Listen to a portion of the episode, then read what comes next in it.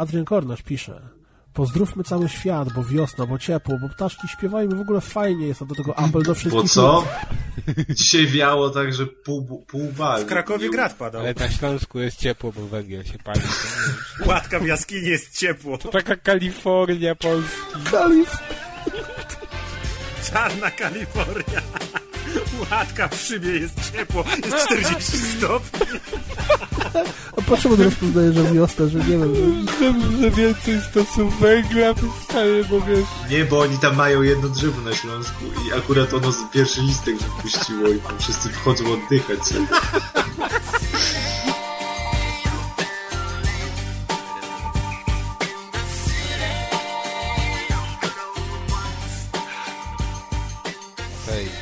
Cześć, witajcie, to 60. Nie, to nie 60. Cofamy się Ale już, już jest początek. Już jest początek. Cześć, witajcie, to 86. odcinek rozgrywki, czyli podcastu społeczności bloga Niezgrani. Ja nazywam się Piotr Kaźmierczak AKKZ, a ze mną są e, Amadeusz Łaszcz, czyli Deusz. Dzień dobry. Chciałem powiedzieć Madeusz, ale to, to nie to. To Maciej, w innej godzinie. Maciej Ciepliński, czyli Razer. Dzień dobry. Piotr Kuldanek, czyli Kuldan. Dzień dobry. I Miki D, Mikołaj Dusiński. Chciałbym pochwalić Sony. Ale to jest niezłe. Mikołaj, Mikołaj żyje tam te dwadzieścia kilka, czy tam prawie 30 lat na świecie i nie miał żadnej ksywy do tej pory. Nagrywa z nami od y, kilku, tam dziesięciu, tfu, kilkunastu tygodni, czy tam kilku tygodni, nieważne. I już od razu Miki D. Znaczy, I od razu panienki wiesz, wchodzą coś- z alkoholem do domu codziennie. Niedługo to będzie może jakąś inną ksywę, wiesz, trzeba mu skojarzyć jakoś z PlayStation albo coś, nie wiem. Playboy. nie no, Playboy to... Ale Playboy pasuje Jest. do niego. I Playboy Filantrop. No. Nie, to, to, ja, mam- to ja mam taką koszulkę. To No ale panie, jak, jak, jak dziewczyny same z alkoholem do jego domu przychodzą, to wiesz, to jest No, no, no. Ale Ale Dobra, może panowie, do jeden. tematu. Jest- prawdziwa radość rapera. Dobra. Ale a propos Mickey D, to myślę, że Pimp na przykład to jest taka... To i nawiązuje do Mickey D, i, na, i nawiązuje do Azjatek. jego zainteresowań. Nie? Do W przypadku Mikołaja tylko pimp Azjatek. Pimp Station? O, o, coraz lepiej, coraz lepiej. W dobrą stronę idziemy. Dobra. To idźcie z newsami. No to idziemy, może zaczniemy rubaśnie, czyli z tym newsem prosto z Japonii, o którym wspomniał Deusz. Musiał powiedz, być. co teraz będą młodzi Japończycy robić w trakcie jazdy autobusem? Nie, to znaczy, nie, bo ja chciałem najpierw się wytłumaczyć, że to nie jest tak, że my chodzimy po jakichś stronach niecnych w Nie, nie, internecie, to, tylko to ty chodzisz. przygotowując się do podcastu, przygotowując się do podcastu, e, przeszukałem jakże znaną wszystkim stronę Kotaku. Żeby było I- profesjonalnie oczywiście. Tak, tak. I newsy z ostatniego czasu, jakie przykupują uwagę, to był e, jednorazowa, za, jednorazowa zabawka do masturbacji dla mężczyzn z e, lubrykantem. I, E, Linka znajdziecie w opisie podcastu na Niezgranych. Tak, tak, I- damy linka. I wydaje mi się, że to jest naprawdę, jak, jak czytałem tego newsa i patrzyłem na te obrazki, to rozumiałem, czemu mówi się, że Japonia jest jednak cywilizacyjnie przed nami. Dobrze, że obrazki dali. Oni doszli już do tego tak, żeby, że robienie tego Już w autobusie tego, jest. tak. Już doszli, tak. Oni już doszli, oni wcześniej dochodzą niż my i... Ale czemu w autobusie? Tu Są nigdzie tak. nie ma w tym newsie o, o tym autobusie, a ty go tak próbujesz i, i strasznie No bo- ten... Za, mało, jaki inny za jest- mało filmów oglądasz, słuchaj, właśnie. o autobusach w Japonii. Ale, No. Przecież nawet była afera z Grom. ale wyobrażasz sobie, no bo gdzie byś tego chciał użyć poza autobusem? No, No, skandalnie, no, jaki jest sens użycia tego metrze. poza autobusem? Albo me, no poza środku A komunikacji. W w kolejce szkole, linowej? Na W zajęciach, kolejce linowej to wiesz, się trzęsiesz ze strachu, ale nie. w taksówce. W kolejce linowej. Tak, w taksówce to jeszcze gorzej, jakby taksówkarz tego używał, na przykład wsiadasz sobie do W taksówki. jazdy. No. Przepraszam, może mi pan podać to tam pudełeczko z tyłu? No wiesz, tak, oni będą mieli nie takie wyposażenie dla klientów. Albo na przykład jakiś pan na kasie, na przykład w jakimś supermarkecie. Zamiast kasować ci y, twoje produkty, to sobie kasuje sam, nie? Ostatnio widziałem jakiś ten, jakiś, e, jakiś koleś e, podróżuje po Japonii i ma serię takich mini felietonów. Psa- No nie, nie chodzi mi o gociarza, bo Krzysztofa Gonciarza! tylko o, o, o gościa innego i on robi takie, co przykuło moją uwagę, jego artykuły są przeplatane gifami. No i właśnie jeden z gifów dotyczył tanich noclegów w Japonii i chodziło o hotele kapsułowe, czy tam jakkolwiek to się Tak, nazywa, tak, no. Tak. w którym w telewizji są dwa kanały. E, Wiadomości i porno. No, No, podstawowe. co, super, nie? No i Kiedy jedziesz generalnie mówił, że dosyć przerażające było to, jak właśnie któregoś e, razu tam spał w takim i słyszał z obu i z lewej i z prawej ściany jakieś takie stukanie re- regularne. Nie oglądali wiadomości, co? Może sobie denerwowali się, ach, te akcje tak spadły, a tak spadły strasznie, ojej, tak spadły, Nie, słuchajcie, a... on, oni po prostu oglądali MMA i tam było stukanie w matę, no. I męskie jęki, tak? Do, dobrze, że Dobrze nie oglądam. MMA. Jednak wolę klasyczny wrestling, wiesz. Wolisz inne stukanie w Dwóch matę. mężczyzn, Prawdziwy sport! prawdziwa Dwóch walka spoconych, bez... naolejonych mężczyzn. Gaz lubi dwóch na dwóch. Prawdziwa walka bez udawania. No wiesz, najładniejsze tam Przestań. kobiety są w wrestlingu. Chociaż nie, pewnie zaraz znajdziecie mi jakiś przykład, że nie wiem. Na pewno no tak. Kuldan wygrzebie jakieś Meksykanki. Te- I to jeszcze w gifie. Meksykanki akurat. Tak. Zawsze w Słuchajcie, gifie. a propos e, mężczyzn i kontaktów, to o co chodzi z tą randką z Satoru Iwatą królu? No, to, no to wiesz to. Żeby poznać tutaj to, o co w tym chodzi, to musisz nabyć 3DS-a. Co szczerze polecam, bo to jest świetna konsola. Masz 3DS-a czy nie? Nie, ja ostatnio słuchałem tak, wiadomo, e, ty konkurencyjnego, konkurencyjnego podcastu, gdzie jeden z uczestników właśnie się podniecał nabytym 3DS-em, którego kupił w promocji, która mnie ominęła niestety, Czy, bo powiem szczerze, Stop, się czekaj, stop, moment, ja chcę się wtrącić. Nie ma kwestii, za wyjątkiem jednego konkurencyjnego podcastu, są zaprzyjaźnione podcasty. Przecież Mat u nas Tak, był, więc... dokładnie. Nie, e, od kiedy? Mata nie, nie, i nie. I w ogóle Nie, nie, nie. Ja, ja muszę wytłumaczyć, bo ty nie to, to były, nas warta? Bo tak, to były Tak? zaprzyjaźnione podcasty w momencie, kiedy robiliśmy to za darmo. Ale jak wchodzą do tego pieniądze, to to już jest konkurencja, rozumiesz? Rynek zweryfikuje, Ale kto wie, czy rozgrywka nie wyjdzie z jakimś tutaj opcją taką dodatkową oczywiście dla nie najwierniejszych słuchaczy. Musimy obczaić taki motyw, jak czasem są w jakichś różnych dziwnych y, miejscach na świecie, że na przykład randka z królem. Licytacja. Kto da więcej? Jak gorzej, jakby się jakiś chłopak zgłosił. i Nie, ja wiem, to duży, wiesz, wielki no. murzyn by był na pewno. To dla- Cele charytatywne, tak. wiesz, to jednak ta sprawa. Nie, ale wracając do tematu, jestem bardzo poświęcić. ciekawy, bo y, wyszliśmy z tematu męskich randek i Kas powiedział, że w tym celu trzeba kupić 3DS-a, więc jestem bardzo ciekawy, co ma kupno 3DS-a do rozpoczęcia No, przygód Street z męskimi Passy. ra, ra, Mówiliśmy o randkach. Dla Japończyków randki z, ży- z tymi z nieżywymi ludźmi są, czy z nieżywymi rzeczami. po, To się nekrofilia samym, co dla nazywa. ciebie randka wiesz, z prawdziwą dziewczyną, więc y, to o Mhm. tym mówimy. Natomiast co do 3DS-a samego, no to nie, nie. No, ta konsola ma fajne gry, ale ona sama w sobie ma dużo wad. Ale dobrze. To już Ale tak. powiedz o co chodzi z tym newsem, bo y, myślę, że to wciąż słucha słuchacze mogą nie wiedzieć o czym my w ogóle gadamy. Mówimy o To teraz takiej... kto po japońsku przeczyta tą nazwę. No, przecież tak nazwa jest akurat prosta bardzo. E, Tomodaci.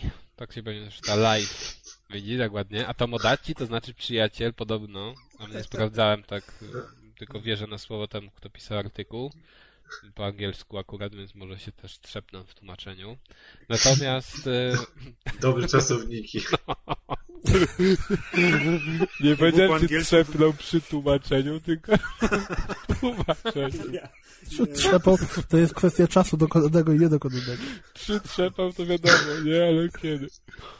Dobrze. Ojejku. No i daję głowę wam, że się znajdą takie osobniki, które również będą trzepać przy tomodaci. Ale ty dajesz głowę tak, y, kalka z języka angielskiego, tak? Nie, daję głowę, że ktoś będzie się trzepał przy tej grze. To... Ale, ale tak, bo ja tam zobaczyłem wielu celebrytów, wiele osobistości jest w tej grze. No Ej, dokładnie. Ka- Kaczyk, ile tam 5 minut nagrania, 8 minut nagrania, już takie tematy, spoko. Może być tylko gorzej. Wyłączcie to, póki możecie. Uciekajcie. Trzepanie przy Iwacie. No ale no, bo tam był Ej, to jest Iwata, dobre tam był, marketingowe. tam był Reggie, tam był ten, kto tam jeszcze był? no tam Reggie był, tam był jeszcze taki jeden kolej z Nintendo, ale nie, że dokładnie jak on się ja, nazywał. Ja, ja dałem radę obejrzeć ten trailer, do, dopóki nie zobaczyłem Iwaty w wannie, który coś śpiewał i wtedy stwierdziłem, że już nie dam rady dłużej. Ale nie, no ten jedna trailer jest po prostu pro- piękny. Ja już wiem, czemu on 11 zawsze w tych, czemu Nintendo Directo jest zawsze w białych rękawiczkach. Ale, ale wyobrażasz sobie, wiesz, zachodnią grę, która ma 11-minutowy trailer? Mhm. Jeszcze tego typu, no to jest ewenement. No ale wracając, Czy, to, a ile będzie kosztować ta przyjemność? No pewnie Za tą? 180 złotych. Ale, aha, bo myślałem może, że to nie, bo w pierwszej chwili naszła mnie myśl, że może to jest jakieś free to play, ale dopiero potem się zorientowałem, że to Nie, no Nintendo i dlatego... No, Oni to prawdziwą Tak, u nich też free to play działało tak, żebyś musiał im wysyłać w kopercie pieniądze, żeby tam coś się odblokować sobie. Ale Nie no, jest, wkładać kartę kredytową do otworu na płytę, tak? Tak. to jest piękna gra, która się nazywa Tomodachi Live i która wyjdzie w Europie. Ona wyszła już w Japonii, gdzie jest strasznie dużym, no nie fenomenem, ale sprzedaje System się seller. znakomicie. 2 miliony sztuk już zeszło. E, W samej Japonii. Tak, w samej Japonii. To jest super to wynik. I a nawet pewnie więcej, bo te dane tam prawie, że 2 miliony to były chyba na koniec grudnia. Natomiast y, mm, pojawiła właśnie się informacja, że to wyjdzie w Europie. Nintendo zrobiło z tego cały filmik 11-minutowy, w którym to przedstawia, co to jest w ogóle to Tomodachi Live. A to jest taki symulator życia. Oczywiście symulator to w cudzysłowie. Takie to- Simsy. znaczy Takie takie Simsy Simsy, ale takie japońskie Simsy. No to jest już bardzo dobry opis. I- Wyobraźcie sobie Simsy, tylko takie japońskie. Tylko takie japońskie, czyli ze wszystkimi naleciałościami związanymi z Japonią. Czyli wiadomo, że będą głupoty, Koty, autobusy, sprzęt do że jakieś autobusów. totalnie i debilizmy niedorosłe, bo u nas to wszyscy Mechy. mają być bardzo dorosłe, a tam to jest, Iwata. tam to ma być switaśne i W one, rękawiczkach.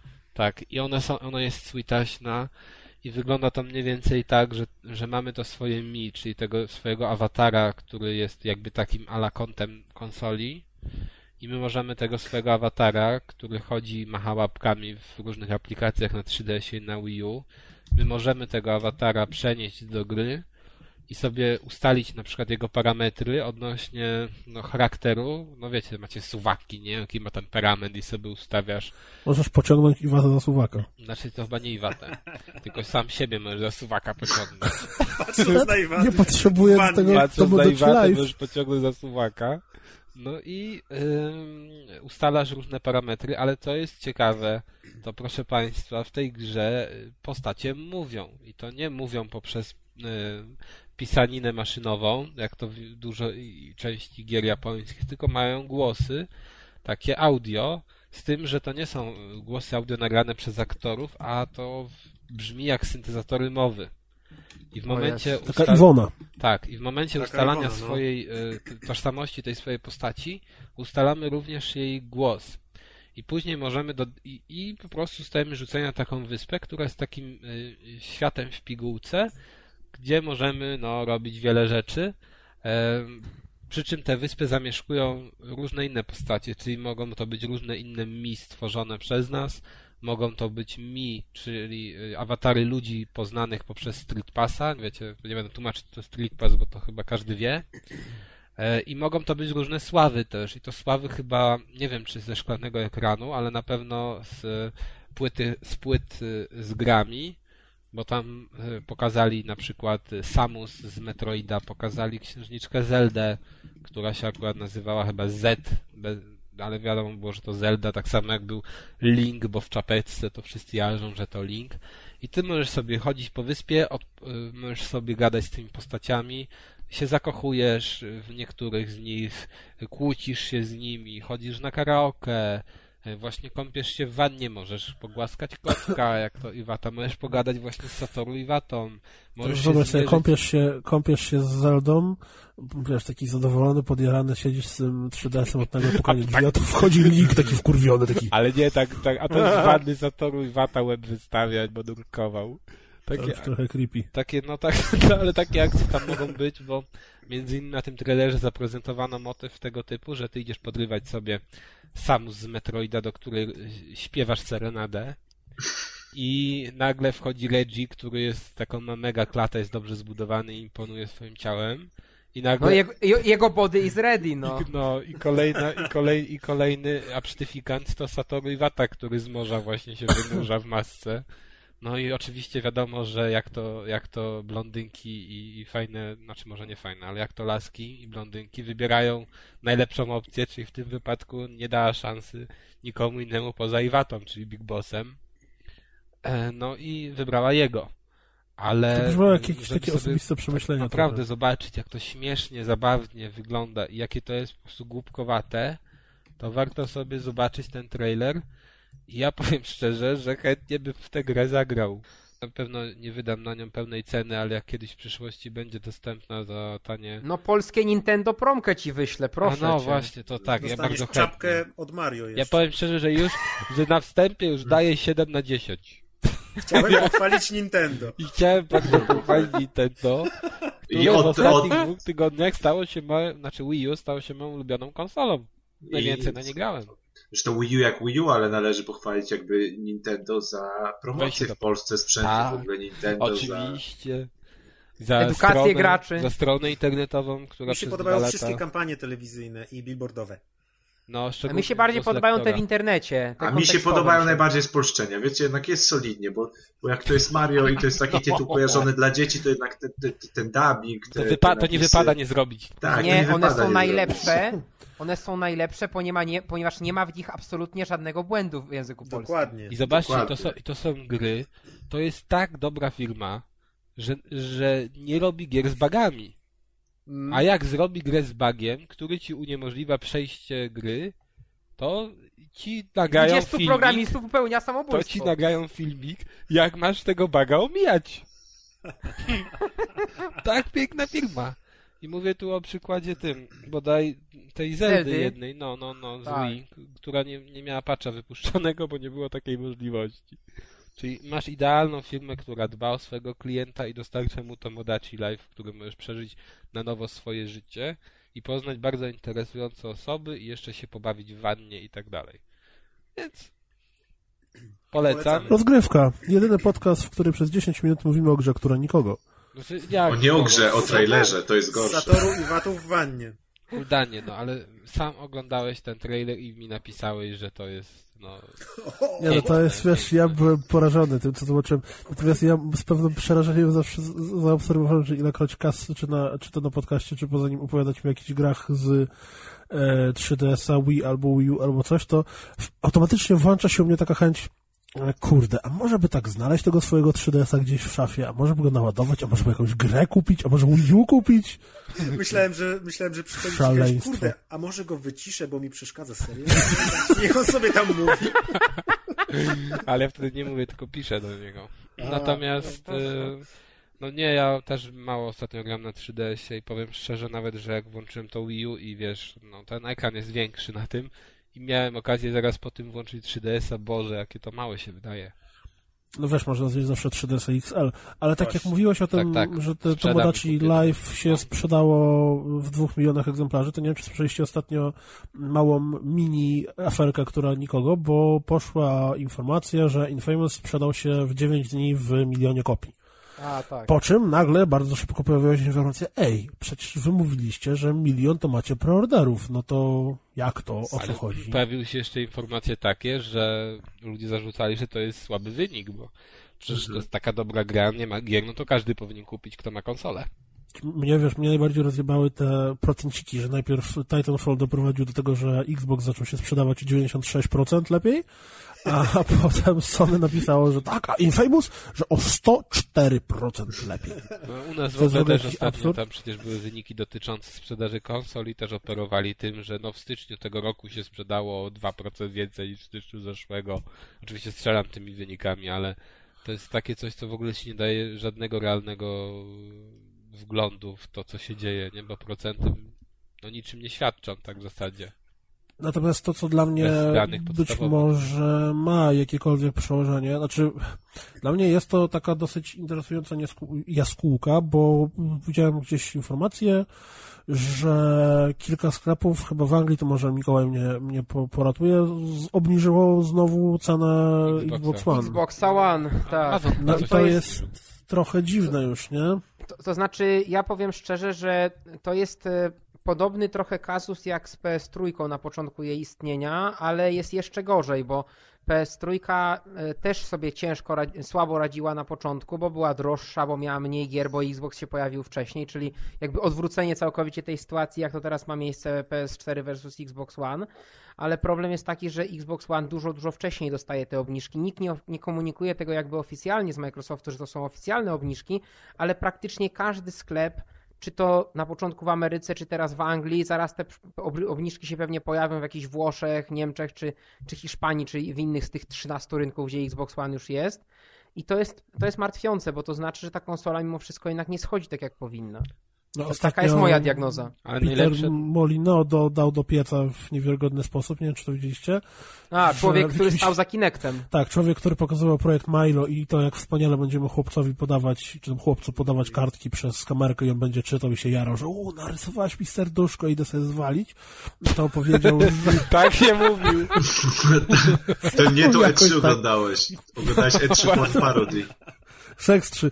W każdym razie e, to powiedział, że Microsoft jak najszybciej powinien przestać wymuszać z kupnem konsoli kupno mm, e, tego Kinecta, bo to jest bez sensu i ten sprzęt się do niczego nie przydaje i on jak ze swoim synem siedzą przed konsolą i próbują cokolwiek powiedzieć, to i tak konsola ich nie rozumie. No i to jest takie bardzo dla mnie Ale dziwne, mo- bo... może wiesz, no on jest Molino, nie? No to może... Czy co, hajs się nie zgadza? I... Nie, nie, nie, chodzi mi o to, że może jego, jego angielski się nie zgadza. I Dlatego O. ma problem.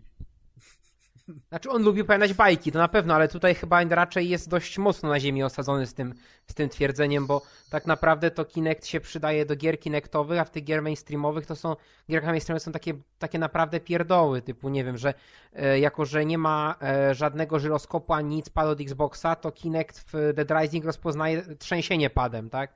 Że możesz sobie tam zombiaki odtrząsać, są tego typu pierdółki, także, a, a te urządzenie na pewno pod, podraża koszt produkcji całego zestawu, no, No, i w musi efekcie- powtarzać, wiesz, no pierwszy Xbox niby ten jest jeszcze lepszy i fajniejszy i bardziej bajerancki i lepsza technologia, a przecież pierwszy Xbox kosztował ile? 60 dolców? Jakoś tak. No więc cóż, No więc widzę, że piękny news tutaj chyba Deusz nam wynalazł. któż by inny? Nie, to Miki D, przepraszam. A, Wiki, to, a, przepraszam, to ty bardziej. No, No to Mikołaj, opowiedz jakiego tam newsa wrzucasz nam na, na czat, żeby Że- wbić Zaczynasz latać rozmowy. American Airlines chyba.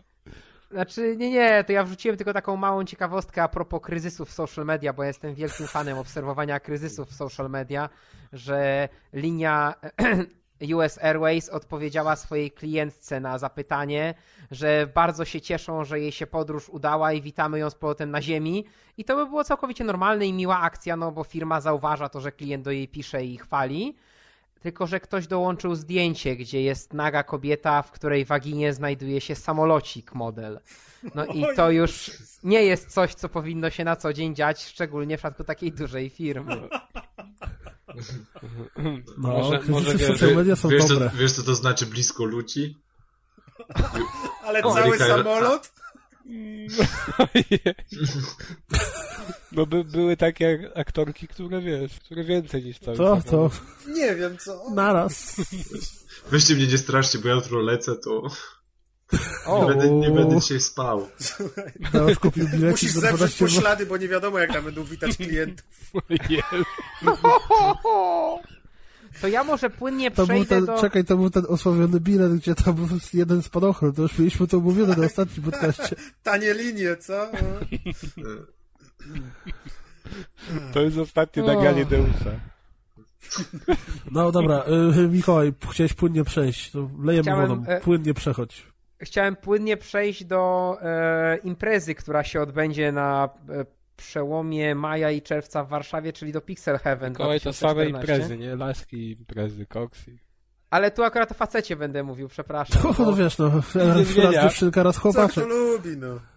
E, bo generalnie dzisiaj w sieci jeden z cieplejszych newsów z dzisiaj, czyli tak jak rozmawiamy w poniedziałek, Tak, tak. to jest, Czyli że jak od nagrania się pojawi, to już będzie absolutnie chłodny i taki właściwie kotlet przez trzech dni. Ale wciąż jeszcze będzie przed tym eventem, Ale przed sporo nim, przed. przed. Ale, w, ale wciąż ten news nie będzie opatrzony błyskotliwym komentarzem prowadzących.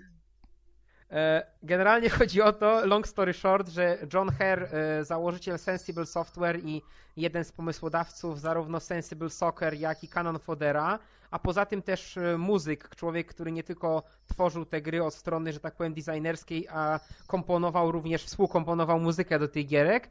Będzie gościem Pixel Heaven 2.14, będzie z nim panel dyskusyjny, a także będzie arbitrem w trakcie turni- ogólnopolskiego turnieju Sensible To Soccer. on skomponował tę fajną muzyczkę taką jak w Conan Fodek, ktoś tam ginie i wiesz, oni idą. Dokładnie, on ją współkomponował.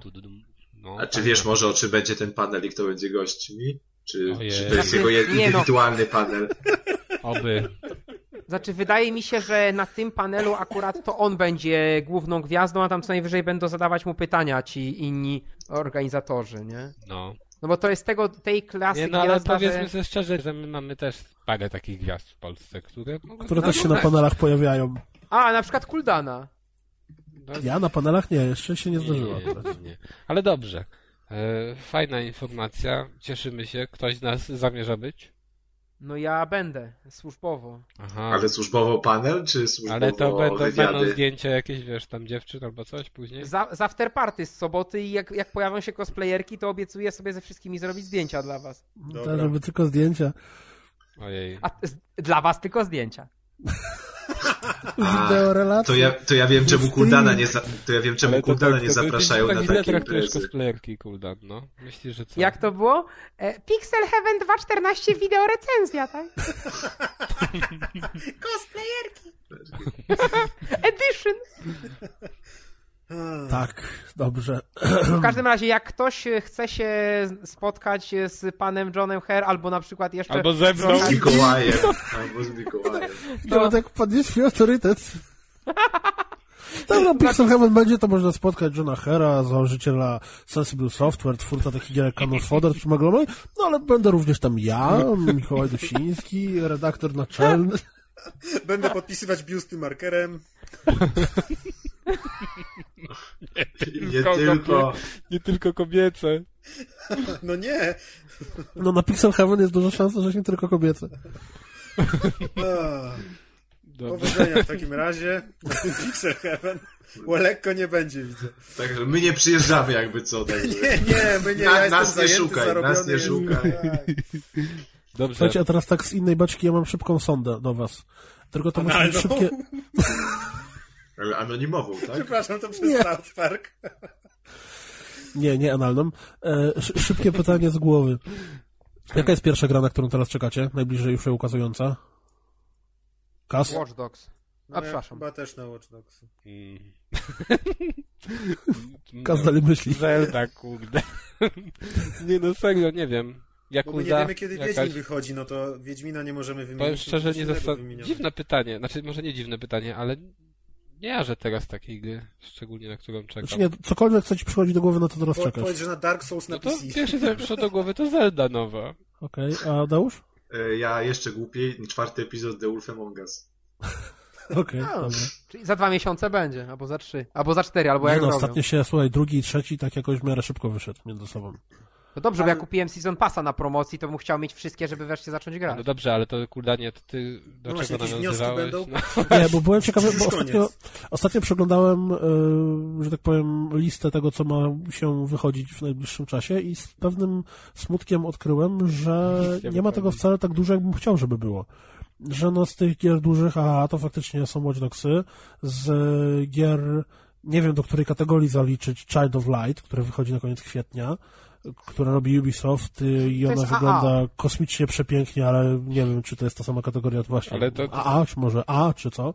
Ale to co z Nie, i tak trochę kurde lipa, że wiesz, że no jakoś pamiętam, że chyba rok czy dwa lata temu Bo teraz się grywa była w indyczki. Taka No, lepsza wiosna. Masz indyczki, wiesz. Ale nie, ale to, to jest w ogóle problem, bo Nie masz nawet ostatnio, ostatnio to rozkminiałem, Masz że peceta, ja naprawdę bardzo lubię gry indie. Bardzo lubię gry indie. Tylko, że w momencie, w którym mamy Indyczki. Unity, Ty w ogóle źle mówisz. Indie to Tak. są po angielsku, w Polsce się gra w Słuchaj, indyczki. Słuchajcie, w momencie, w którym Dobrze, mamy Unity, w którym mamy e, dosyć otwarte silniki, znaczy mniej lub bardziej, ale dostępne silniki, nie wiem, Cryteku czy e, Unreala, to kurde, już mam serdecznie dosyć ciągłego pixelartu, czy też raczej nie pixelartu, a po prostu chujowo wyglądających rozpixelowanych gier. Popieram! Come on, nie, no bo stary, ja rozumiem, wiesz, ja rozumiem, kiedy twórcy mówią, że robią grę w takim stylu i to ma jakieś wartości Ale to artystyczne tak albo tylko mówią ci, ale wiesz, tak mówią wszyscy, a tak no naprawdę tak jest, wiesz, w zrobić, no bo każdy 10%. Bo owszem, jest kilka gier, gdzie zastosowanie takiej, a nie innej grafiki ma jakieś uzasadnienie czy sens. Na przykład w Fezie. W Fezie to, że to tak wyglądało, Ale tak naprawdę był świat 3D, tylko że on był tak przedstawiony. Miało jakieś tam gameplayowe nawet uzasadnienie. Ale wyobrażasz sobie załóżmy. Feza z fotorealistyczną grafiką, jak z Crysis Nie, bo to wiesz, grasz w niego 10 minut i mózg ci po prostu paruje nie, no uszami. wiesz, są, są gry, które na przykład są zrobione w tym pixelarcie, ale chociażby ten e, Mega Man 910, to są gry, które wyszły no, już dosyć dawno, ale tam nie wiem, z 4 lata, 3 lata temu, czy 5. W każdym razie one były tak zrobione, że dzisiaj na telewizorze HD się prezentują ok i masz wrażenie, że mimo tego, tego, że są takie pikselowate, to to ładnie wygląda, ale większość tych gier indie, to jak je odpalisz na cały ekran, no to po prostu oczopolcu możesz dostać. No bo słuchajcie, po pierwsze, jest grafika nie jest najważniejsza. duży- To mamy umówione. Grafika nikogo. Po drugie, teraz jest moda na indie, więc y, i jeszcze jest moda na retro i w ogóle old school, więc nie trzeba robić dobrej grafiki, bo trzeba powiedzieć, że się robi oldschoolową, fajną, staroszkolną, klimatyczną, z duszą. y, No ale o, ma rację. Deusz ma, nie, to Mikołaj ma rację, że cycki też nie są najważniejsze. To jest trochę, to jest Tak. trochę W słabe. ogóle, w ogóle nie są najważniejsze. No, ale to jest To jest po prostu słabe. tłumaczenie Jest- sobie, jest że to ważne. nie jest ważne. Najważniejsza jest ciepłota sobie, ciała, jak to mówią.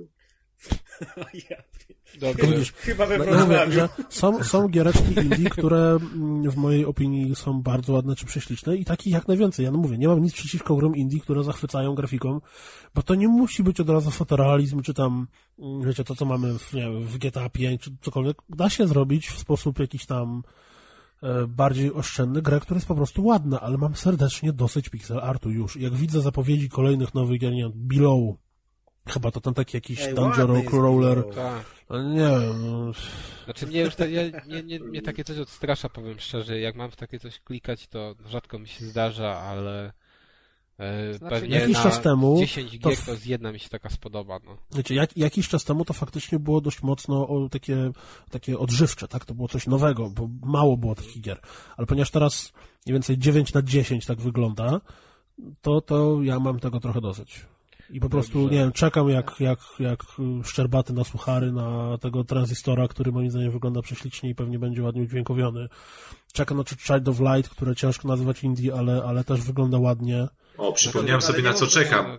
Wolfensteina nowego, to, bo to też chyba jakoś, Też w maju chyba. tak? Ale Ale on jest to- tylko na stare konsole, Na nie? tę kolekcjonerkę czytasz, czekasz Deusz, czy na co? Nie, Słuchajcie, ja- on jest, na, on jest na nowe konsole też, czy tylko na stare? Chyba też. No, kurde, Jak jest myślę, na nowe, żeby- to ja bym łyknął. D- Dobra, to już nie gadaj co łykasz, ale jest Kirby na przykład. Który To? wychodzi na 3DS-a nowy. Marwina stała cisza. Sobie Ta, ta wymowna cisza była. E, poza To tym, moi drodzy, jeszcze, znaczy nie, no to ten w sierpniu dopiero wychodzi ten mm, horror Tylko nowy. dorzucę, że, że nowy order wychodzi na. Znaczy, Carter. ten order wychodzi na. na Poczekaj, nowe poczekaj. Hodor wychodzi. Nie horror, tylko horror od Shinjiego Mikamiego. Aha, a nie, na to to E, czekam, bo trailer ostatni jest fajny. Tak, Mhm. David I- Wooden, no. Który Ale wygląda... jakoś też na dniach wychodzi Indie, haha, nomen omen, e, też horror, że tam, ja się pomyliłem, bo jest Dying Light, jest Daylight, jest tam No. coś tam jeszcze. Out- Dying, Out- dying, jak, jak mogłeś pomylić polską produkcję z jakimś chłamem Jest zagranicznym? Deadlight jeszcze. Jest Deadlight właśnie. To, to wychodzi ta gra, gdzie się komóreczką chodzi i świeci. Ona jakoś w Daylight. sierpniu ma chyba... Daylight. Tak, Daylight. Daylight, bo to jest fantastyczny, robi to deweloper, który się nazywa Zombie Studios. Nie no, słuchajcie, Dying, e, o, o Dying Light to ostatnio jest cichutko i nawet też jak słuchałem znowu e, input, laga, to tam troszeczkę się Zadela podśmiewali, że nie może nic powiedzieć o Dying Light, nie? Także ja tam, ja przeczuwam, że tam coś się może dziać, w sensie tam może być jakiś komunikat niedługo właśnie, że pach i też na, tam na marzec czy Wiedz, na że coś się przykład. dzieje, tak?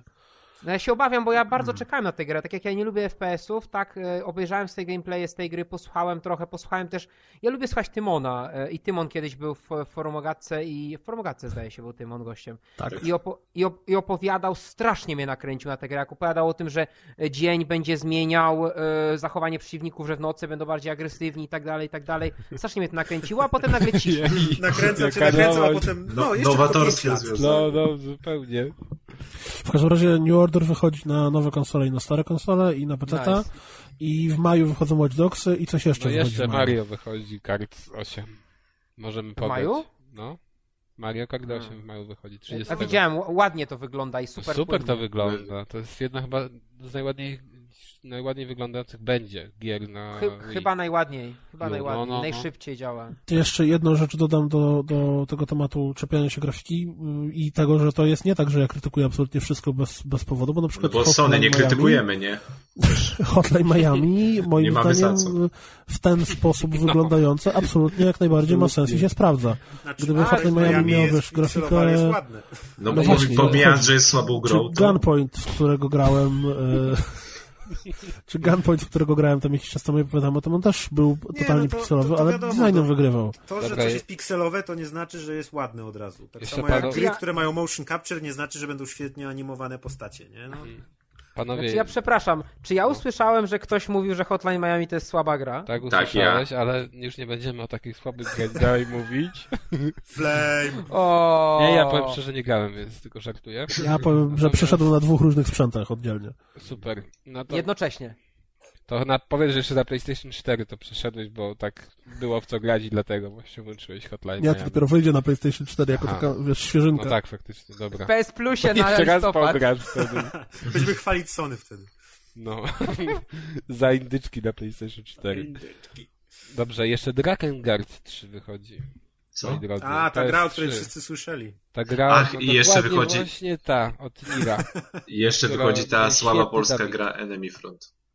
No, ale Od jeszcze, mojego jeszcze ulubionego... tylko o tym Drakengardzie chcę powiedzieć. Bo Nir to jest jedna z japońskich gier, która z niewielu japońskich gier, która miała kapitalny angielski dubbing. I tutaj trailery sugerują, że to będzie też podobnie. Jeżeli ktoś chce sobie zobaczyć, y, jak na przykład w Nirze wyglądał dubbing, to wystarczy sobie włączyć, tam jest chyba intro czy trailer tej gry, ale chyba intro, gdzie jest super taki dialog, czy nawet monolog jednej postaci, no jest to... Ta gra miała super dubbing. I w ogóle ona była fajna. Sam jej nie skończyłem, muszę kiedyś wrócić, ale fabularnie to naprawdę zmiatało. Nier jest jedną z tych gier, które każdego, kto znam, kto ją skończył, mówił, że to jest jedna z najlepszych No właśnie, ja historii, jaką widział grach. że nie skończyłem i to jest... A sprzedała się boli. pewnie w 30 tysiącach egzemplarzy, z czego Ale 20 to jest- tysięcy w Japonii. Co jest też ciekawe, to tam jest jakiś taki myk, że tą grę warto dwa razy chyba przejść, bo Tak, tak, nawet chyba więcej niż tam- dwa razy. Tylko, że ona jest jakoś. Pamiętam, że to kiedyś mówił, nie wiem, czy chyba Arek albo Piotrek, jak jeszcze tworzyli ten, jak się nazywał ten nieczysty, nie nieczysty, jeju. O, najgorszy. Najgorszy podcast, no. No to oni właśnie mówili tam chyba, że to warto przejść nawet więcej niż dwa razy, tylko że to nie jest tak, że od początku tego się zaczyna, tylko od któregoś momentu. Natomiast też ją właśnie chwalili za to, że ona ma genialną fabułę. No ja, na, ja grałem chyba paręnaście godzin i, i też mi się to bardzo podobało. E, No, mechanika tej gry jest po prostu słabsza i jej grafika. I to są takie główne wady, dla których ludzie jej nie znają, ale no już chociażby właśnie dla tych dialogów to naprawdę warto. I dlatego No ten według- Drakengard może być ciekawym doświadczeniem, bo może oni, wiesz, poprawią pewne błędy, które były w. Według y, niesławnego Wiedzi żart sprzedało się w pół miliona, No z czego w Japonii dwa- 200 tysięcy. A a swoją drogą, można a było propos- za 19,90 kiedyś kupić A nawet. propos tego, co tam wychodzi i to ostatnio y, jest dosyć interesująca e, praktyka i jest dość szeroko, szeroko komentowana w, w mediach wszelkiej maści branżowych naszych odnośnie pomysłu na wydawanie gier na PS4 mm, w wersji ostatecznej, definitywnej, czy też cokolwiek innego. No i w zeszłym tygodniu poszedł news, że The Last of Us będzie również wydany na PS4 Tak. i teraz jestem strasznie ciekaw waszych opinii. Niech To wydają, znaczy, ja powiem- chcą, no ale ja- ja, to nie dokładnie. pogram. Ja powiem tak, ja w to grałem, ja to przeszedłem, ja to przeżyłem, ja jestem y, wdzięczny Naughty Dog, że zrobili taki tytuł, który wiadomo, że nie sprzeda się tak jak Call of Duty, a trzeba w niego kupę pracy było włożyć. Ale dobrze się sprzedał, to też jest, wiesz, to... A, No tak, ale sprzedał się, wiesz, tam ile? 4 pewnie miliony egzemplarzy, coś w ten deseń, także ułamek Call of Duty albo Assassina, e, ale No jasne, chodzi mi- no. Chodzi mi o to, że po prostu drugi raz tego nie kupię, ale każdemu, kto nie grał, albo uwaga, każdemu, kto nie miał PS4, bo na przykład miał Xboxa 360 i teraz zmienił obóz, bo, bo jakieś tam powody, będę bardzo mocno polecał nawet za pełną cenę ten tytuł, bo ten tytuł, patrząc na to, jakie multi jest uzależniające, mam kilku ludzi, którzy, znam kilku ludzi, którzy wciąż grają w te multi, a to prawie rok minął, Masz To swoich jest ludzi tytuł- od tego.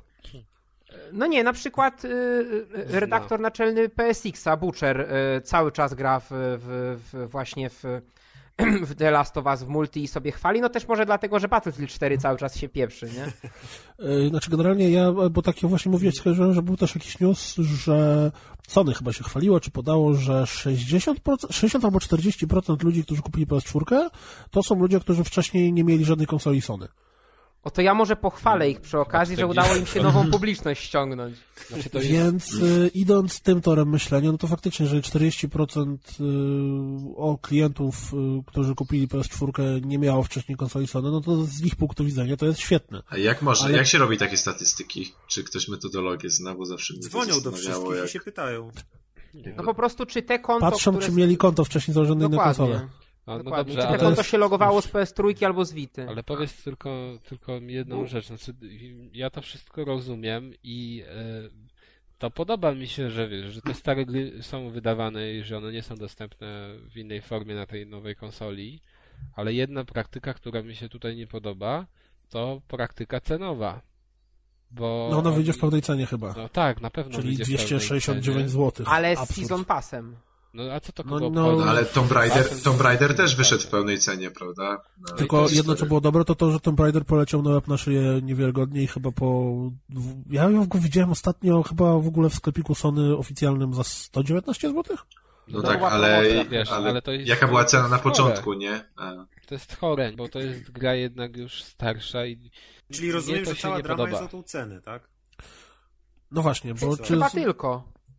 No dobra, ale że dla ma osób, które... Dla... konsolę, to żaden problem, to bardzo dobrze, nie? Że... No Szczególnie, dobrze. że ma działać w, w 60 klatkach i w 1080p, No więc będzie no. wyglądała tak, super. tylko jeszcze jest jedna taka y, wada. Ja nie wiem jak to wygląda z perspektywy akurat The Last of Us, ale czy oni na przykład nie byli przez to zaangażowani bardziej w ten projekt i nie wiem, i, i zamiast skupiać się na nas kolejnej swojej grze, No to Też jest ja strzelam, że mamy ogromne, to są ogromne firmy, w których pracują no właśnie E, chyba, że to setki tak osób, wygląda, ale no, dziesiątki Znaczy nie, osób, które mają... przede wszystkim to Naughty Dog ma dwa zespoły.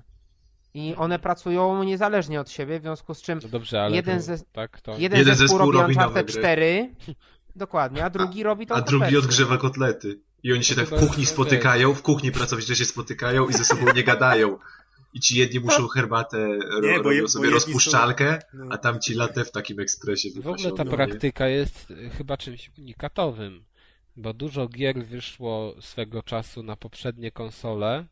y, Znaczy, po- powiedzmy, nie, że wychodziły gry na koniec generacji i one się wcale nie pojawiały na nowych konsolach. Przeważnie, jeżeli te tytuły się pojawiały i tu, i tu, to były tytuły, które wychodziły już w momencie, w którym ta nowa konsola była na rynku. A tutaj mamy, mamy tutaj, znaczy mamy w tym momencie taką em, Jezu, ta, taki precedens, że często te gry są odnawiane. I to jest Stary, no bo e, po prostu kasa musi się no zgadzać. wiadomo, tak, ja to rozumiem. Wiecie, to no złe, pomysł dla H- mnie to jest H- HD edycji pojawił się na poprzedniej generacji, bo to- Mhm. to tak nie od początku, tylko tak od połowy generacji mniej więcej zaczęły No tak, ale to w wszystkie- tym wypadku to jest trochę śmieszne, nazywam to HD, no wiesz, No nie, no wiesz, oni to teraz nazywają edycja zasada. ostateczna. Edycja Znaczy, ostateczna, że jest po- podwyż- podwyższona rozdziałka No i tak tak, dalej. remastered to Znaczy, po, poczekajcie, żeby nie było, no, e, kolekcje gier i reedycje były znane również wcześniej.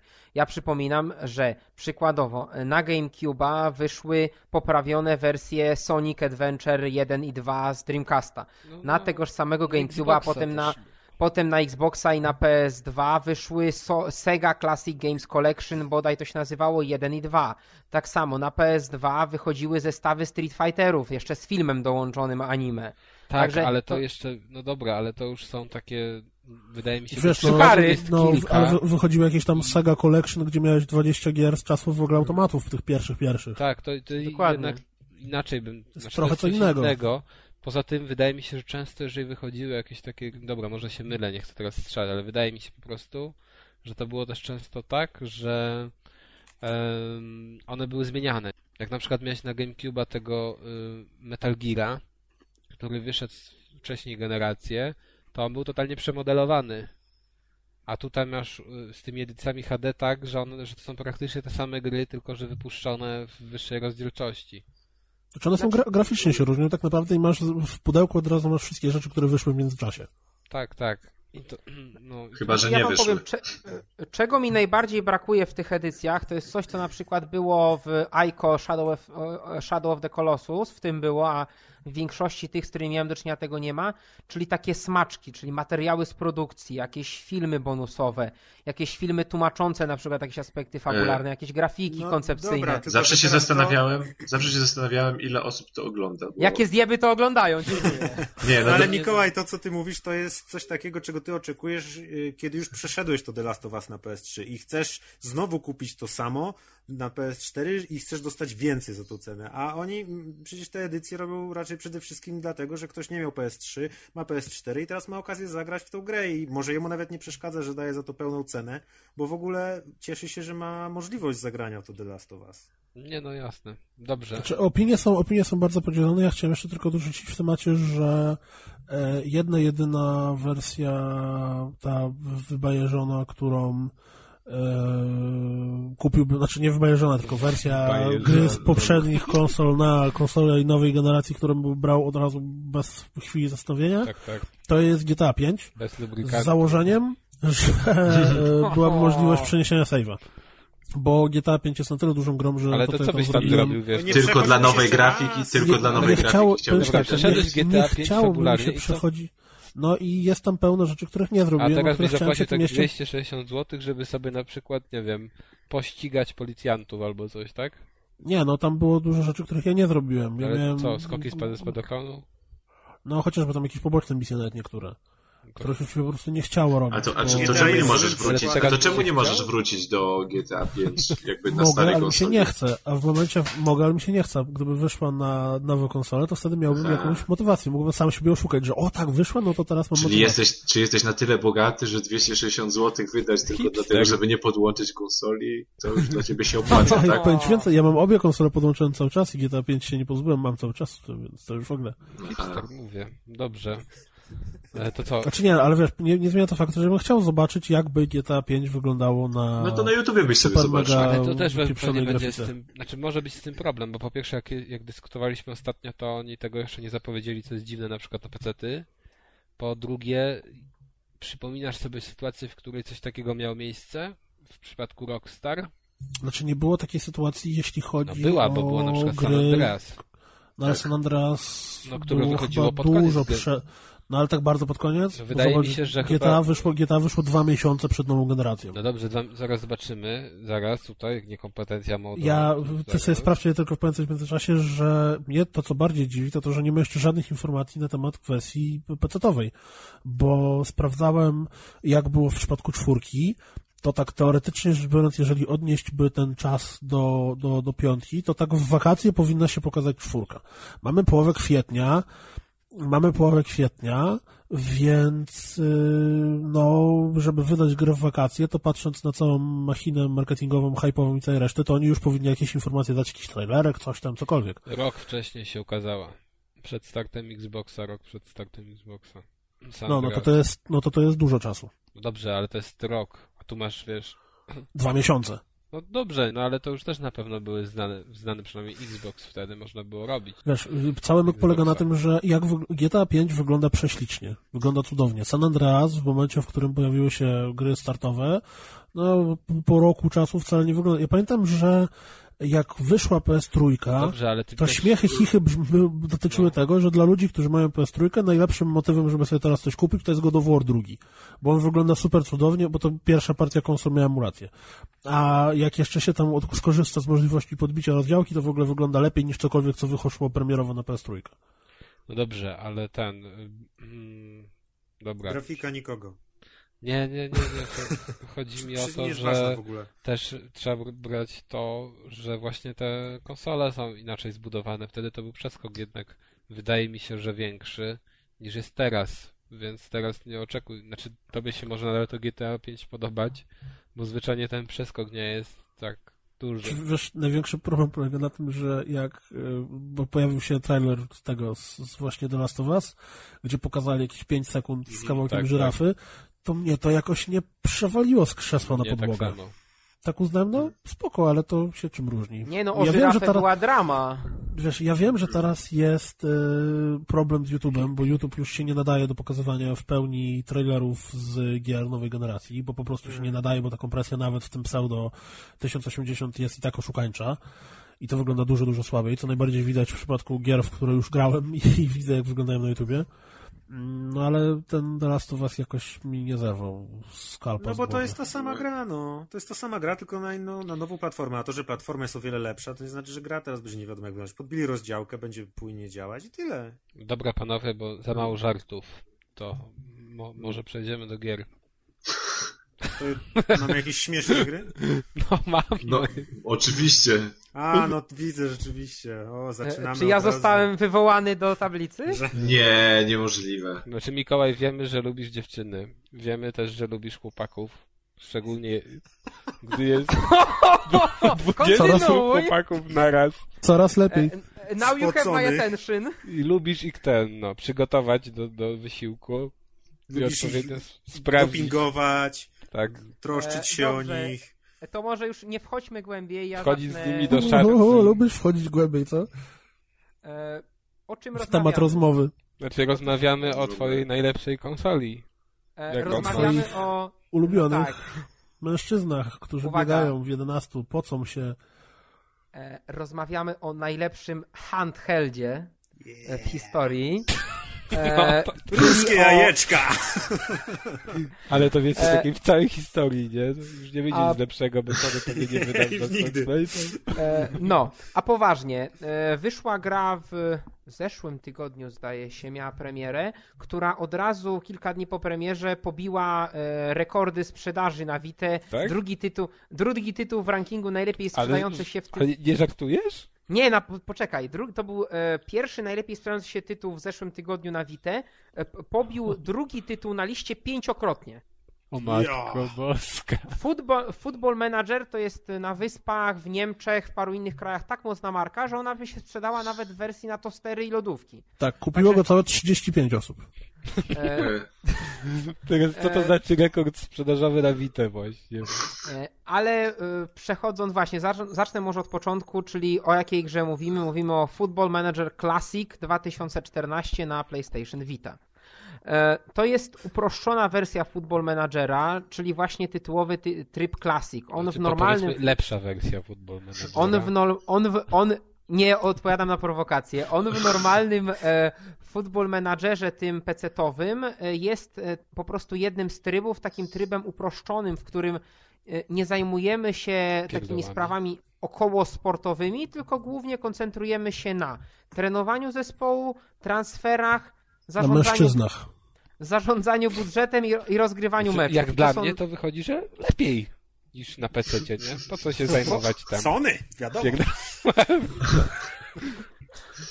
E, I to jest e, o tyle fajne, że no, specyfika Football Managera jest taka, że jest to gra bardzo, bardzo złożona. To są tak naprawdę ubrane w grafikę ogromne tabele, właściwie to nawet nie Excelowe, tylko takie po prostu ogromne bazy danych, na których pracujemy, żeby osiągnąć jakieś konkretne wyniki, tylko że akurat to są bazy danych związane z piłką nożną, a nie na przykład z jakimiś tam zastosowaniami profesjonalnymi. No i e, dzięki temu, że jest ta uproszczona wersja, to w ogóle da się na tej wicie grać da się ogarnąć, że tak powiem, e, tą tematykę i e, jakoś sobie tym zespołem zarządzać. Ta gra ma niestety. To jest Football Manager w uproszczonej wersji, działający w 100%. E, Twoje decyzje faktycznie mają wpływ na to, jak zespół się prezentuje na boisku, dobór składu, e, jakby zwracanie uwagi na klimat panujący w szatni, na humory Twoich piłkarzy, na ich umiejętności, na ich pozycje, żeby grali na odpowiednich i tak dalej, i tak dalej, na to, żeby podpisywać z nimi kontrakty, żeby byli zadowoleni i na masę innych czynników i to wszystko działa. Te faktycznie te, na tyle, ile ja grałem, a już trochę godzin spędziłem, to faktycznie ma przełożenie. No, przykładowo, e, żeby pokonać Chelsea, która jest strasznie mocna w tej grze, no bo też ma naprawdę bardzo mocnych piłkarzy w rzeczywistości, moim arsenalem, to musiałem przetestować chyba 5 czy 6 różnych podejść z różnymi taktykami, z różnymi ustawieniami zespołu, żeby w ogóle w tym meczu jak, jakkolwiek z nimi podjąć walkę. o, Także to, to zrobiło było- na mnie to wrażenie, naprawdę. ci. Ja, ja tak powiem szczerze, że jak widziałem pierwotną wersję rozpiski, to myślałem, że Kas, który będzie mówił o swojej grze na Nintendo, to będzie nikogo, ale widzę Mikołaj, że pobiłeś go kilka długo. Ja mam wrażenie, że my w ogóle nie zawrzemy tej rozpiski, więc z grami w tym odcinku, E, żeby się ludzie nie zranili. Ale dalej, mów, mów, to jest bardzo ciekawe. Tak, tak. I co z tym Arsenalem? Pokonałeś tą Chelsea? E, w, każ, w każdym razie, i to jest fajne, bo dla, dla, jakby dla maniaków, jak, jak słuchają nas jacyś maniacy Football Managera, albo w ogóle maniacy piłki nożnej, to jest naprawdę świetna sprawa. Przepraszam. E, niestety e, ta gra... Dałoś musiał wciągnąć kreskę z wrażenia. Ojej. Ale to faktycznie E. tak brzmiało, nie? Jakby wciągał. E, Niestety ta gra ma też jedną, właściwie dwie bardzo duże wady. Pierwsza wada to jest szybkość działania i niestety jeśli wybierzemy, żeby gra nam śledziła więcej niż jedną, dwie ligi, to, bufo, bu, to buforowanie I druga dziurka. Ale w którą bramkę byś strzelał? Ale... e, to e, jakby buforowanie przy każdym kolejnym przechodzeniu do kolejnych dni, do kolejnych wydarzeń trwa na tyle długo, że jest to zniechęcające, szczególnie jeśli, no, biorąc pod uwagę specyfikę platformy mobilnej, jaką jest Vita, no, e, sesja w tramwaju będzie tak naprawdę składała się z jednego meczu i, i kilku dłuższych ekranów ładowania, tak? Czyli innymi to jest- słowy, Sony Fail Vita nie obsługuje nawet gry w Excela. E, no ale właśnie, nie, nie, przez to, że jest to gra w Excela, to ona naprawdę jest, na, nawet trzeba mieć porządnego, znaczy PC z dużą ilością RAMu, żeby ona dobrze działała, także to nie jest tak, że to nie jest takie hop siup. A druga wada, e, przepraszam, druga wada tego tytułu to jest niestety to, że nie jest to tak jak w wersjach mobilnych, mobilnych, czyli na smartfony czy tablety w FM-a, gdzie jest zupełnie inny interfejs uproszczony, gdzie są duże przyciski i tak dalej. Tak tutaj mamy pełnoprawny interfejs z, z podmenusami, z rozwijanymi menusami i tak dalej. I te wszystkie ikonki są niestety dość małe, także jak ktoś ma duże paluchy, no to granie w to jest naprawdę trudne i trzeba się skoncentrować, czyli znowu niestety jak jedziemy w klekoczącym się tramwaju czy autobusie, no ta rozgrywka jest dość utrudniona. Także to są dwie duże wady, ale jeśli komuś te dwie techniczne wady nie przeszkadzają, to to jest absolutnie świetny menadżer piłkarski. Jeszcze dołożono w edycji na Vita tak, tak zwane wyzwania, czyli na przykład przejmujemy, rzucam teraz z czapy, ale mniej więcej tak to wygląda. Przejmujemy zespół w połowie sezonu, mamy dużą stratę do liderów, mamy plagę kontuzji i musimy ten sezon wygrać, albo go na przykład skończyć na podium. Albo e, powiedzmy właściciele sprzedali kilka gwiazd, bo zespół jest w trudnej sytuacji finansowej, zostali nam tylko juniorzy i jacyś tam średniej klasy weterani i musimy się utrzymać. I tego typu Brzmi scenariusze. bardzo emocjonująco, prawie że aż spociłam się z wrażenia, słuchaj. Wiecie co, wiecie co, tyle. Jak ktoś Jeszcze pochwalmy Sony. Ale ja tutaj widzę bardzo ładne grafiki z tego Football Managera panowie wklejają i No, ja podpisami, wpisałem żeby właśnie. strzelali w nie. No. Znaczy, no. Czyli, Brak... ale żeby nie było, ja absolutnie nie neguję tej gry, że dla kogoś, znaczy dla mnie, Nie. personalnie Football Manager jest czymś po prostu, wiesz, tak, tak abs- taki farming simulator mniej więcej, że jak ktoś dla beki kupił, to nawet farming simulator chyba lepiej bym się bawił niż Football Managerze, bo kompletnie, nie dość się nie interesuje piłką, to jeszcze gra w Excela, tak nie, ale myślę, że... W ogóle gra w menadżera. Nie zastanawia w ogóle pomysł na grę w jakiegokolwiek w ogóle menadżera. Nie, no A jak to jest, tam jest jakiś tryb, ale jak to jest, tam jest jakiś st- story mode, że, znaczy, nie story mode, tylko kariera, że... e, że wybierasz sobie z założenia drużynę, którą bierzesz, że tak powiem, pod skrzydła i tam E, starasz się doprowadzić do mistrzostwa, czy jak to wygląda? Piotrze, najpierw e, kreujesz swoją postać, czyli możesz po prostu grać sobą na Mikołajem Dusińskim, a możesz też Wow. sobie stworzyć jakąś... No nie gada, jest Mikołaj? Dusiński do wyboru? To ja bym wybrał ciebie. Oczywiście. Super. No, e, Mikołaj Miki D. Dusiński, trzeci na liście do wyboru po Arsenie Węgerze i Sir Aleksie Fergusonie. To e, Nie znamy ich. Ale Mikiego nie znamy. To W powinien być każdym pierwszy. razie, po stworzeniu tej postaci wybieramy zespół i oczywiście, no tutaj jest, e, to jest jakby odpowiednik poziomu trudności, tak? Bo jeśli weźmiemy sobie Barcelonę, Jeśli powiedzmy, weźmiemy sobie Polskę, to przegrasz teraz od razu taki game over. Polska to dokładnie, nie jak drużyna, to, na, to dru... nie, to drużyna jednak. A jak weźmiemy sobie klub e, z drugiej ligi polskiej, no to wiadomo, że wy, i to jeszcze z dołu drugiej ligi polskiej, no to wiadomo, że wyzwanie zdobycia Mistrzostwa Polski, czy Pucharu Polski, czy czegokolwiek w dające się przewidzieć przyszłości będzie ogromnie trudne. I wiesz, Fajne. generalnie wybierasz sobie jakąś drużynę z drugiej polskiej ligi, zaczyna się mecz nie z Chelsea, wychodzą goście, zaczynają się śmiać i się chowają. i Czyli, czyli, w tej wersji, koniec, czyli, w tej, czyli w tej wersji witowej e, masz takie jakby od, od, e, egzotyczne ligi jak druga Liga Polska, bo pamiętam, że była kiedyś wersja chyba na PSP, to, to, to było ograniczona liczba, chyba też z uwagi czy, tam, czy na RAM, czy na w ogóle o, ograniczenie pamięci, była, była ograniczona ilość klubów dostępnych, a tutaj jest wszystko co w pełnym menadżerze. tu są absolutnie wszystkie ligi, które są dostępne w pełnej wersji. Jest e, chyba sześć klas rozgrywkowych w Anglii, kilka klas rozgrywkowych w Hiszpanii, a także właśnie dużo takich lig egzotycznych, bardziej jak Wisła Polska. Kraków jest jeszcze. No, no oczywiście, że jest Wisła ja Kraków. żartuję, jako pamiętasz, jako jedna drużyna, nie? Bo w FIFA często A! było tak, że była jedna E, drużyna. To w PESie była Wisła. Aha, to w PS. Sama. Samotna Wisła była dwa w PESie, a teraz jest samotna Legia w ostatnim PESie. No, zobacz. Ale jak myślisz, czy dla kogoś, kto ma możliwość gry, ona weszła na jakąkolwiek inną konsolę oprócz Vita? E, Nie, nie, Do to jest, 3DS-a? E, To jest specjalnie jakby, e, to jest uwaga, teraz zaraz będzie można się śmiać, to jest efekt kooperacji twórców FMA, Segi oraz Sony, żeby stworzyć właśnie wersję specjalną mobilną, bo Vita była jedyną platformą typowo konsolową, nie licząc tabletów potężnych, która w ogóle była w stanie to jakkolwiek pociągnąć, a i tak to ciągnie dość słabo, nie? Dobra, to E- zakładając że, zakładając, że jesteś fanem piłki nożnej, którym jesteś i że masz komputer, na którym mógłbyś grać w FMA i masz Vita, na którym mógłbyś grać w FMA, nie dostając egzemplarzu do recenzji, co byś wybrał? A teraz uwaga, najlepszy feature tej gry, o którym nie wspomniałem, to jest to, że jest to pierwsza chyba gra, która obsługuje cross-save'y między PC-tem a Vitą. Ale Wow. zmienił To jest temat, czy coś mi przycięło? i- bo... I to jest, i to jest bardzo fajne, ponieważ można na PC zacząć karierę. Na przykład jak ktoś zaczął karierę na PC, jak wyszła gra na jesieni, ten F- FM14, to teraz może sobie tą karierę przerzucić na Wicie i ją kontynuować na Wicie, po czym jak wróci z pracy, dajmy na to tramwajem, to potem znowu to wieczorem super. na kompie. A to świetna No ale to, a to nie jest tak, że ci ultrasi PC-towi, którzy grają w FMA, to tak myślą o trybie Classic na zasadzie, że to dla jakiegoś plepsu konsolowego?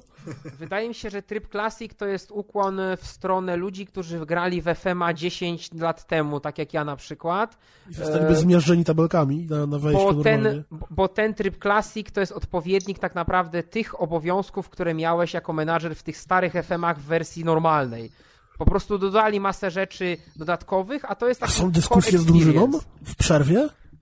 E, dyskusji z drużyną jako takich nie ma, ale masz, ogro- masz ogromną liczbę komunikatów, które możesz przekazać swojej drużynie jakby z linii bocznej, nie? Mrugasz do nich na przykład zalotnie. Mrugnij zalotnie.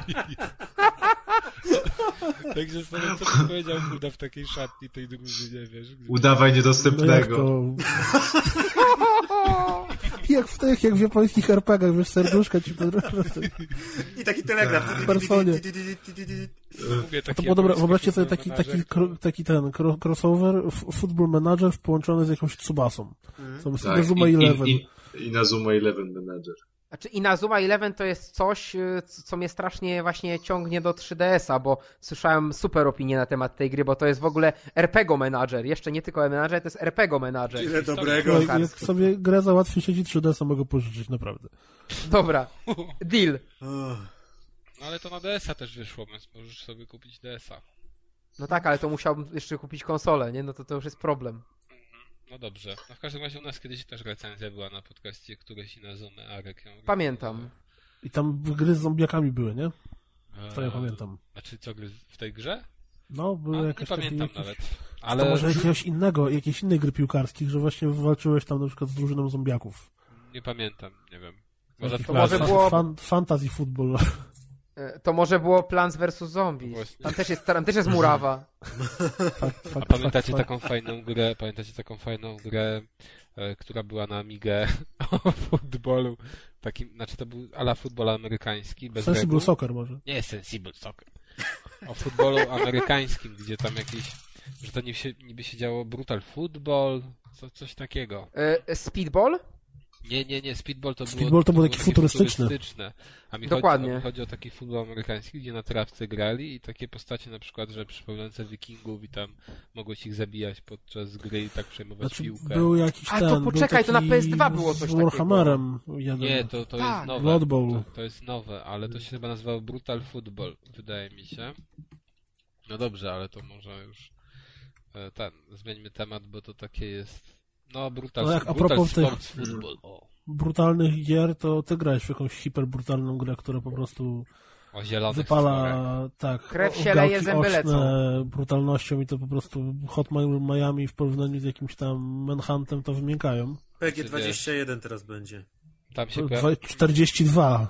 Kas musiał mieć doświadczenie lekarza, Słuchaj, ja daję, ja, daję głowę, ja daję głowę, że taki link by rozpierdzielił tamtych te postacie z gier, o których wspomniałeś w Oka, nie? No on ma miecz swoją magiczną, wystawiłby na światło słoneczne swoją magiczną różdżkę i zaraz by pouciekali. Ja nie wiem, czy chcę sobie to wyobrazić, jak jakiś zielony młody człowiek wystawia magiczną różdżkę na światło i wszystkich rozpierdziela, wiesz? To... No, no on tam ma boską moc, więc wiesz. Nie, boską wiadomo, że rozmiar się nie liczy. No. To przecież Coraz wiemy. lepiej, coraz lepiej. Legend of Zelda Windwalker, tak? E, Tak, nie, to jest The Legend of Zelda The Wind Waker. HD. HD Edition. Naucz się Wii po angielsku Edition. mówić. HD with No. a double D. Ale bo to jest, Ale patrzcie, ładne, ładne kółeczko zrobiliśmy, bo gadaliśmy o tych wersjach na, na PS4, a tu w sumie ta Zelda to też taka wersja na Next Gena ze starego Old Gena. Czy to Next Gen, nie? W ogóle to jest pytanie. Ale To- nie, ale w każdym razie właśnie ten pierwsza podstawa rzecz. To nie jest Walker, tylko Waker. Pobudzacz wiatru, po, nie pobudzacz. U. No, no Mm. pobudzacz. Pobudzasz wiatru. Pobudzacz wiatru. Wyciąga różdżkę i pobudza. To wiesz, my też w Polsce znamy różne pobudzacze wiatru. Takie, dobra, e, no, e, to, jed, Stoperan. to raczej nie pobudza wiatru, ale okej. Chodź- Dobra. Chodzi o to, że ta gra faktycznie jest odświeżoną wersją Zeldy z GameCube'a. E, I już powiem na Czyli najlepszej konsoli ever, Ja- jak mówiłem dla ostatnio. Mikołaja, oprócz Sony. oprócz platform Sony to najlepsza ever. Natomiast to jest chyba najładniejszy remake HD.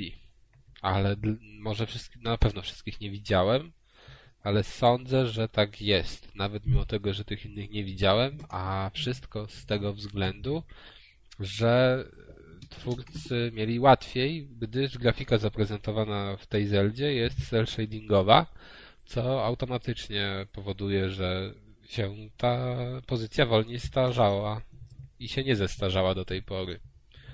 Dodatkowo oni też tutaj dołożyli coś. To nie jest tak, że ta gra wygląda identycznie jak przed laty, bo porównałem sobie na YouTubie jak wyglądała kiedyś, a nie miałem przyjemności grać w, ten oryginał. I tutaj wygląda to inaczej. Na przykład niebo. Wystarczy sobie pierwszy, od razu się rzuca w oczy to niebo. Kompletnie inaczej się prezentuje. Modele postaci, one są, mają takie zupełnie inne kolory. Ma się wrażenie, że one w ogóle, nie wiem, ulepione, ulepione są z innej gliny niż w tej wersji na GameCube'a. I to wszystko są e, takie rzeczy na plus. Ta gra naprawdę wygląda ślicznie i jeżeli nawet dzisiaj by wyszła, to no, mogliby się ludzie przyczepić do tego, że ona na przykład, że jest w niej mało szczegółów, bo yy, no wiadomo, tu ograniczenia sprzętowe GameCube'a to wymusiły, że tu nie ma tak, że nie, tu ci lata jakaś ma, mały robaczek gdzieś i tak dalej. No takich rzeczy tu nie ma. Tutaj te wszystkie na przykład zwierzątka są większe, zdarzają się jakieś świetliki, ale to nie jest tak, że mamy pełno mnogość szczegółów, które są charakterystyczne dla gier tej nowej generacji. To nie. Natomiast i tak, i tak ta gra wygląda bardzo ładnie. I się naprawdę zdziwiłem, że w ogóle nie miałem takiego uczucia, że to jest tytuł sprzed ponad 10 lat. I to chyba pierwszy raz tak mam grając w edycję HD. To żadne okami nawet do tego się, okami, które jest uważane za, za świetną rzecz graficznie, to absolutnie się nie umywa do Zeldy.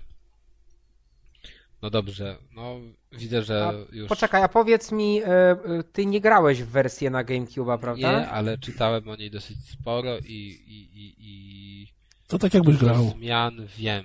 Znaczy wiem o wielu zmianach. Nie, to, to różnice to ja to mniej więcej ogarniam. E, Największa to był ten, znowu ten słynny żagiel, o którym już żeśmy gadali, to może nie będziemy tego jeszcze raz przerabiać, Znaczy, który nie wiem, czy byśmy tak usprawnia. gadali na podcaście, ale Rozmowy o żaglu zawsze na propsie. tak. Znaczy w skrócie chodzi o to, że w grze... A nie, nie gadaliśmy o podcaście, właśnie, słusznie. Mówię, Bo no. to było, to było we wstępie. To może przybliż o co chodzi, bo w, oryginalna gra miała jeden ogromny problem, mianowicie, że pływanie między wysepkami trwało koszmarnie długo i teraz podobno da się to e, zrobić sprawniej. No dobrze, więc powiem, powiedzmy, znaczy może zacznijmy od tego, czym jest ta gra. To jest A, taki, właśnie. to jest y, action adventure, w którym mm, są widoczne elementy RPG, ale one są takie bardzo delikatnie widoczne. Natomiast e, to jest właśnie gra, w której się liczy przygoda i e, no jest klasyczna pod tym względem, jeżeli chodzi o, o Zeldy, bo Zeldy to zawsze były takie gry, gdzie, liczy, gdzie liczył się ten aspekt adventure najbardziej. I tutaj to zostało zachowane, czyli te korzenie pozostały niezmienne. Natomiast to, co uległo zmianie, to świat, w którym toczy się akcja, gdyż nie jest e, to świat, e, gdyż nie jest to taki ląd stały, tylko to jest wielkie morze, po którym, na którym mm, niczym szpilki są powbijane małe wysepki. I ten świat przedstawiony w grze jest po prostu ogromny. Wiadomo, że to ciężko porównać z jakimś GTA czy czymś w tym stylu, ale naprawdę jest to, jest, y, mapa jest ogromna. Ona w ogóle została podzielona na takie małe kwadraciki, które się odkrywa i ich tam, ojej, nie pamiętam teraz, ale jest całkiem sporo i dużo czasu zajmuje w ogóle na przykład przepłynięcie z jednego punktu skrajnego mapy do drugiego. I Biliony jest, kwadracików. No tak, ale to jest naprawdę duży świat. To jest świat, który, który jest fascynujący. Masz tutaj, y, no nie wiem, to jest dla mnie chyba jedna z najlepszych gier, o ile nie najlepsza gra, w której czułem taki klimat przygody. To jakbyś oglądał ale czy ten, piratach. Ale czy ten świat jest tak zróżnicowany, czy pod e, względem, no wiesz, krajobrazowo, nie, przedstawienia krajobrazu i tak dalej? On nie jest tak zróżnicowany pod względem krajobrazu, jak na przykład Ninokuni. Tu wszystkie te elementy, które występują na przykład w Ninokuni, czyli tam jakieś zimowe krainy i tak dalej, tutaj są, ale one są na mniejszą skalę. Masz wysepkę, która jest lodową wysepką, no ale to jest dosłownie wysepka. Masz wysepkę, która mhm. jakby jest taką wulkaniczną wyspą i tam ona też jest malutka. Tu nie chodzi bardziej o zróżnicowanie tych poziomów, tylko o to, jak Nintendo przedstawiło właśnie aspekt poszukiwawczy w tej grze i aspekt odkrywania świata. Tutaj jest to zachowane w stylu starych, starszych pozycji, czyli nie ma tak, że gra ci tłumaczy, gdzie masz czasami tam coś ci nadmieni, że powinieneś tu się udać, ale często nie ma, nie ma czegoś takiego.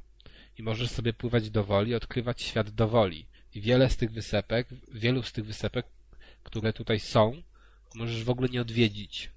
To od ciebie zależy, czy tam popłyniesz, czy nie, a warto tam płynąć, bo jednak każda z tych miejscówek ma jakieś swoje sekrety do odkrycia. Czasami to jest tak, że musisz wcisnąć przyciski, a żeby wcisnąć te przyciski i otworzyć na przykład miejsce, gdzie się znajduje skrzynia, to musisz mieć odpowiednie umiejętności. Czasami tam cię czeka na przykład jakiś pomniejszy dungeon. Czasami musisz pokonać y, jakichś przeciwników, ale tego jest multum. I masz tak, masz wysepki, y, które właśnie zawierają różne wyzwania czy lochy, czy jakieś dodatkowe przygody. Masz odkrywanie skarbów, które są w morzu. Zdobywasz mapy, które ci pokazują, gdzie są te skarby, a czasami y, widać te skarby, jak po prostu się świecą, emanuje coś z wody i wiesz, że tam znajduje się skrzynia. Podpływasz, to wyławiasz. Masz pływające statki podwodne, które się wynurzają. Jak do nich wpłyniesz, wejdziesz do tego statku, znaczy się, to tam właśnie czeka ci jakaś walka masz e, statki pirackie, które możesz rozwalać przy pomocy działka wyposażonego w bomby. E, jest tego naprawdę sporo i przez to czuć klimat wielkiej przygody. To, że oni ci nie powiedzą, gdzie masz iść i co masz zrobić, żeby coś zdobyć, tutaj się sprawdza rewelacyjnie. Naprawdę, to ja nie, dawno nie widziałem, znaczy nigdy nie widziałem gry, która by, która by obudziła we mnie taki zew przygody jak ta Zelda to nawet inne Zeldy, w które grałem, tego nie miały. I to nawet bezpośrednie kontynuacje Wind Wakera, bo na, bo na DS-ie pojawiły się dwie takowe, z czego jedna właśnie też zawierała takie morze, ale ono było dużo, mniej, dużo mniejsze, w ogóle ta gra była inna pod względem chociażby rozwiązań tam walki i tak dalej i zagadek. Nie dało się tego porównać. Tu ten aspekt wypadł po prostu super jeżeli ktoś lubi takie gry jak Action Adventure, to koniecznie powinien tego spróbować. Bo tych sekretów Ale poczekaj, bo ja, ja mam trochę tam, bo tak jak mówisz, to, yy, to trochę brzmi jak taki wielki sandbox. Bo to trochę jest taki wielki sandbox.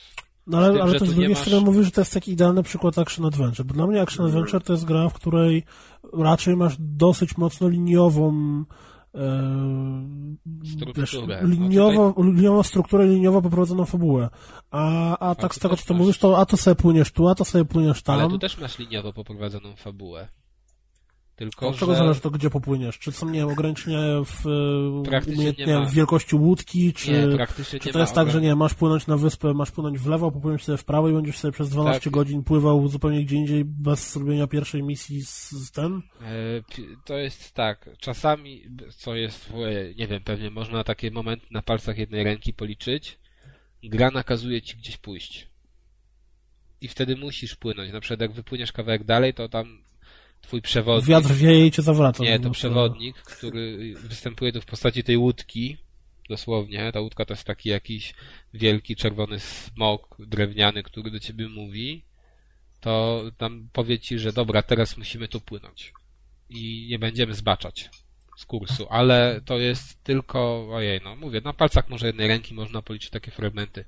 W innym przypadku ty możesz sobie zwiedzać, e, z czego w nie, często na wiele wysepek dotrzesz, ale się okaże, że nie masz na przykład jakiejś broni czy jakiejś umiejętności, bo nic nie daje się zrobić. Nawet nie wiesz, co byś musiał tutaj zrobić. Oni ci nie mówią, co tu trzeba by zrobić, tylko musisz się domyślić i pokombinować. I się okazuje, że nie A dasz to, rady. a to nie, jest, nie jesteś czasem zagubiony, że, że nie wiesz, co już robić? W sensie, że tu płynąłeś, tu Tak. płynąłeś, tu nie mogłeś i, i musisz sobie, że tak Nie, powiem, bo ta gra na przykład... game fuck you. To w Game Fuck You zaglądasz i to jest to jest tak, że ta gra właśnie ma zaletę taką, że masz to poczucie przygody, ale to się odbyło takim kosztem, że zdarzają się momenty, w których nie wiesz jak, na przykład mówi ci gra, że zdobądź teraz takie dwie rzeczy. I w sumie nie wiesz, czy popłyń na wyspę. Okazuje się, że płyniesz na wyspę, która jest wyspą wulkaniczną, i nie możesz się na nią dostać, bo gdy wchodzisz na nią, to tam link zaczyna, nie wiem, powiedzmy, skakać, że go palą nogi i wskakuje do wody i nie możesz się po niej poruszać. I co dalej? I sumie... No i musisz zdobyć pewnie jakąś umiejętność, I- no albo czara, albo coś tam. że nie? powinieneś zdobyć umiejętność. Ale nie wiesz do końca jaką, bo ta gra ci nie powie teraz wejść, zdobądź taką umiejętność i ona się znajduje tu i tu. I na przykład pływasz po tym morzu i widzisz, że taka rybka to pyk wyskakuje. Podpływasz do rybki i co możesz zrobić do rybki, żeby do ciebie zagadała? Rzucasz jej przynętę. Rzucasz przynętę rybce, rybca, rybka wyskakuje i tu mówi ci, oj słuchaj drogi kolego, tutaj ci zaznaczam na mapie, masz, dawaj mi twoją mapę, ta ci narysuję tu, gdzie jest ta wyspa, gdzie jesteśmy tutaj obok niej właśnie, ta wulkaniczna, żebyś sobie wiedział później. No i ci jeszcze coś powiem. W zasadzie to można tutaj by wejść, jakbyś popłynął na wyspę, która się znajduje tu i tu i może coś byś zrobił, to może coś dostanie, że, się, że uda ci się wejść na tę wyspę wulkaniczną. I teraz, jeżeli ty nie dasz tej rybce tej przynęty, to ty się tego nie dowiesz. Ale gra tobie jakkolwiek podpowiada, żebyś dał rybce przynętę, czy to tak na zasadzie przypadkowego sugeruje- wolnego neuronu wpadłeś na to, Ona a może dam rybie przynętę. czasem, jeżeli rozmawiasz z różnymi postaciami, na przykład ci powie, że jakaś tam postać, że no słuchaj, tutaj takie rybki pływają w morzu i one mają cenne informacje.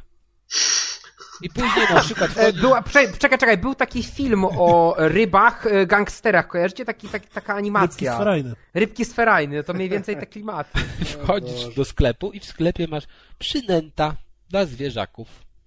No i kombinujesz, że masz taką przynętę i możesz ją sobie rzucić do rybki. Czyli rozumiesz, czyli ty w zasadzie sam musisz w dużej mierze, nie w... to nie jest tak, że ta gra totalnie ci nie mówi, ona ci czasem podpowiada, ale też musisz samemu odkrywać wiele na własną rękę. I zdarzają się takie sytuacje, że żeby na przykład, nie wiem, dowiedzieć się co zrobić, to musisz na tą konkretną rybkę trafić, czyli teoretycznie możesz pływać sobie dookoła tych wysp i 500 razy rzucać tę przynętę. I dopiero któraś tam się okaże, że jest właściwa. No tych rybek nie ma pięć- 500, bo dla każdego fragmentu mapy jest jedna. No ale takie sytuacje się zdarzają. Naprawdę też mogę je policzyć na palcach jednej ręki.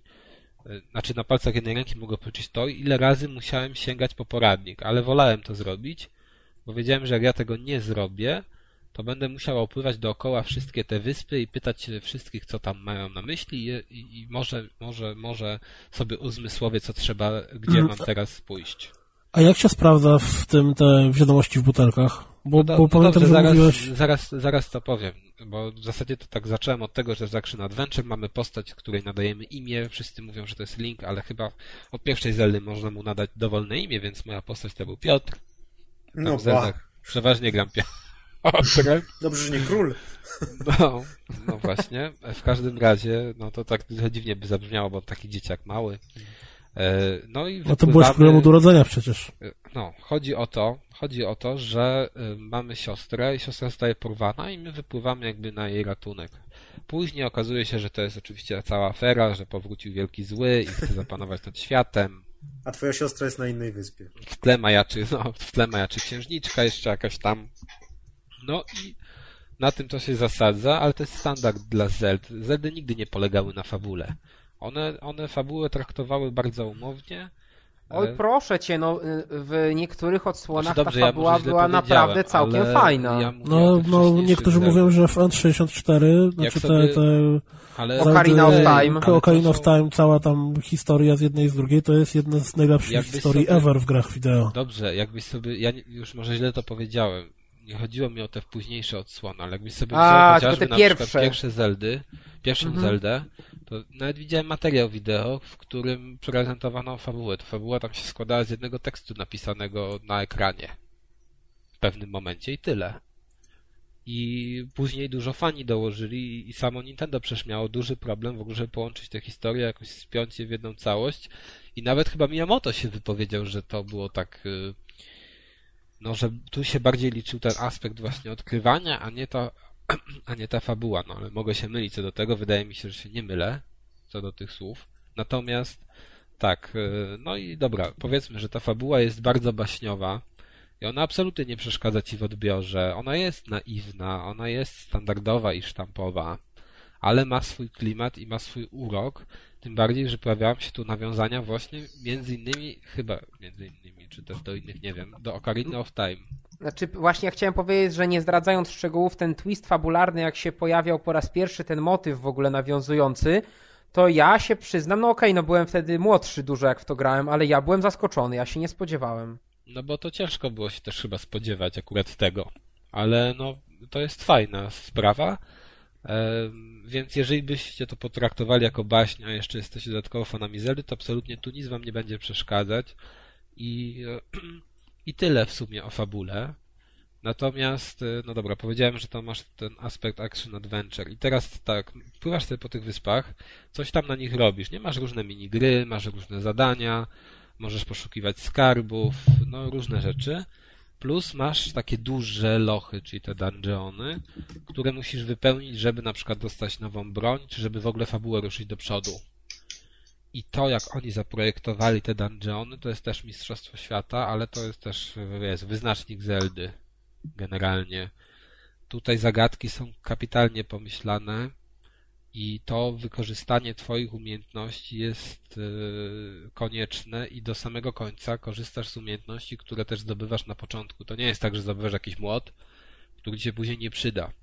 I co jeszcze fajniejsze, też ta gra nie podpowiada Ci, co masz, z czego masz skorzystać. I czasem, na przykład do walki z przeciwnikami, możesz użyć tej broni, możesz użyć tamtej broni i możesz jeszcze czegoś innego użyć, co, yy, nie wiem, czy słychać mnie? Mhm. Słychać, słychać. Chyba coś się rozłączyło u kogoś. No i tam można e, używać różnych właśnie umiejętności broni w walce z przeciwnikami. Ja czasem sam się dziwiłem, jak na przykład w przypadku nacisnąłem na jakąś tam inną broń, wybrałem do ekwipunku i jej, jej użyłem i ona zadziałała. Bo wcześniej korzystałem zupełnie z czegoś innego. Na przykład można, można strzelić w taką czaszkę jedną latającą, która tak jest taka oddymiona. Można w nią strzelić na przykład strzałem z lodem. I ona wtedy zamarza i ją, się, ją można rozbić. A można też ją strzelić y, z bumerangu i wtedy ta otoczka taka z niej odpada i wtedy można ją też pokonać. Ale gra ci nie sugeruje, czego masz użyć.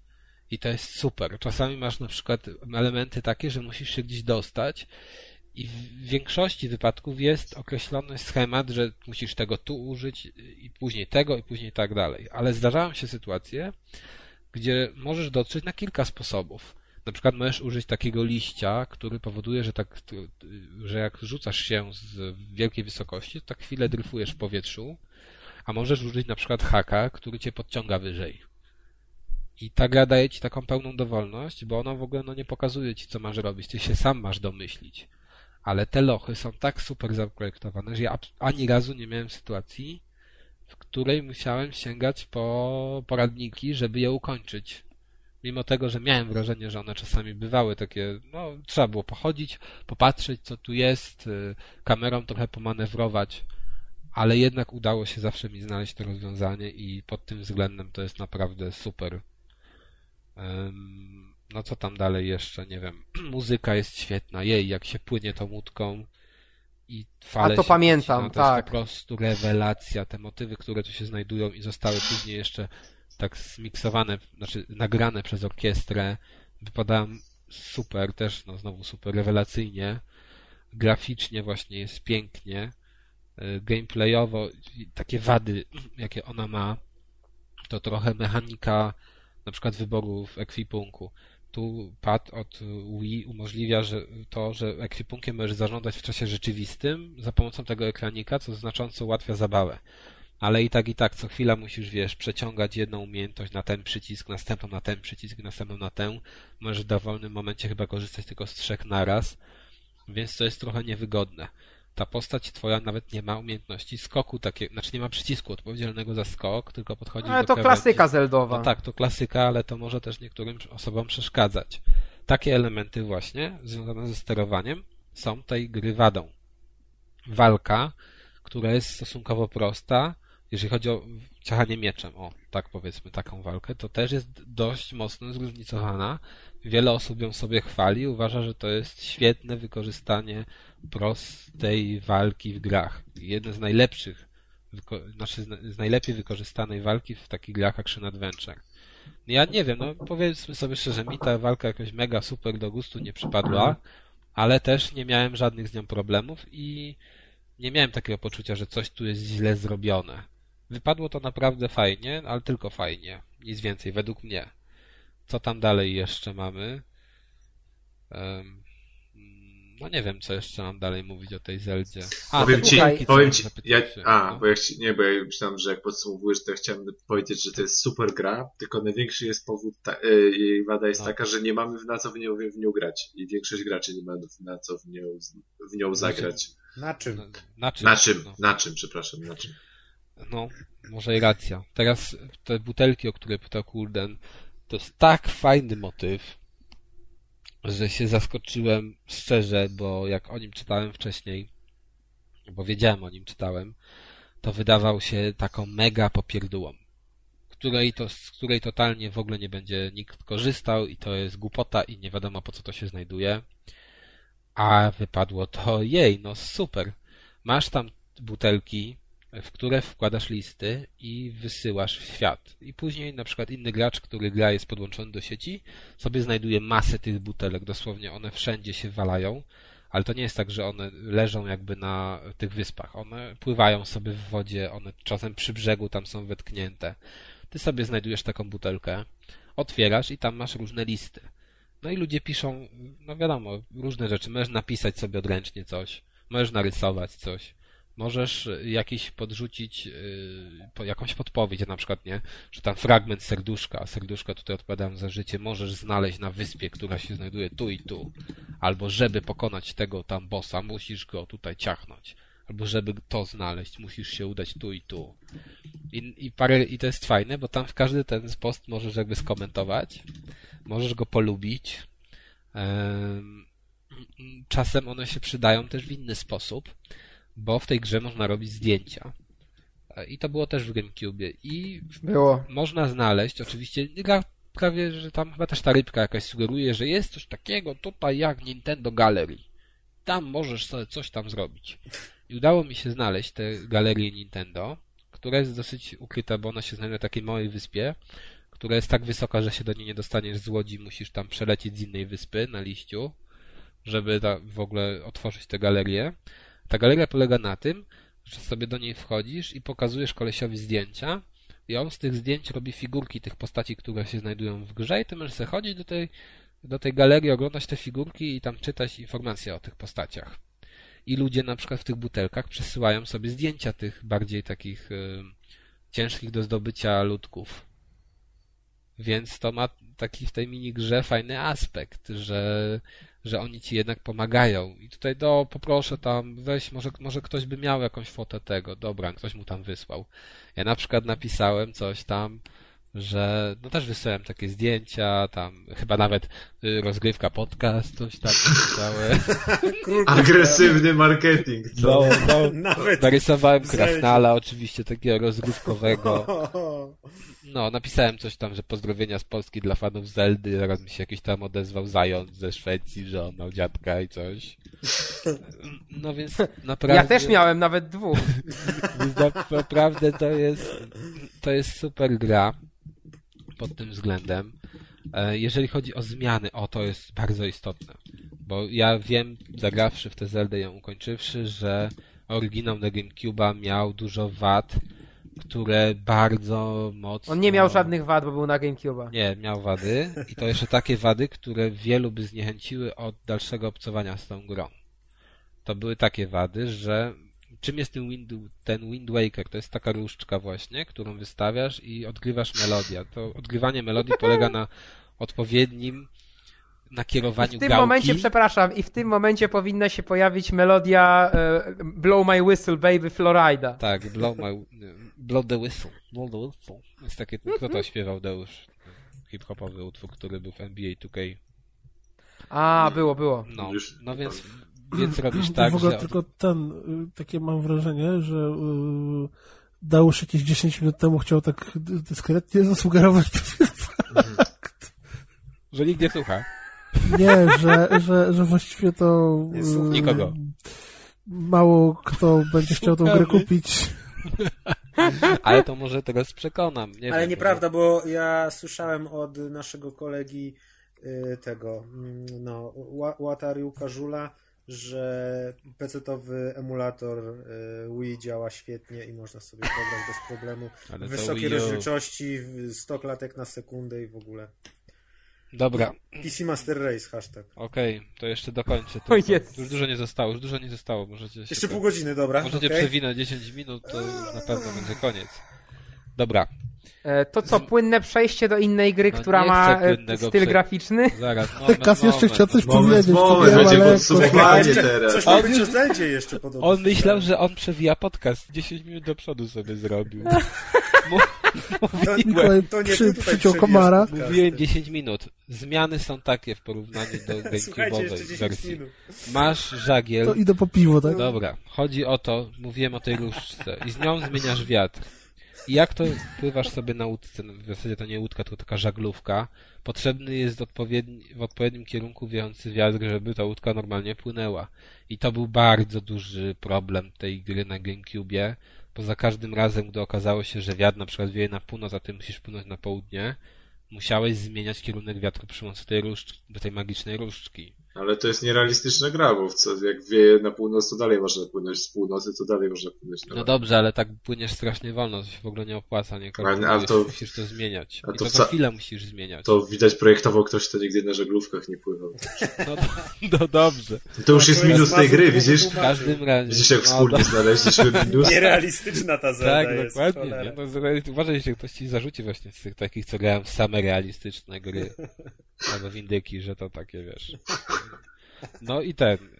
No i tutaj dostajesz taki specjalny żagiel, ale uwaga, uwaga, trzeba go wygrać na aukcji, o której tak w zasadzie też ci, ry- ci rybka chyba dopiero informuje. I ona się dzieje w jednym Jezu, mieście. co to było za trzaśnięcie? Ktoś zaliczył zgona? Tak, ja Tylko już tu się- się przewracam. Tylko się dzieje w nocy. I jeszcze nie zawsze jest ta, te, te, to coś na sprzedaż. Znaczy, byle, wystawiasz różdżkę i przypływa rybka w nocy do ciebie. No, no i ten. I i kupujesz sobie żagiel i ten żagiel płynie 50 razy szybciej, taki specjalny żagiel i nie musisz zmieniać tego wiatru, bo on cały czas ma wiatr y, odpowiednio wiejący. Więc to jest strasznie mocne ułatwienie i naprawdę podwyższa wartość tej gry. Kolejna sprawa to jest końcowy etap.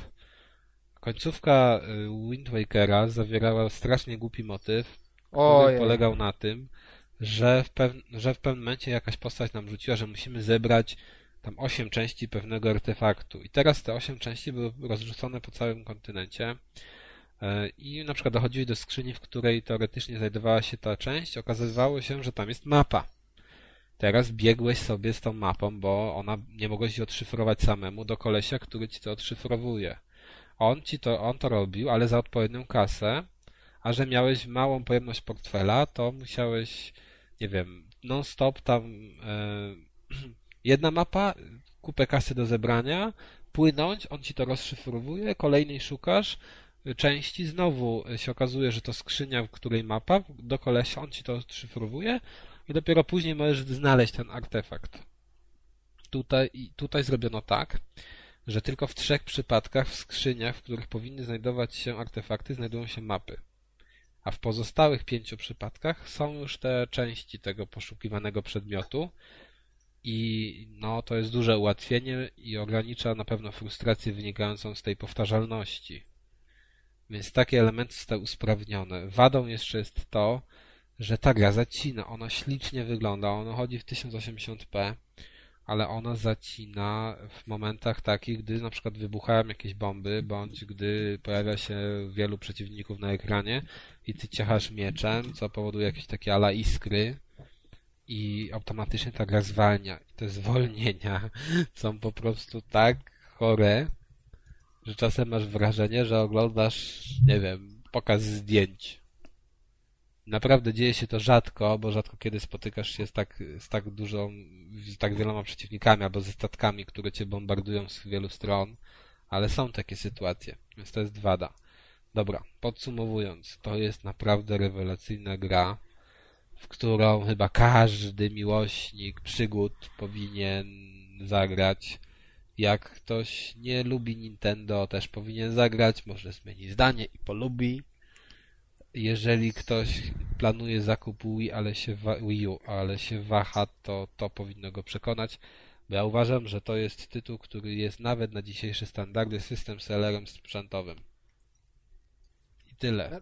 Podsumowując, jak się słucha ostatnio polskich podcastów, to można odnieść wrażenie, że Nintendo posypało mamoną, bo chyba wszystkie, łącznie z y, Xboxową forumogatką, miały ostatnio wstawki o Nintendo, a my już drugi, drugi odcinek z rzędu. No wiesz, to nie ma. My nie, mamy wstawek, to mamy godzinny monolog Kaza. Że Nintendo, że Nintendo tutaj ten miesiąc temu weszło do Polski z ofensywą. Blink, blink. Może jakaś czapka się trafi, kto wie. O, żeby czapka, taki wiesz, kapolutek Mariana, znaczy nie, tego Mario.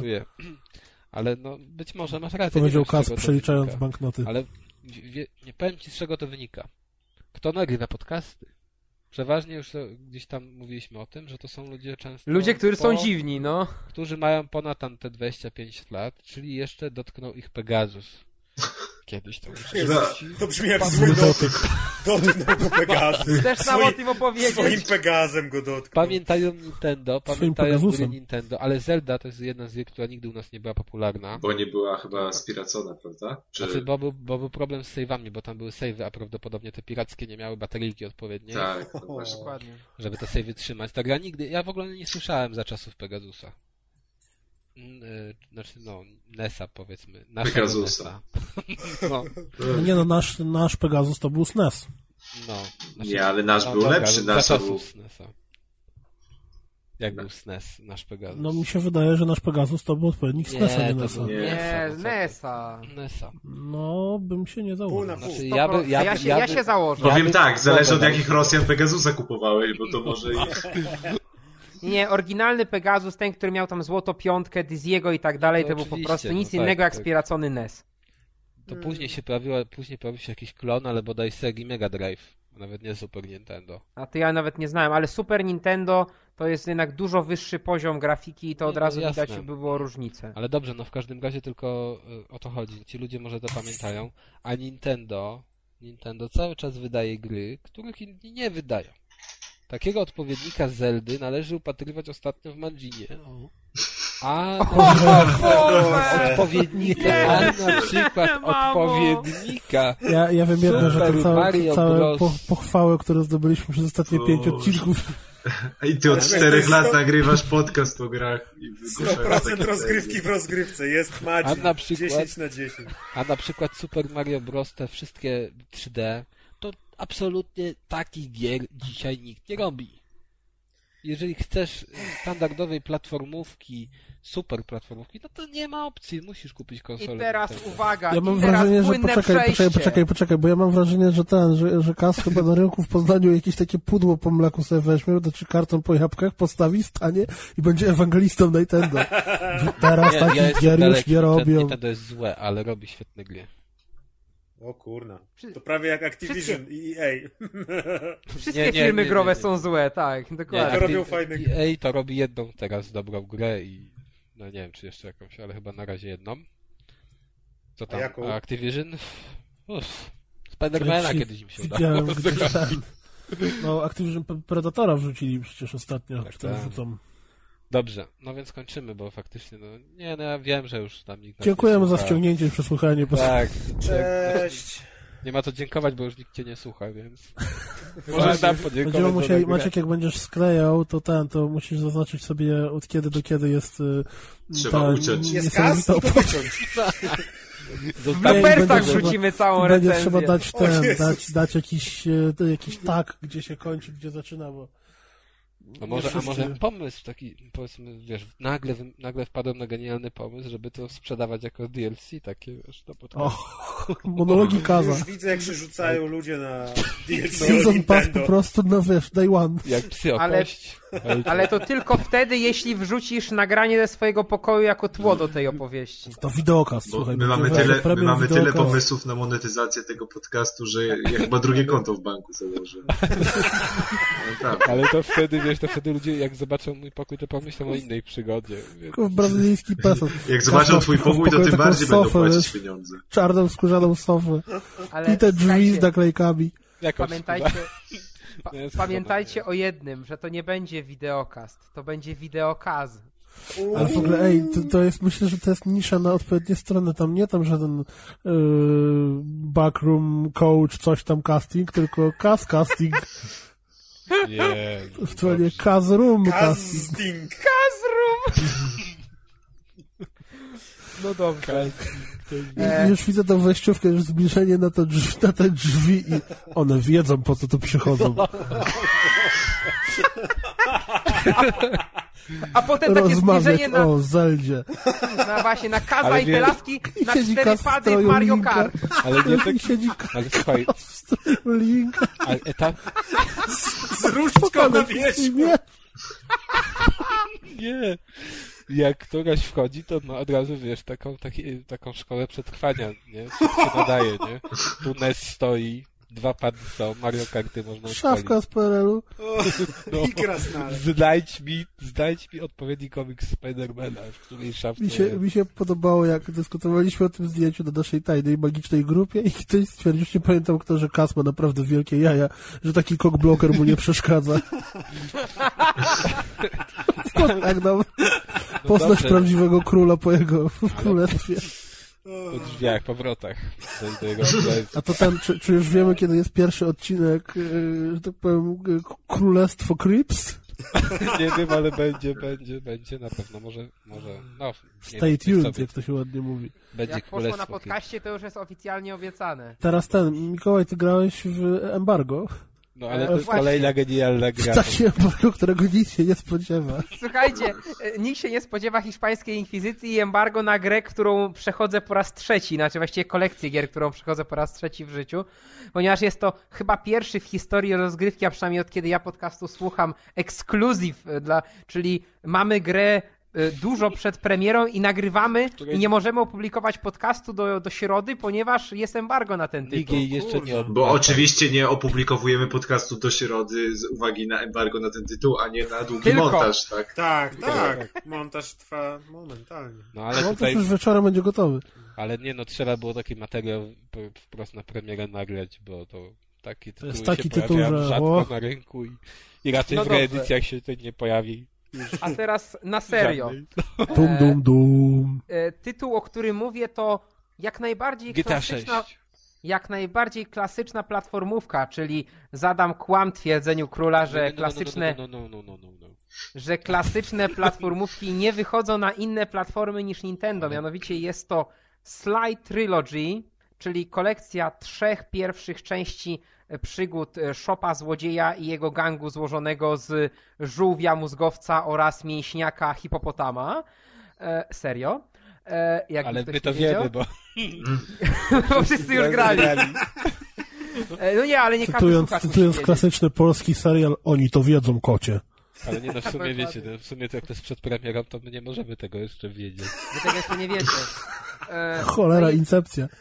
E, Generalnie są to gry z 2002, 2004 i 2005 roku, czyli z, z takiej środkowej, późnej ery PS2 i Część tego typu gier w kolekcjach HD potrafi wyglądać bardzo źle. W tym przypadku mamy do czynienia z tytułem, który wygląda bardzo, bardzo dobrze, ponieważ znowu to jest ten sam kazus co Zelda. Ratuje go zastosowany styl graficzny, czyli ten cel shading, który jest naprawdę świetnie zrobiony i on cały czas wygląda bardzo dobrze. Znakomity ekran wity. Też E, swoje. Znaczy, wiesz co, ja grałem w tą wersję na PS3 wcześniej, sobie prywatnie tam ze 2-3 lata temu splatynowałem te wszystkie gierki, bo je się przyjemnie platynuje, bo to są dość proste trofea. Moja folia. Na plaży w, w Turcji, czy też tam na Hawajach. Nie, nie, to na PS3, a na Wicie dopiero, dopiero teraz jestem. okej, okej. Jestem w trakcie platynowania e, i też pewnie to wszystko splatynuję, e, ale e, gierka... Tak, do tej e, dyskusji o wstydliwych trofeach. Mieć Tak. cztery platyny z tej samej gry.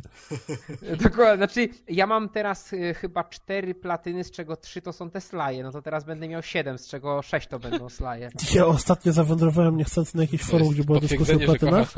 No. I zadziwiło mnie absolutnie to, że są jakieś gry, teraz już nie pamiętam jakie, które jeżeli zdobędziesz platynę w tej grze na jedną konsolę, to potem jak coś tam synchronizujesz, przeniesiesz save'a, coś tam, Tak. coś tam, to z automatu skakuje ci druga.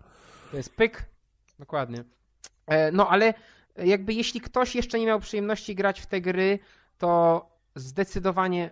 Czy ja się rozłączyłem? Nie. Nie. Okej, bo zrobiła się. Absolutna się cisza zrobiła i myślałem, że No bo wszyscy czekają w napięciu, co powiesz. Myślałem, że Tak, po ja Football miałem tak się do ciszy przyzwyczaiłeś, nie? Nie, bo klepaliście linkami na czacie z gołymi. E... Ale Mikołaj No, a co- a co bo wiesz, jak-. Jak mówiłeś, jak mówiłeś o Football Managerze, to, to Maciek wrzucał gołe sportsmenki, a tu co, gołe shopy ma wrzucać? Czy żółwia, czy hipopotama, czy co? Chociaż jak znam życie, myślę, że w internecie na pewno się znajdzie jakiś powód z udziałem. Powiedziałbym, że można gołe bobry, bo to prawie szopy, ale skończę ten temat. O, a bobry lubią drewno, ho, ho, ho. Słucham. E, Jeśli chodzi o grę, to to są trzy bardzo, bardzo fajne tytuły, które o grafice mówiłem, ale one też mechanicznie się nie zestarzały, ponieważ ta mechanika jest dość prosta, ale wciągająca. Misje są zróżnicowane, dodatkowo mamy sporo różnych minigierek, które jakby tą, tą zabawę urozmaicają. Mamy trochę zbieractwa, e, bardzo fajne kreacje aktorskie tych wszystkich aktorów, którzy podkładają głosy, to też bardzo pomaga e, się gdzieś tam wkręcić. E, Taki fajny setting, niby, dziecie, niby dziecinny, no bo tam są te e, zwierzaczki, ale, ale mimo wszystko moim zdaniem wciągająca ta fabuła. E, Historia tego rodu shopów złodziei jest bardzo fajna. Jedyną wadą tak naprawdę tej edycji na Vita jest to, e, że tam oryginalnie były takie bardzo ładne filmiki w 2D. E, Między misjami one się pojawiały, czasami też w trakcie misji. One niestety są jakoś strasznie skompresowane i artefakty się, ogromnej wielkości artefakty się pojawiają na ekranie w trakcie zabawy. Także jeśli ktoś jest wrażliwy na tym punkcie, no to niestety te filmiki są spartolone. E, Cieszą takie drobiazgi, bo studio to robiło Sanzaru, czyli inne studio niż e, oryginalnie, no bo oryginalnie to jest gra Sucker Puncha. Na przykład, e, no troszeczkę się zmieniło sterowanie, no bo Vita nie ma klikalnych gałek, w związku z czym fu- funkcje L3 i R3 zostały już przyporządkowane przedniemu i tylniemu ekranowi dotykowemu. I na przykład jeśli w samouczkach ci ten Bentley, czyli ten żółw mózgowiec tłumaczy, że tą funkcję możesz używać wciskając R3, no to teraz nagrano z tym oryginalnym aktorem od nowa te kwestie, czyli tutaj włożono trochę pracy, żeby to było jakby, żeby to nie miało się wrażenia, że to jest taki półprodukt. A w ogóle teraz, ja teraz absolutnie nie robię jaj, tylko mówię poważnie, że mi się zawsze ta gra strasznie podobała, bo jest jedną z bardzo niewielu przykładów, gdzie mamy bohatera, może nie głównego, nie protagonista, ale takiego, no, no, no bo ten żółw jest dosyć istotny mm, dla gry, dla całej serii, który jest postacią na wózku. Jest to E, jedna z niewielu gier, gdzie mam postać, która jest y, niepełnosprawna i jest traktowana absolutnie normalnie jako powód, nie wiem, do podśmiechu jak, jak w Ale, GTA. ale widziałeś jak on popyla na tym wózeczku? To jest... No to, że ma rakiety przytroczone do tego, to jest inna sprawa, ale wiesz, chodzi mi o sam nie, sens. ty nie wiesz! Przecież jeszcze ta gra nie wyszła, ma embargo. Znaczy to, się, znaczy to jest spoiler, jak ktoś nie grał, to ten żółw nie zaczyna na wózku wcale tej historii. Ojej. Ojej, po, No popy... nie. Maciek, tniesz. Nie. Jest żółwia. E, Chyba ty. E, jeśli ktoś w to nie grał wcześniej, a ma Vita i to jest jego jeszcze wyłącznie jedyna konsola, którą posiada, albo na przykład ma w planach długą podróż objazdową po e, połowie Azji Południowo-Wschodniej, no to wtedy wydanie na tę grę tamtej ceny premierowej jest do rozważenia. W każdym przeciwnym wypadku jeśli twoją motywacją jest tylko i wyłącznie, nie wiem, łatwa platyna albo coś, no to trzeba po prostu poczekać, bo ta gra na pewno z czasem stanieje. Ale moim zdaniem warto na Wicie zagrać, bo mi mały ekran Wity zupełnie nie przeszkadza. E, Grałem w tę grę sobie w metrze, grałem w tę grę sobie w, w knajpie. Jeździł jedną linią w kółko w tej westy. E, Także dobry tytuł. Poza filmikami nic nie spartolono, a to nie jest takie oczywiste w przypadku reedycji HD, bo są takie, gdzie spartolono wiele elementów, patrz, nie wiem, Silent Hill czy inne, czy Zone of the Enders, które były właściwie niegrywalne na początku przed patchem. Tutaj naprawdę jest to, jest to zrobione całkiem nieźle. Gra jest wiadomo, no trzy duże gry, pierwsza na tam 8 godzin, dwie pozostałe na powiedzmy 15 godzin, każda z nich, e, żeby wymaksować jeszcze odrobinkę więcej. Także sporo zabawy, niby infantylnej, ale mimo wszystko z całkiem fajną fabułą, z całkiem czasami dorosłymi żartami, szczególnie jak tam główny bohater z, e, rozmawia z policjantką Carmelitą Fox, to niektóre ich dialogi to są ewidentnie e, takie nabijanie się z Casablanki czy innych takich klasyków e, kina. Także moim zdaniem bardzo fajne. Ja się dobrze bawiłem w. No bo to w końcu środę- gra od Sony, znaczy na konsolę Sony to. No i też od Sony. No. No to wiadomo. E, No, e, jak ktoś potrzebuje więcej informacji, to też na Niezgranych będzie moja recenzja e, też w środę, jak spadnie embargo. Tum, tum, tum. Jeju. Dzisiejsze No to- hity. Dobra, E, panowie, no, to- to jest najbardziej hitowy podcast chyba w, Och, od dawna. No. No, ja sądzę, że znowu będzie Dobra. Ja Dobrego już roku. jestem taki zmęczony. nadzieja na impeachment. No tak. To dalej. Maciek powiedz, w co ty grałeś? Ale śmieszne, no co? W czołgi grałem, czołgi to jest super gra. Nie wiem dlaczego jeszcze nie macie kont i nie graliśmy razem. A może tak, Mikołaj to- coś jest tak a propos o finałach czołgów, na których Właśnie, byłeś w dlaczego my nie rozmawialiśmy o turnieju? No bo czekaliśmy, że Maciek powiedział, że grał w czołgi, żeby zrobić płynne turnieju? przejście. Ha, Tam, snap. tam, tam. Właśnie, jakim tu... W jakim turnieju? W weekend był, znaczy w zeszły weekend, tydzień temu w weekend, w weekend po na tym ostatnim nagraniu były finały czołgów w Warszawie, w Blue City. Grand A, Finals, czyli finały Mistrzostw Świata w czołgi, w których Polacy brali udział i nawet weszli do fazy No finałowej. nie mogę, po prostu. No, to może jeszcze Mikołaj coś o tym Football Managerze, bo ja bym chętnie posłuchał w takim razie. O Boże. Nie, ale to E, była no impreza z pompą? Jak to tam było wejście płatne, czy nie? Tak, E, pompa to była... ja powiem- no, Powiem tylko teraz. króciutko, obie- obiecuję, będzie krótko. E, impreza odbywała Ale się zaraz, w zaraz, warszawskim... zaraz, to ty byłeś? No byłem, No co ty gadasz? byłem, ja myślałem, robiłem, że my się śmiejemy. Ja, ja tak samo. Ale ja naprawdę ja tam byłem w pracy, bo ja robiłem tam wywiady. Tak, tak. Czyli niełatwa jest to jednak praca. E, Zrobiłem tam e, razem z, z Kamilem z Niezgranych, rozmawialiśmy tam z e, specjalistą od, e, przepraszam, od e-sportu z Wargamingu. Potem robiłem wywiad z Wiktorem Kisłym, czyli z prezesem, a w Dobre nazwisko ma. sobie... Bez kitu. A w ogóle ich, między- bez S. w ogóle ich poznałeś? Z kim masz robić wywiad? Czy tak jakby sie- siedziała jedna osoba w pokoju, więc miałeś łatwiej? E, nie, nie, no e, prezesa to znałem, no bo on się często w mediach pojawia.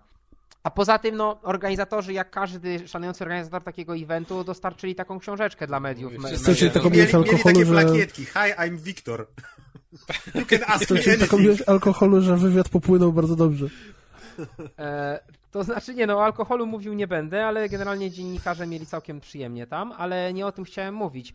E, impreza była zorganizowana w warszawskim Ale to, dobra, a co oznacza według ciebie przyjemność? Bo tak tylko mi się w jedną stronę skojarzyło, nie? Co, to, No, czym dla Agadi może być przyjemność na imprezie?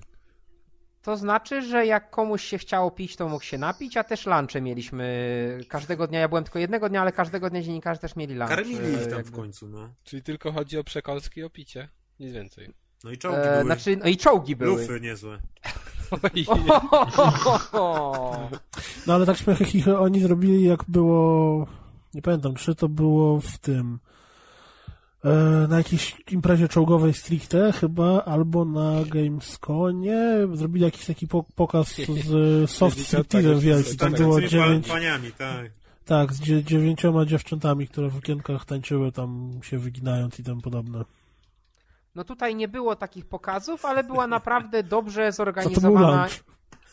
E, Fajnie. była, no trzeba mieć priorytety. E, była e, dobrze, ja, ja sobie kobietę organizuję sam, tak? E, była dobrze. E, Memory do- 5, ale dzisiaj siara i wszystko jasne. e, była dobrze zorganizowana po prostu impreza e-sportowa, gdzie tam zadbano o szczegóły. E, nie było jakichś ekscesów przy wejściach, to się wszystko całkiem płynnie odbywało. Była też bardzo fajna transmisja, bo oglądałem sobie trochę, z, to było i studio takie z ekspertami i, i byli, byli komentatorzy w różnych językach, tam od koreańskiego przez rosyjski po, po polski. Także to też było, to też było spoko. Ale komentatorzy, przynajmniej polscy, byli Wiesz, sobie. ja, się, ja się nie znam na tej grze. Ja wiem, że jakaś laska komentowała, co mnie zaskoczyło. Ale wiecie co, to jest dobry motyw, żeby na przykład tak e, czterech pancernych wypromować. A teraz słuchajcie, mamy dla was coś ciekawego z Polski o czołgach. E, Filmik. No, e, e, Wiktor Kisły, właśnie prezes Wargamingu, to w każdym wywiadzie podkreśla, że jednym z inspiracji w ogóle, żeby zająć się tematyką czołgów, jest to, że u nich jak on był młody, to leciało notorycznie w telewizji Mhm. leciał ten serial, także on go zna i lubi. Tam, tam, tam. To jak to jak Kojima stworzył na podstawie Wajdy Metal Geara. Mhm.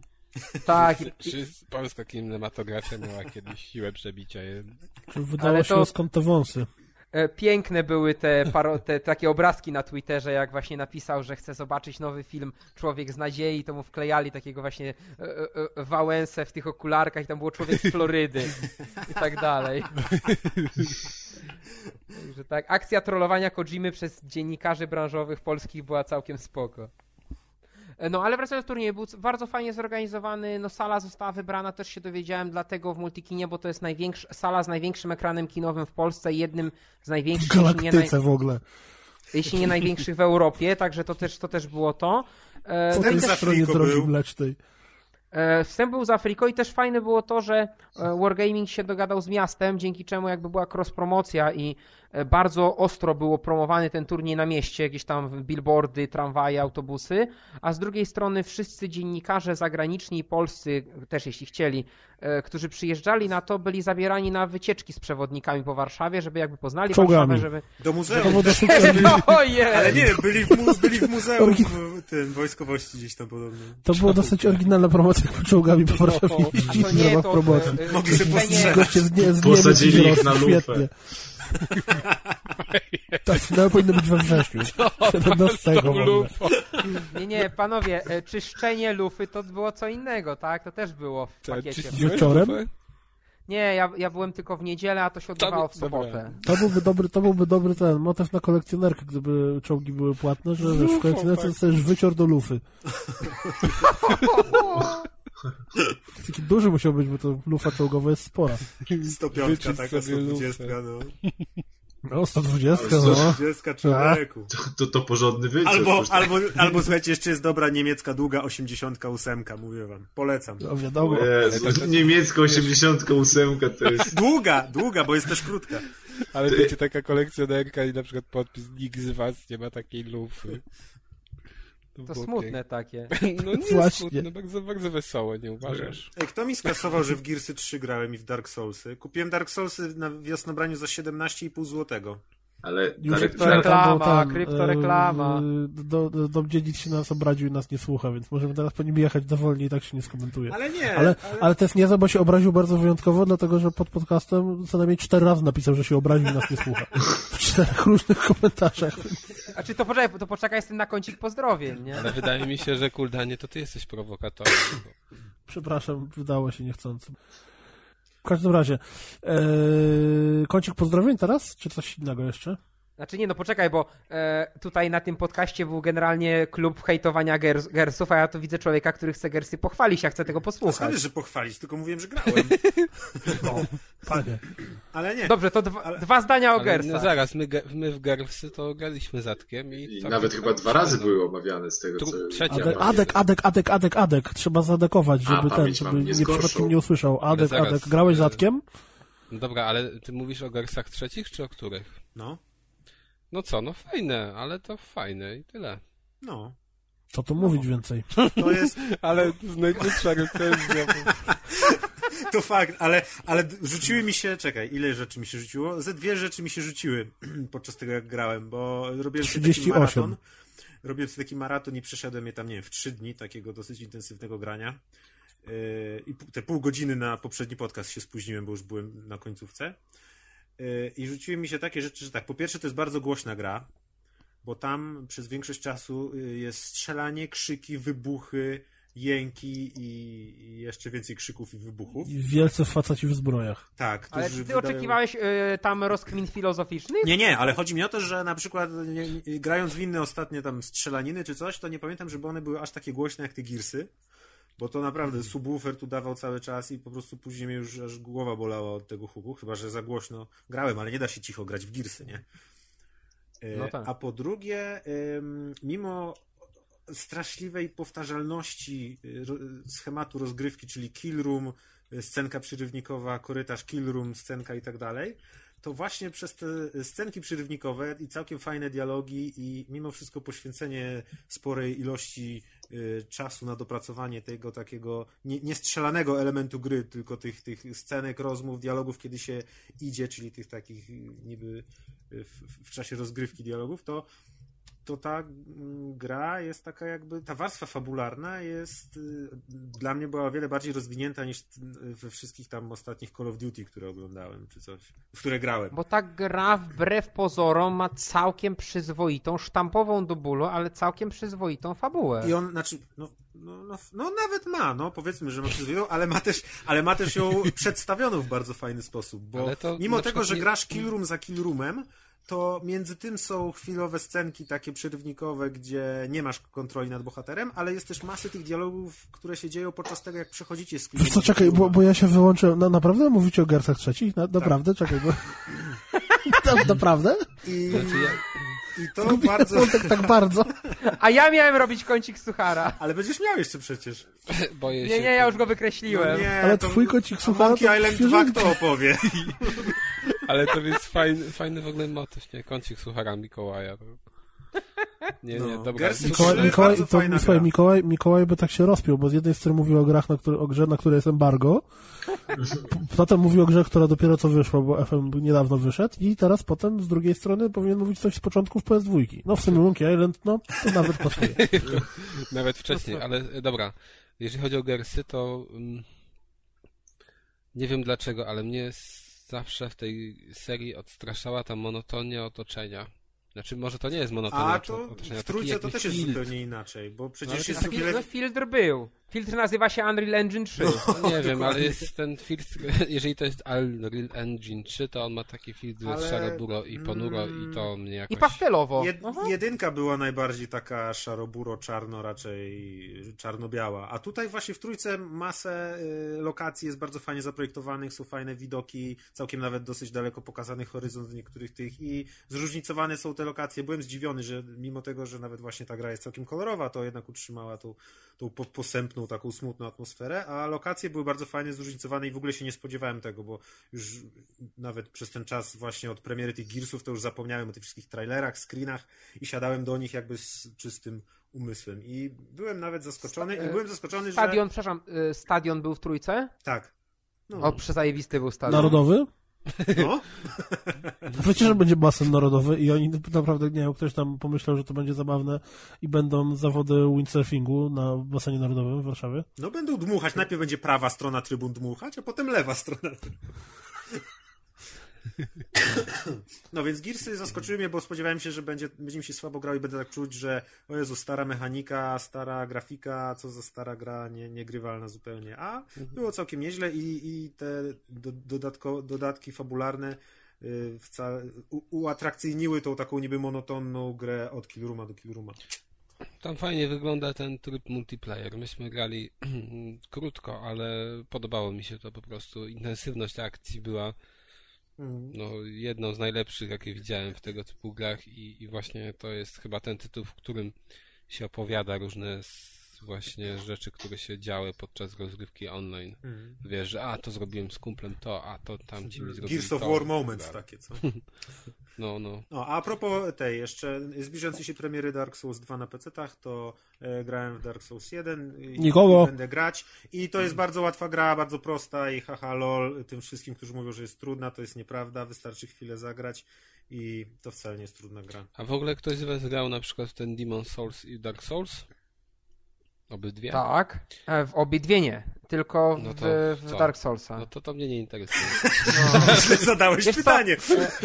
Nie, w i. Demon Souls Wiedziałem. był w PS Plusie, mam go odhaczonego, jeszcze go nie ściągnąłem. E, Tak, ja tam, ja tam też mam, no, ale chodzi mi o to, że słyszałem opinię, bo nie grałem w Dark Souls, a w Demon Soulsy no, pożyczyłem i też e, no, mam w plusie, muszę kiedyś ściągnąć i się naprawdę w to zagłębić. Natomiast słyszałem właśnie te opinie dotyczące tego, że różnica poziomu trudności jest więcej niż widoczna w tych Ja naprawdę nie wiem, co się dzieje. Tak, y, najpierw godzina o Zeldzie, potem Gearsy trzecie, teraz zaczynamy rozmawiać o DKS-ie. A, i, Nie, no o i tym jeszcze, nie powiemy jeszcze, dużo, muszę, tylko- jeszcze muszę przeprosić, że mówiłem, że Dark Souls są brzydkie, bo tylko pierwsza lokacja jest brzydka. Są bardzo Ta brzydkie. taka tutorialowa jest naprawdę, ona jest naprawdę brzydka. Tam są takie Ona jest żenadowo brzydka, to prawda. Straszliwe kontrasty, w ogóle nie ma gry światła, nie, jest, jest szkaradna, ale później jak już się dochodzi dalej, to już jest spoko, jak się dochodzi. A czy zacząłeś grę od zainstalowania tych wszystkich modów i tam... Tak, no grałem z tym DS Fixem i w sumie tyle. Ojeju. Z czym? Ale no, no z DS Fixem trzeba, wiesz. PC Master Race. PC Gaming. No. No dobrze, ale wiecie co, tak może jakoś płynnie ucieknijmy, bo naprawdę ludzie nam powiedzą, że po najlepszym odcinku nagraliśmy najgorszy, no. Sam jesteś najgorszy. No właśnie. No. Dla kogoś Nie trzeba wiem zrzu- czemu, ale Kas się ze mną zgodził. okej. Ale dla kogoś trzeba zrzucić winę. A, to na no nowego, to na nowego. Na Mikołaja, bo jest najkrótszy stażem. No w sumie. Nie, może nie tylko tylko stażem. stażem. Ojej. Padaj. Mikołaj jest najkrótszy, to na niego. Ale wy się porównywaliście, kto jest jak długi? No wiem. ja tam nie wiem, co się działo w tym hotelu w Warszawie, bo z wami tam No wszystkimi. ale to wtedy Miko... Mikiego nie rano. było, chyba że No, duchem. M- Miki D będzie teraz w tym roku dorobione. To się będzie działo. Liczę Oj. Mikołaju na dużo Azjatek. w każdym razie... Na e, ekranie w telefonie. Będziemy porównywać? Znaczy, bo tak mówi, że dużo się Azjatki? nie działo. Co, co? Azjatki będziemy porównywać? Nie, no Azjatki to tak, każdy To przyprowadzi, swoją ulubioną Azjatkę. Azjatki zawsze na propsie. W każdym razie e, pozdrowienia może, tak dla No odmiany. pozdrawiam, pozdrawiam. Kuldan Czy jedziemy cię kącikiem suchara? Dajmy już mu pozdrowić, no. Mi Mikołaju, kącik suchara interesuje cię? Znaczy Grałeś? jeszcze Nie, Deusz no miał coś do proszę powiedzenia. Ale Nie, ale Deusz napisał, że przecież nie będziemy gadać o tym No ale znowu. dlaczego mamy nie gadać? Ja chciałem coś powiedzieć. Znaczy nie odnośnie trzeciego. a Deusz teraz coś powie, a czemu, mamy, czemu Deusz ma nie powiedzieć? No bo ja chcę coś powiedzieć. To, to ja mam coś powiedzieć, czy ty będziesz coś mówić? Czy ty mi udzielisz głosu pod pozorem, żeby sobie więcej czasu antenowego wyrwać? Szybko przerwie i zaczął bo Opłaca właściwie to ja chciałem powiedzieć. nowego więcej pieniędzy, więc za podcast. Dawaj, Deusz. Ej, ale faktycznie ten Skype dzisiaj coś Czyli tak... chodzi ci o trzeci epizod. Chodzi o trzeci epizod The Wolf Among Us. Tak, dokładnie. Dostajemy, Podobał ci się? dostajemy po raz kolejny, po raz kolejny tą, tę samą grę. Brawo. E, Kontynuowanie z fabuły widziałem e, jakby w pierwszy dzień, jak się posypały no takie recenzje czy mini recenzje tego sezonu, że, że się dużo dzieje i, i coraz bardziej akcja się zagęszcza.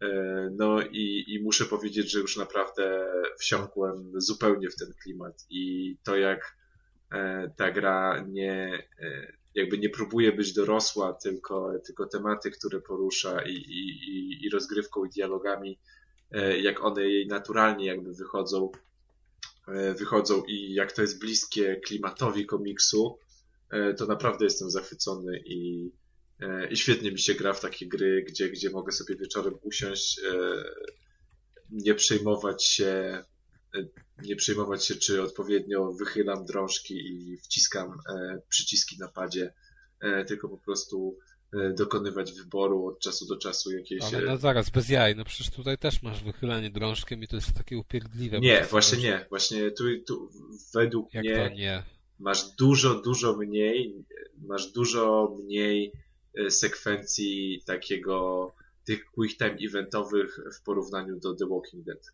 No, nie wiem, teraz ciężko mi to porównać, ale wydaje mi się, że tu, znaczy one na pewno tutaj są. Może faktycznie w mniejszej liczbie, ale są i na padzie to się jednak nie sprawdza, nie sprawdzają się te momenty, w których trzeba na przykład zaznaczyć odpowiedni fragment Mhm. ciała przeciwnika, w który chcesz uderzyć. To wtedy no, myszką wiem, że to by było bardzo swobodne i proste, ale padem może być upierdliwe. Ale to, te, ale to też, też nie są momenty nie do przejścia. Ja jeszcze ani razu nie Nie, no zginąłem w, całej, w, całej, w całej grze, także Ale to chyba się nie da zginąć. da się. Jak nie wyjdzie, tak, jak nie wyjdzie ci... e, bo- Jak to, to kończy się? Nie, po prostu no się zaczyna tą sekwencję, to znaczy jest animacja, że wilk ginie, tak? Po prostu wilk ginie, czerwony ekran i zaczyna się od pewnego momentu, czyli tak naprawdę od początku tej cutsceny danej. A ten Bo to jest ten myk, bo to jest, słuchajcie, to jest myk, który zawsze jak y, jacyś twórcy w trakcie produkcji mówią, że nasza gra będzie miała 354 zakończenia. Bo chodzi o to, że każdy moment, kiedy możesz zginąć, wiesz, każda walka z przeciwnikiem, kiedy możesz zginąć, no, no to jest jedno, no, no twoja historia tu się zakończy. No, to, że zrobiłeś no. loada, to jest oszukiwanie. Ale Twoja historia tu się powinna zakończyć. Wyobrażasz sobie, jak na przykład taki Cage mówi, nie, że powinno się raz grać w jego grę i tak możesz zginąć w piątej sekundzie. I, a, Przejeżdża się no, autobus na No, kiedyś w taką bardzo fajną flaszówkę, która była... Mm, Flaszówka się nazywała Żyjesz tylko raz i była zrobiona w ten sposób, to był platformer taki w stylu Mario, że idziesz sobie w prawo i tam skaczesz i w momencie, w którym tam zginąłeś, to yy, ginąłeś. Nie miałeś kolejnego życia i po prostu tam, gdzie doszedłeś w tej grze, to tam ginąłeś i potem jak robiłeś refresh strony albo włączałeś ją jeszcze raz, to wiesz, y, pojawiał się, że tam czas mijał, czyli na przykład najpierw był ten trup, potem szkielet się pojawiał, potem, nie wiem, ktoś grup poło zrobił, jakaś trawka wyrosła, potem twoja rodzina przycho- przychodziła płakać w to miejsce.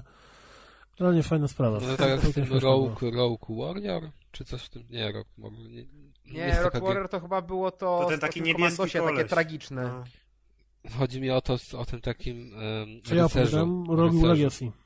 No, Rogue Legacy. Leg- Legacy. No, no, No ale no. to tam, tam wiesz, tam ginąłeś, no no okej, no faktycznie, bo to już twoi dzieci byli. Tak, tak. Dzieci, wnuki, prawnuki i cała reszta. A to tak samo jak w tym na I- I- iOS-a, y, Infinity Blade, to jest ten sam Tak, motyw. tam też że... były kolejne pokolenia. Dokładnie. W ogóle Permadeath. Ostatnio bardzo fajny tekst się pojawił na Poligami e, dotyczący przywiązania do postaci i tego, że jak umierają, to że powinniśmy nie robić save'a i grać dalej, tylko powinniśmy pogodzić się z tym, że jacyś bohaterowie nam zginęli z drużyny. No dobrze, ale wyobraź właśnie sobie, bo tam to czytałem chyba ten tekst, to był Maćka Kowalika Mhm. i tam był XCOM. No to na przykład w XCOMie tam było tak, w tym nowym, nie wiem jak w tym starym będzie, grałem chyba w te stare, ale w tym nowym było tak, że na przykład jeżeli zrobiłeś jakieś złe decyzje, y, to no i powiedzmy ginęło ci tam ileś osób, albo nie wiem, coś się tam działo, to y, kończyła się gra. No i niewczytanie save'a wiązało się z tym nie, że fabuła szła do przodu, tylko że, boha- i, tylko że bohaterów już nie miałeś ze sobą, tylko po prostu był koniec i musiałeś jakby zaczynać od początku. Słuchaj, w To ja naprawdę miałem starym, momenty takie, że po prostu save, wiesz, no włączałem save'a i nie wyobrażałem sobie akurat w w sposób taki, starym miałeś tak, że jeżeli twoi, twoi ci żołnierze zginęli w trakcie, no to wtedy ich traciłeś już i wiesz, o tyle na ile początku gry to nie był problem, ale jak tam miałeś ich super mega rozbudowanych, z dobrym sprzętem, z jakimiś tam implantami, nie implantami, to wtedy strata takich, takich żołnierzy to już był duży problem. Dobrze, ale mogłeś wczytać ten mo motyw wcześniej. Chyba zależy od wysokości, od poziomu trudności. No nie, ale chodzi mi o to, że na przykład ja, dobra, tam jeszcze w tym aspekcie, że tracisz postać, to okej, ale jeżeli coś innego się dzieje, no tym bardziej, że to nie jest tak, że jakby gry działają w ten sposób, że cię nie oszukują, bo właśnie gry oszukują. No masz motywy takie, że nie wiem, jesteś, yy, no i samochodówki. Jedziesz samochodem i za tobą jedzie przeciwnik i zawsze masz tak, że ten, który jest na liście tam powiedzmy całego Grand Prix za tobą, to i tak w tym ostatnim wyścigu też on będzie za tobą. No to jest jawne oszustwo w grach. Więc y, ja usprawiedliwiam później na przykład wygranie sobie save'a po takim nieudanym wyścigu, gdy wiem, że ta gra i tak mnie oszukuje i ten mój przeciwnik, który jest punktami trochę za mną i tak będzie drugi. Albo pierwszy, albo drugi. Mm, Wiesz co, no ja jedyne co mi przychodzi do głowy to z, z nowożytnych czasów bardzo, czyli w Mass Effectie drugim, w którym jak e, w- tam w ostatniej misji mogli tobie bohaterowie ginąć, to ja tak jak mi zginęli, to uznałem, że no dobra, to jest moja historia, nie robię loada, nie, nie gram jeszcze raz, nie próbuję inaczej. Tylko no ci co zginęli, to zginęli, no sorry, no, takie The Walking życie. Dead masz to. Masz Czy no, czy The. Walking Dead, nie? Czy, No tak, czy... ja No to- nie, ale w Walking Dead to proszę cię, nie masz żadnego wpływu, bo i tak jak uratujesz gościa w epizodzie drugim na przykład, to No on i tak dobrze, zginie ale w nie, czwartym, no, ale nie? masz jakiś tam wpływ, tylko chodzi o to, że ta fabuła idzie do przodu. I nieważne jest to, że on ci tam zginie, ty idziesz do przodu, ale na przykład w tym XCOMie, jeżeli coś się stanie, to ty nie pójdziesz do przodu, tylko skończy się gra. Wiesz, I to już w uważam za- roguelike'ach jest e, w FTL-u, który ostatnio zresztą wyszedł w tej, tej No, upgrade'owanej edycji, to tam miałeś tak, że wiesz, że któryś z członków załogi tobie ginął i oczywiście, że przez to było dużo trudniej. Co więcej, to mogło w niebezpośredni sposób, czy tam w, później w bezpośredni sposób doprowadzić do twojej przegranej, ale po pierwsze nie mogłeś zrobić loada, po drugie z automatu gry wtedy nie kończyłeś, bo byłeś, mia- miałeś tą nadzieję, że jednak sobie z tym poradzisz. Więc jeżeli i w XCOMie też tak w pewien sposób możesz mm, myśleć, że jest.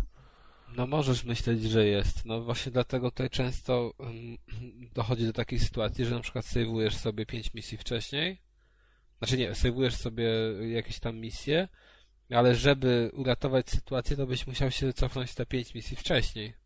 Ale Bo wiesz, na no, przykład jakieś możesz grać na tym, jak to się Iron Man nazywa, czy tam no ten tryb, gdzie nie masz możliwości No nie, no, Powrotu. nie, no dobra, w ogóle o czym my gadamy, no. W sumie to, Ja, ja się w ogóle pogubiłem w waszej dyskusji, więc...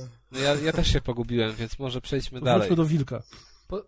No Wilk bo to od wilka basta. wyszło w sumie ja. No Deuszko, tytuł wilka. To co mówiłeś, Deusz, o tym wilku? Aha. Ale- okej. Że jest zajebisty i że absolutnie trzeba, warto i musowo. Tak, już mnie tak pogubiliście, że... Ale warto, I warto szczególnie... foka polecenia. O, powiem tak, y, jest teraz za y, w promocji świątecznej, która jest chyba do końca kwietnia, wielkanocna na PSN-ie, cały sezon za 20 chyba 7 zł. Cały season pass, więc myślę, że to już naprawdę wstyd nie kupić. Ja, ale to jest naprawdę dziwne, bo nie wiem, nie podobają mi się takie praktyki, gdy masz do kupienia odcinek za 20 zł, wychodzą trzy odcinki, kupiliśmy na przykład za 40 zł poprzednie dwa i nagle dostajemy Season Passa za 27. No tak, ale kto No kupuje kurde. odcinki od Telltale'a? Przecież to zawsze jest to samo. No, To się- są tacy, ja- co kupują. Ja jeszcze No, nigdy nie są. kupiłem gry. Ja jeszcze nigdy nie kupiłem gry Telltale'a na premierę, bo zawsze miesiąc po premierze jest już pierwsza promocja No na dobrze, Passa. ale-? Znaczy, Okej. wynika, znaczy, słuchaj, wynika z tego, że w przypadku gry Telltale nie można ich kupować. Totalnie nie odcinki. warto i to jest Ale to jest hamstwo, bo, no, bo, bo tak naprawdę to jest ta sama sytuacja, o której ja tam kiedyś mówiłem, że wiesz, że ludzie, którzy kupili Xboxa na premierę, nie dostali Titanfalla, którego dostali ludzie kupującego trzy miesiące później jeszcze po obniżonej cenie. Czyli kupujesz ich grę od razu w dniu premiery, bo jesteś największym fanem, po czym oni tobie dwa miesiące później pokazują wielkiego faka, że ha, ha, ha, jakbyś się wstrzymał, to byś teraz sobie kupił taniej. Nie, no ale to jest typowa praktyka na przykład dla tych wszystkich firm, które oferują ci abonamenty typu, nie wiem, Słuchaj, telewizja ja bym, i tak ja dalej. To To jest chore, no. gdyby, Ja bym to rozumiał, gdyby e, w promocji na PSN-ie były obniżki na poszczególne odcinki. Spoko. Ale pff, no, oczywiście można sobie powiedzieć, że mogłem kupić Season Passa w ogóle od razu na początku, wtedy bym zapłacił pełną cenę. To dopiero byłoby chamstwo, że teraz bym go kupił w połowie sezonu taniej. To dopiero mistrzostwo świata w sumie, ale, No. wiesz, w promocji powinny być poszczególne odcinki, a Season Pass powinien być przeceniany. E, zresztą, sam nie. No znowu schodzimy na Pogubiłem ten, się. na ten, na ten, nam ten odcinek nie wyszedł. kompletnie. Deuszu ratuj Ale staramy go. się go pogrążyć jeszcze bardziej. Deuszu ratuj go. Co z tym wilkiem? Podobał ci się, to wiemy. No, nie no, przecież podsumowałem tak, że należy kupić, prawda, Season Passa, a ty Jak- się Nie, bo ja powiem tylko tyle, że em, w pewnych sytuacjach, które miały miejsce do drugiego epizodu, m, który ukończyłem, Aha, ty już jesteś też y, na bieżąco, to ja jestem- nawet nie wiedziałem. no wiedziałeś, bo mówiliśmy o tym. Tak? Tylko może zapomniałeś teraz, no, e, że jeżeli ktoś czytał komiks, ja przynajmniej przeczytałem pierwszy tom, mam. Już teraz nie jest dostępny, to jest po prostu chore, że nie jest dostępny na polskim rynku komiks, który był wydany kilka lat temu. I tak nie tylko pierwszy tom, ale następnych też nie ma. A oczywiście z Anglii sobie nie zamówisz, bo Amazon już nie wysyła do Polski za darmo. Nie, ale aha, no to zapłać za wysyłkę sobie zamówisz. No, w każdym razie, jeżeli ktoś czytał pierwszy epizod, znaczy w ogóle no pierwszy odcinek y, nawet komiksu, to będzie wiedział, że pewien twist, który jest zawarty w tej grze, chyba w pierwszy, pod koniec pierwszego chyba epizodu, Tak. chyba, no to jest bzdurny. I tu wychodzi to właśnie, że ta gra jest prequelem, bo każdy, kto czytał, to wie, że to niemożliwe jest to, co się tam na przykład w którymś momencie stało. A, mówiliśmy już o tym ostatnio. Mówiliśmy? Chyba nie mówiliśmy. Tak, mówiliśmy na 100% Tak, o tym. tak, tak, tak, tak, tak. tak, tak, tak, tak, tak, tak. Ty mówiłeś Więc- nawet. Tak, A ty to mówiłeś dobra, właśnie o tym. Dokładnie to samo. A to, nie, wiesz co, powiem szczerze, że nie jarzę tej dyskusji. To ja teraz szybko zmienię temat. Wiecie, że, so, że Yoshida został, Yoshida, czyli mm, prezydent, też Jezu, CEO, właściciel, szef, przewodniczący, dyrektor, o, tego słowa szukałem, Sony Computer Entertainment Worldwide Studios, został dwa razy zbanowany w Miiverse, czyli tym serwisie społecznościowym Nintendo. Dlaczego? Raz go zbanowali za to, że miał w profilu w opisie swoje konto twitterowe, a to jest niezgodne z przepisami, a drugi raz go zbanowali, bo napisał I love PS i odpowiedzieli mu, że nie wolno promować żadnych produktów komercyjnych w Ale- Miiverse, więc go zbanowali. A Ale PS słuchaj, to jest to- PlayStation. Ale słuchaj, tam na przykład w Zeldzie, y, znowu wracając, jest taki Bóg, znaczy takie, ale bóstwo. Właśnie nie wiedziałem, czy to jest bóstwo, czy to jest jakby... Bożek. No nie, nie wiem, coś, nadprzyrodzona siła, która jakby steruje wiatrem i w postaci takiej rzeczy, znaczy widzisz, że to jest jakieś tam, ma, ma postać taką materialną. No i chciałem wpisać, jak pokonać Boga Wiatru. do tego listu i mi cofnęło, że to jest niezgodne z regulaminem, właśnie dlatego, że użyłem słówka God. Jak to? W No sensie, normalnie, to no bo jest- tam wys- chciałem wysłać list, jak pokonać tego Boga Wiatru, no i napisałem, nie, you can, nie wiem, defeat God of wind i wiesz, no cofnęło mi, pokazało, że to nie jest Nie możesz religijnie. No właśnie, a gadowość. powiedz mi, bo kiedyś jak, Usunąłem y, God i było dobrze. jak Wii U wychodziło, to były tam pytania, y, jak ten system, bo tam jest jakaś cenzura, prawda? No musi być cenzura, bo to No, ale i były podejrzenia, jak to będzie wyglądało. Na przykład próbować, nie wiem, narysować coś zbroźnego i zobaczyć To by- sprośnego, czy... E, Tego to nie wiem, bo nie rysowałem, nie mam tendencji do rysowania wirtualnych kutasów. No to by nam, więc- go, by, by nam Kaza zbanowali i co? Tylko by się Tak. ten, No, nieprzyjemności no nie- miał z tego powodu. mówię I nie mielibyśmy o czym gadać na podcaście, No. bo nie mógłby grać na Wii U. No.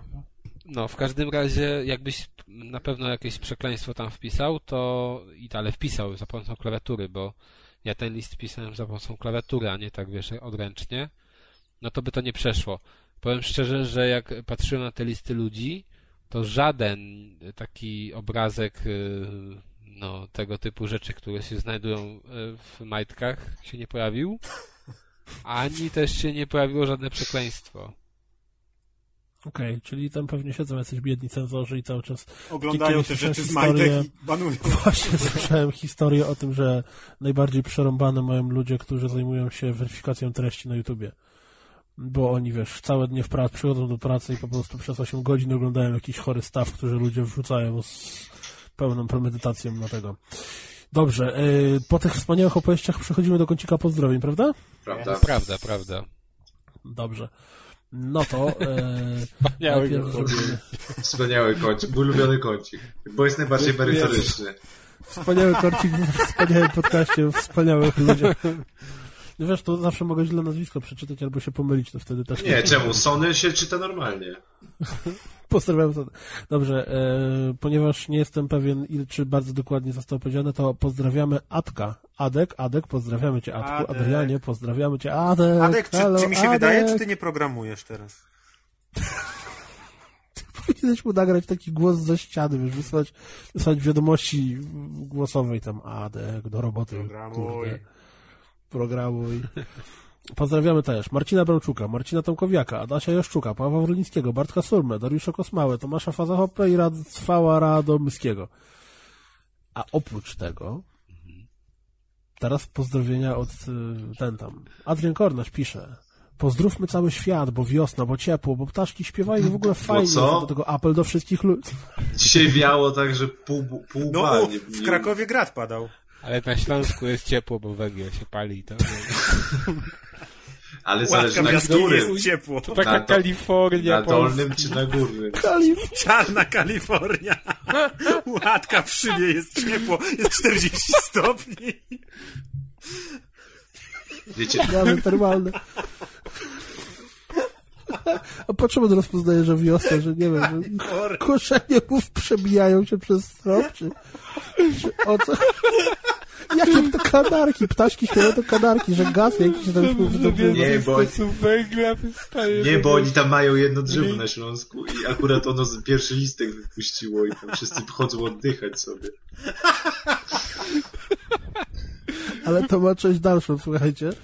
Yy, Adek przekazuje apel do wszystkich ludzi. Uśmiechajcie się. I nie śmierćcie w autobusach. Jak już nie będziecie śmierdzieć, to w sumie nawet nie musicie się uśmiechać. Czyli w autobusach tych kopalnianych takich, bo górnicy się nie boją.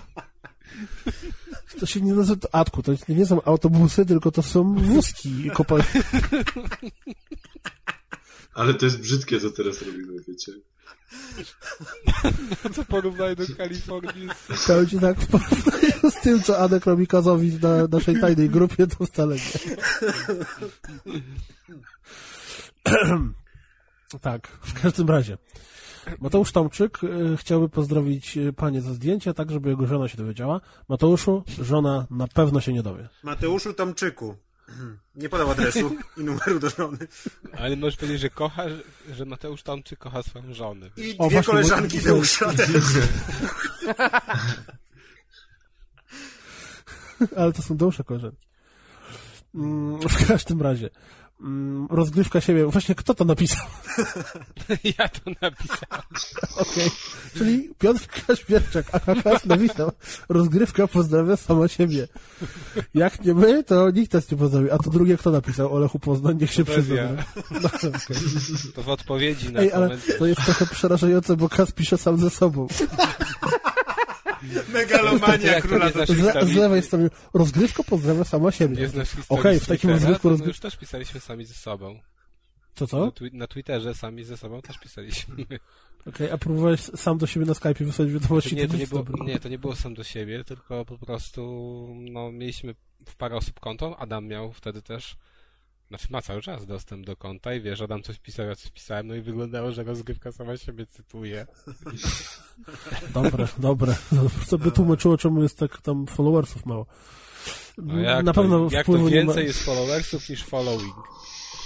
na pewno nie ma to wpływu to, że właściwie oprócz linków do podcastu tam nic innego się nie pojawia, ale ci...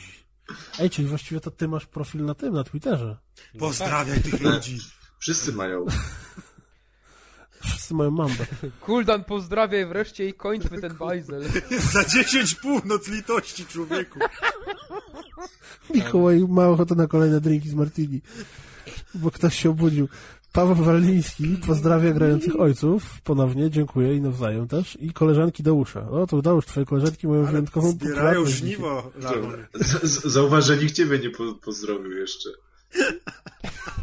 Co? Nikt ciebie jeszcze nie pozdrowił, nie wiem. czy Ja to- się załapię do grających ojców. Aha. O, A, skubany. a spryciarz. Mm, Warto Teraz było robić. będzie tak zwany sponsoring. Ojej. Dla tych pozdrowień? No ba. Mm, teraz będzie y, tak zwana, uwaga, uwaga, audycja zawiera lokowanie produktu. Dariusz Kosmała. Pozdrowienia dla producenta antybiotyków Romilit. A jak przy antybiotykach jestem, to i pozdrowienia należą się tym wszystkim cudownym, kolorowym rzeczom, które bezinteresownie w moim znoju mojej własnej malignie podtrzymywały ze mną konwersację, co bym się w domu nie nudził. Nie ma co chodzi. Gadał z lekami, czy ja zrozumiałem, że gadał... Piotr Kuldanek, dykcja 10 na 10. To przypadek. E, tak, tak. No nie miałeś nigdy wysokiej gorączki, to wtedy poduszka do ciebie rozmawia, znaczy z tobą rozmawia. Znaczy ja to nazywam narkotykami, ale dobra. To trzeba wygooglać, co to jest dymfrobil. Panie Ale władzo, to tylko to- wysoka gorączka. Miki to z grubej rury od razu wali. A Ku- Kuldan na to mówi gry planszowe po prostu. A E, potem dobrze. A propos 0,7 chyba- promila dwa dni po imprezie. Chyba dzisiaj też nie zdążymy o grach flashowych powiedzieć. W każdym razie... O, się wszyscy Sakora.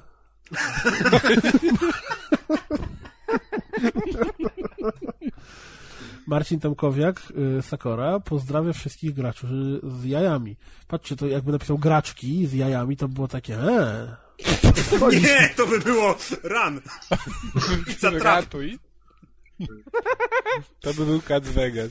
Mikołaj czasami osiąga takie ultra dźwięki w śmiechu, że to jest niewiarygodne. Że- Potrzeba Mikołaj. Ale to takie nawiązanie do tych... Dobra. Mów Lepiej. I to były świąteczne pozdrowienia. Właśnie, nie będzie odcinka przed świętami, musimy złożyć życzenie. To jest odcinek przed świętami. No właśnie, no o tym chodziło, nie będzie kolejnego. Dlaczego E, Tomasz ludziom? Faz Zachopę wy- wykazuje tutaj e, zmysł prokuratora i pyta, jaki jest wiek tych koleżanek. Do uszu, czy masz zaświadczenie, że skończyło 18 lat? Tak. Albo 21, w zależności od Masz regionu. jakiekolwiek za, zaświadczenie? Ale w ogóle jakie koleżanki? Bo tak... Ja zapraszają kolegów do słuchania. Król podcastu, wszystko ogarnia najlepiej. Ma od tego ludzi, żeby za niego ogarniali, więc... Ci ogarnia koleżanki twoje. No tak, dobrze. No, ja to Zgoda. zawsze ogarnięte koleżanki to z chęcią przyjmę. Będą do grania w Mario Kart? Niewolnice. Sofa króla. Ale to jest, wiesz, taka... Co robisz z dziewczynami? Gram w Mario Kart. No. To jest trochę jak ten, jak Jabba the Hutt. O Jezus. W każdym razie. Wyjątkowo długi dzisiaj ten kącik pozdrowy. Wyjątkowo. Nikodem Kupis y, pozdrawia Mireczków grających z nim w CSGO. To jest jakiś slang gangsterski na pewno.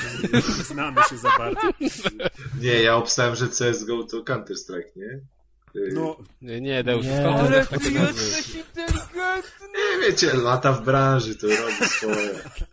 a to, to Deusz to teraz jeszcze powiedz, kto jest mistrzem świata w Counter-Strike'a, dajesz. Tak, Jaka drużyna, z jakiego kraju? Virtus Pro z Polski. Polski. O kurna! Ej, ale od razu wiedziałem, jak Maciej o to zapytał, że to będą Polacy. No idźcie w cholerę. A Ej, wymienić, wymienić, Lesiak? czekaj, czekaj, wymienić ci członków Virtus Pro? No dawaj, który ma największego bicepsa? Pasza. Nie, nie, Pasza panowie, nie, nie płyńmy tą drogą. Kolego, kolego, ty, to, mnie to nie zagniesz. Miki D mówi, żeby nie płynąć, to... Trzeba jakieś disclaimery dać i w opisie tego odcinka i generalnie wszędzie, gdzie się da z trzy razy przed początkiem, że nie, nie, nie chcę Ale pamię pamiętasz, Kuldanie, że w zeszłym roku też nagraliśmy odcinek, który nie miał numeryka, tylko nazwaliśmy go jakoś tam inaczej? Special Edition, tak, tam było twoje, twoje krasnale narysowane przez ciebie. I No Tak, tak, na tym całym to też jakoś w okolicach świąt było i to też był No mówię, beznadziejny to był- odcinek. Aha, to było po, po świętach chyba. Wszystko ma sens. Czemu ta koleżanka jednej, drugiej tam gdzieś rękę trzyma? No dobra. W każdym razie e, Wojtek Lesiak e, chciałby pozdrowić Sosnowiec. Wow. Cały Śląsk mówi. Dobra, Całą Warszawę, resztę Warszawy. Bydgoszcz pozdrawia Toruń, Toruń pozdrawia Bydgoszcz. Ale zobaczcie, jak my tu mamy fajnie. Mamy Czego, ten, czego Poznań nienawidzi kogo? Ko- Poznań nienawidzi co? Całej Polski, ale tak poza tym? Kogo nienawidzi Poznań? No, Z kim macie No, bifa? no to by trzeba, no jak to wiadomo z kim, no Kuldanie, no proszę cię. co, Warszawy? No, No, ale Warszawę to wszyscy Ale nienawidzą, kto to lubi jest już Warszawę mało- poza Warszawą? A Milanówek z kim się nienawidzi? Powiem ci więcej, Warszawa nawet Warszawy nie lubi. A Milanówek z kim się nienawidzi? Milanówek to jest zielone płuca Warszawy, jak to się ładnie mówi, to są wszyscy pozytywnie nastawieni. Daleko od Kalifornii, ale to szczerze. 90, 210 milionówek. W każdym razie. Ale kurde, ty jesteś taki Brandon? On jest Brando chyba. On jest nie bardziej Brenda, Marlon Brando, moim Dokładnie. zdaniem. Z ojca chrzestnego. Ale Nie, ja no co no ty, Brando, trochę, trochę, trochę bełkocze. Ale spróbuj tak Marlonem Brando. Chciałbym pozdrowić, co znowu jest? Nie, dobrze, nie będę próbował. E, Wojtek pozdrawia również setny odcinek Forum Ogatki i chciałby napisać Legia Pany. Aha, i nas też pozdrawia. No, to na to była odpowiedź z Lechem. A w ogóle ja właśnie odkryłem niesamowitą rzecz, że Mhm. jak y, ktoś nam pisze coś na fanpage'u No. i to skasuje, to my i tak to widzimy. Tak. Tak? To jest dopiero... Ja. Czyli jak napiszesz komuś na fanpage'u, "E, wasz podcast śmierdzi, jesteście głupi i to skasujesz, to oni tak to będą Ale-. Później kochamy was. Najfajniejsza jest to opcja, że- napisze czegoś takiego. Że nawet jak się zedytuje post, to i tak można wejść w poprzednią wersję posta. A to to każdy Tak, to też jest dobre. Także w sumie niepotrzebna jest edycja w takim w takim, w takim... Nic się nie ukryje. Wszyscy pozdrowieni? Tak, wszyscy już teraz mówmy o książkach, które nikogo. Znaczy mamy, a to Miki Diza o książce? To on Nie, to jest czyta? film. Aha, no wiadomo. Ja nie, nie no, proszę cię, no książkę Książkę! To tak, Mikołaj, to dobre do naszej dzisiejszej dyskusji, taki załącznik. Chyba telefoniczną. Ale tego się nie spodziewałem, nie? Że Mickey Dix czyta książkę telefoniczną. Jak ktoś, kto w giereczki gra, słuchaj, mógłby czytać książki, to po prostu... On tylko artbooki czyta. No, czytać jak Czytam artbooki. Z cosplayami. No, no, no, no dalej, Dawaj, dajesz, no, dawaj. Y, ostatni... Fajny, dobra, a A, to następny... ja, to, to nie Mickey D, to, to jest komiks, to ja. A, to komiks, Dobra, nie książka. no. No to Znaczy, książka to nie ja jestem ostatnim z mężczyzn, ale. Ale chciałbyś. nie wiem, czy bym chciał być poprzytają tego komiksu, bo jednak nie ma kolorowego życia. Jak to? Każdym ile jest kobiet na tym, w tym świecie jego? No wszyscy sam, no bo to wygląda ten świat tak, że zostaje tyle kobiet, ile było. Czyli to jakiś hentai jest. Nie, to jest amerykański, nie, nie wiem, dobra, Czyli nie będę, bo znowu to po prostu porno. kompetencja. To jest komiks nie wiem kogo, ale Co to jest? nie, bo on ma kilku autorów, powiem szczerze, nie chcę, Krasnoludzkim położyły na biurku. powiem szczerze, bym musiał teraz sięgnąć po te trzy Nie tomy, sięgaj. które Na mam, żeby, poduszce. żeby wiedzieć, bo wcześniej chyba mi te nazwiska nie były znane, tych autorów, natomiast Y, ostatni z mężczyzn, tak to się dokładnie nazywa. Em, Kupiłem to w ramach likwidacji wydawnictwa Manzoku, które Taki humble indie sprzedawało ten komiks i em, Wsparłeś ich na samym końcu. Tak. Humble Allegro Bundle. No nie no, w Ej, ale to każdym jest, razie dobry, wszystkie to jest dobry ten, dobry, dobry trademark może być, słuchaj. No, Humble No. Allegro Bundle. no, Tak będziemy nasze podcasty płatne sprzedawać. ale to doku... no, dokładnie. Natomiast tak, ale tylko płatność przy pobraniu, znaczy przy odbiorze. I tylko pocztą polską może zamówić. Dokładnie, na dyskietce. Nie, odbiór osobisty ukaza. Taka Nie, to, do, Kaz, do, ka, Kaz wyrecytuje podcast temu, kto wylicytuje. do you dare? nie, w- do paczkomatów i w paczkomacie będzie Nokia 3310 i będzie dzwoniło na pierwszy numer w książce telefonicznej i będziemy puszczali podcast. Ta Nokia ulegnie samozniszczeniu po przesłuchaniu podcastu. Jak jakiś ten tajny klub cykady, nie? Że tam goście dostają 20 minut na rozwiązanie najbardziej skomplikowanej matematycznej zagadki świata. To chcesz posłuchać naszego podcastu? To uwaga, uwaga. Oto instrukcja. W północ musisz udać się na najbliższe pole kukurydzy. Stanąć na lewej nodze, zrobić trzy obkręty y, torbą pełną kiełbasy. Poznańskiej kiełbasy. Dobra. No więc tak, Deusz, ty czytałeś ten komiks, Tak. czy nie? Tak. A. Powiem szczerze, tak, Deusz czytał nie podobał komiksy. mi się ten komiks. Dlaczego? Y, ma Dlatego, że on jest po prostu fabularnie denny do kwadratu. Jeden Ma, facet, ma, cała masz tam takie bobeczek? historie, że uśmiech politowania pojawiał się na mojej twarzy wielokrotnie, kiedy go czytałem, ale tak, nie przeczytałem całości, bo całość to 10 tomów. To się bodaj ukazywało w odcinkach, zostało zebrane ostatecznie w tomy. Pojawiło się ich 10, u nas y, wyszły tylko 3. No, jak wspomniałem wcześniej, kupiłem je za pośrednictwem Allegro. Y, pojawiły się tam w niskich cenach, dlatego że wydawnictwo, które je publikowało, upadło. No i teraz jest wyprzedaż różnych jego albumów. No i między innymi trafiłem właśnie na tego Y. I tak, mamy tutaj historię kolesia, który dostaje czy kupuje, już nie pamiętam, małpkę. Kupił sobie tę małpkę i ta małpka jest Ale co taką w ważne, sensie s- stóweczkę prawdziwą w małej małpkę. butelce. Nie A, taką. okej. nie małpkę to liczy. Kaczyńskiego, Słabe. tylko prawdziwą małpkę. na. Kupuje sobie małpkę, która jest, co ważne, pci męskiej.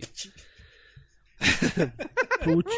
Nagle pewnego dnia wybucha jakaś zaraza, która Przez dziesiątkuje, tą małpkę. nie dziesiątkuje, tylko która Je, je, niszczy męską populację. je, jednuje. Przy życiu pozostaje tylko nasz bohater, czyli Joryk, bo tak ma na imię, to z dzieła Szekspira, ojciec mu nadał, który tam jest, nie wiem, wykładowcą gdzieś mm, literatury chyba. E, I ta małpka, właśnie. Poza tym wszyscy mężczyźni na ziemi giną.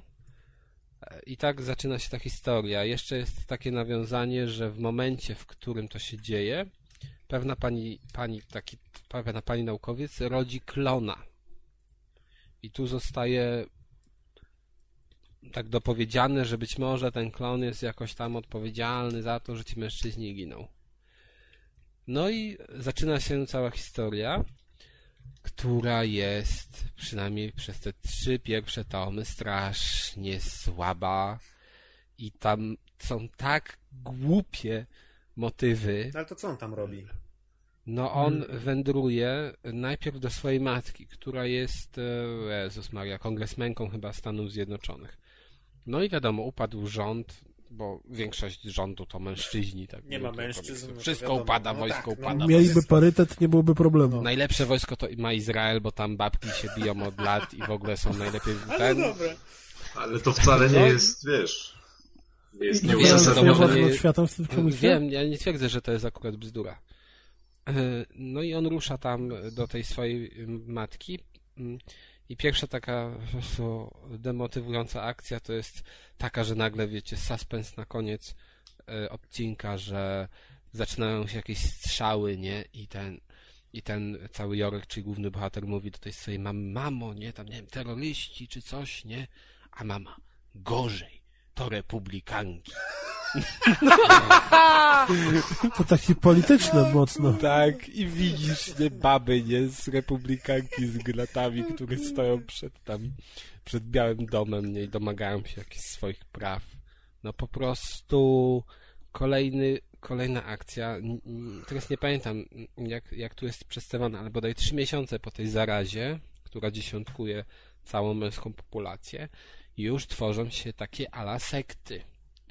No i taką jedną z, jedną z takich większych e, organizacji jest organizacja Córki Amazonek, i z które to wycinają sobie pierś, oskarżają całą męską populację za to, że było tak źle, chujowo i tak dalej. I teraz będzie pięknie. No i zwalczają wszystkie, wszelkie pozostałości po męskiej rasie, można tak to określić. I oczywiście, Y musi spierdalać. bywa, dowiadują się, że jest Y. Jeszcze jeden i próbują go ukatrupić. No i jeszcze jest super motyw, bo e, okazuje się, że do tych Amazonek przyłącza się e, ten, przyłącza się... Jego małpka. E, nie. przyłącza się siostra Y. I też na niego Czyli poluje. generalnie sfiksowaliście, bo się chłopa. Dokładnie. No to jak w Sex Misji trochę. No. Takich motywów jest w tym komiksie cała To masa. jest taki seksistowski komiks, pokazujący, że ludzkość bez mężczyzn zwariuje. nie pokazujące, jakie to kobiety są głupie. No, Republikanki z gnatami stojące przed tym i one się domagają tego, żeby rządzić, współrządzić krajem, bo wiedzą, że to teraz są demokratki, bo tych demokratek było więcej tam w kongresie czy coś i, i teraz się boją, że to wiesz, że to demokratki zajmą cały kraj i dlatego z gnatami przychodzą. No, no po prostu mówię, takich motywów jest tu dużo więcej. To nie jest wcale tak, że ten komiks się czyta źle, bo go się czyta bardzo fajnie. Bardzo szybko czas przy nim zlatuje i w ogóle mm, angażuje cię ta fabuła. No ale jednak ona jest skrajnie głupia. I no, być może później się to zmienia, bo ja... A powiedz mi, czekaj, naj, naj, Trzy najważniejszą, absolutnie Cześć. najważniejszą rzecz. Czy są momenty Grupowe. Eee, Eee, z no, republikankami? mogę się wtrącić? mieszane. proszę Deusz, nie, powiem szczerze, teraz nawet nie pamiętam, czy są takie momenty. Ja Coś tam się dzieje na pewno, ale nie wiem, czy to ten moment, o który, który masz na myśli, jest tak ukazany. Ja bym chciał Proszę. powiedzieć, że, że strasznie według mnie źle przedstawiłeś. Mi się podobał, mi się podobały te. Podobała ci się fabuła tego komiksu? Tak. Znaczy, podoba ci się fabuła tego komiksu? Ja uważam, ja uważam, że jest e, że bardzo, bardzo, bardzo wciągający i jest dobrze, e, dobrze jest przedstawiana ta fabuła, czyli dobrze jest w nią e, czytelnik wdrażany w, w postacie, Tak, jest fajnie wdrażany, one są Prawda. fajnie rysowane, to wszystko jest Prawda. ba- ba- bardzo fajnie zrobione i jeszcze jakby chciałem dodać, że prawdopodobnie trochę jesteś osamotniony w swojej opinii, bo e, za ten komiks e, Brian Hipster. Von no. dostał e, Eisnera i to dwukrotnie chyba nawet. Wow. Także, to właśnie za ten komiks dostał Eisnera? Bo Tak, tak. informacja na tym, że on dostał Eisnera, ale nie wiem, czy za ten komiks. tak, za ten na pewno dostał. Ale to 100%. serio, no nie wiem, uważasz, że tego pokroju akcje właśnie, o których mówiłem, to są tak No ale fabularnie Kaz, okej, ty czy przeczytałeś są... część tylko z całej No historii. ale Deusz, Ale- Deusz, ty przeczytałeś całą historię. Nie, nie, nie, ja przy, w tej samej, w tym samym No nie, hablu kupiłem przecież. Wiesz Maćku, to już nie, nie chodzi o to, że całą historię, Ale- czy nie całą historię, no ale takie motywy, no to wiesz, to są według mnie totalnymi kretynizmami, no tego się nie da później uzasadnić. ale mi się, nie, mi się nie rzuciło one w oko. Może teraz sobie nie przypominam, ale może się gdzieś tam uśmiechnąłem e, na, na, na to, co mówiłeś, ale to mi w ogóle nie przysłoniło lektury, także nie, nie zwróciłem na to uwagi kompletnie. Że- kolejna, kolejna taka rzecz, no powiedz tylko, czy na takie coś zwróciłeś uwagę. To już nie jest tak ym, ym, dla mnie śmieszne, ale takie trochę natrętne. Tu bardzo często bohaterowie operują na przykład znanymi cytatami z filmów, albo porównują się do jakichś postaci i tak dalej. I, I tu w ogóle jest słowniczek e, na końcu, który ci wyjaśnia o co chodzi, bo oni wiesz, walną jakiś cytat z filmu i na końcu jest, no, że ten cytat pochodzi z tego, z tego i filmu, bo określa to i to. I to jest też tak nagminne, że moim zdaniem wypadło to no dziwnie, że oni non-stop tymi cytatami z filmu jadą, jakby po prostu każdy z tych post- każda z tych postaci występujących w komiksie, wszystko takie rzeczy jarzyła. Postapokalipsa to popkultura była, wiesz. No, poza, Jak? no. No ale tam z Szekspira czasem, wiesz, na przykład jest ten Joryk i ta jego siostra, która tam nazywa jakoś się i do kogoś tam mówią, że no moja siostra jest taka, tak ma na imię, no i ta, od razu ta osoba skapuje, a no, że jakby, że w, że w Szekspirze to był, były takie postacie, no. Tam oni wszyscy normalnie wiedzą, że No bo to jest... inteligentni Amerykanie wybrali najlepszych i ich pokazali w komiksie. No dokładnie, no. W każdym razie powiem tak, mi y, te zalety, o których mówił Deusz, to faktycznie tutaj są, jednak te moim zdaniem głupoty przesłaniają mi odbiór tego komiksu. Ja nie potrafię go inaczej ocenić jak wciągającą lekturę, ale jednak głupią. Trochę jak Deusz? trochę jak pieśń o twarzy gry, nie? Ale Nie, nie, nie czytałem, nie oglądałem chyba, jeżeli był film, jeżeli był, bo nie wiem, czy był. Ale nie wiem, teraz już ciężko omawiać ten komiks, bo nie wiem jak z dostępnością jego, bo prawdopodobnie e, dość słabo, skoro... Nie, no pewnie jeszcze jest, ale go można dostać pewnie. Ale jeśli można go dostać za, za właśnie za cenę, za cenę ta, taką jak my kupiliśmy, no to wydaje mi się, że naprawdę warto, bo e, do, sobie dołożyć do kolekcji na półkę, bo, bo i, no za takie pieniądze to jest naprawdę interesująca rzecz do No, przeczytania mhm. i nawet jak ktoś nie czyta komiksów to, i na przykład, bo są one dla niego, e, bo są barierą finansową, że uważa, że, że nie warto, no to tu jednak można sobie raz na jakiś czas, jak się chce e, z jakąś inną formą e, tutaj kultury poobcować, to, Poobcować, to ja bym zdecydowanie polecił, żeby zobaczyć e, jak te graficzne nowele wyglądają. Nawet jak ktoś właśnie się nie interesuje, szczególnie no za taką cenę, to, to naprawdę Mm. warto. Tam jeszcze są, znaczy były w ofercie, to wydawnictwo miało kilka innych komiksów, które też warto sobie nabyć, bo na Allegro są sprzedawcy, którzy sprzedają między innymi ten, ten, o którym mówimy, ale też inne właśnie. Ja to nabyłem w takiej większej paczce, więc mam jeszcze kilka do przeczytania. Ym, No, ale ten Y no, mnie nie zachwycił. Podobał mi się też graficznie, o, to, to muszę powiedzieć, tu jest taka, mam do czynienia bardziej z taką realistyczną kreską E, i, i- i dość ładną. Bardzo fajnie wypadają takie plansze tytułowe. E, One, nie wiem, no, moim zdaniem rewelacyjnie. E, Ja już chyba wszystko powiedziałem. Jeżeli ty, Deusz, chcesz coś dodać, to dodaj. Kolor Nie. czy czarno-biały? Nie, kolor. Kolor. Bardzo ładny zresztą. Bardzo ładne kolory są nałożone. Jakby pomijając Mhm. samą kreskę, to e, sam kolor. Bo. No dobrze. No, tak, tak. Nie, nie, bo chciałem od koloru zrobić płynne przejście. A zaraz pewnie już pomysł mi ucieknie, bo już jestem tak zmęczony, że pomysły z głowy wylatują. Dobrze. Jak, płyn, Dopóki- jak płynnie przejdziesz?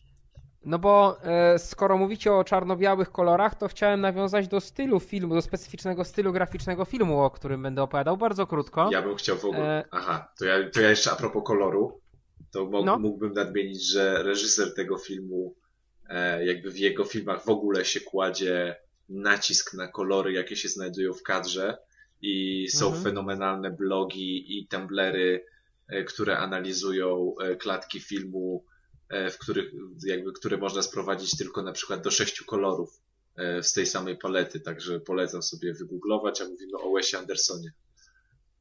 Dokładnie. Mówimy o jego najnowszym filmie Grand Budapest Hotel, który tak, czaruje stylem graficznym, ponieważ jest celowo stylizowany na dużo starszy niż jest.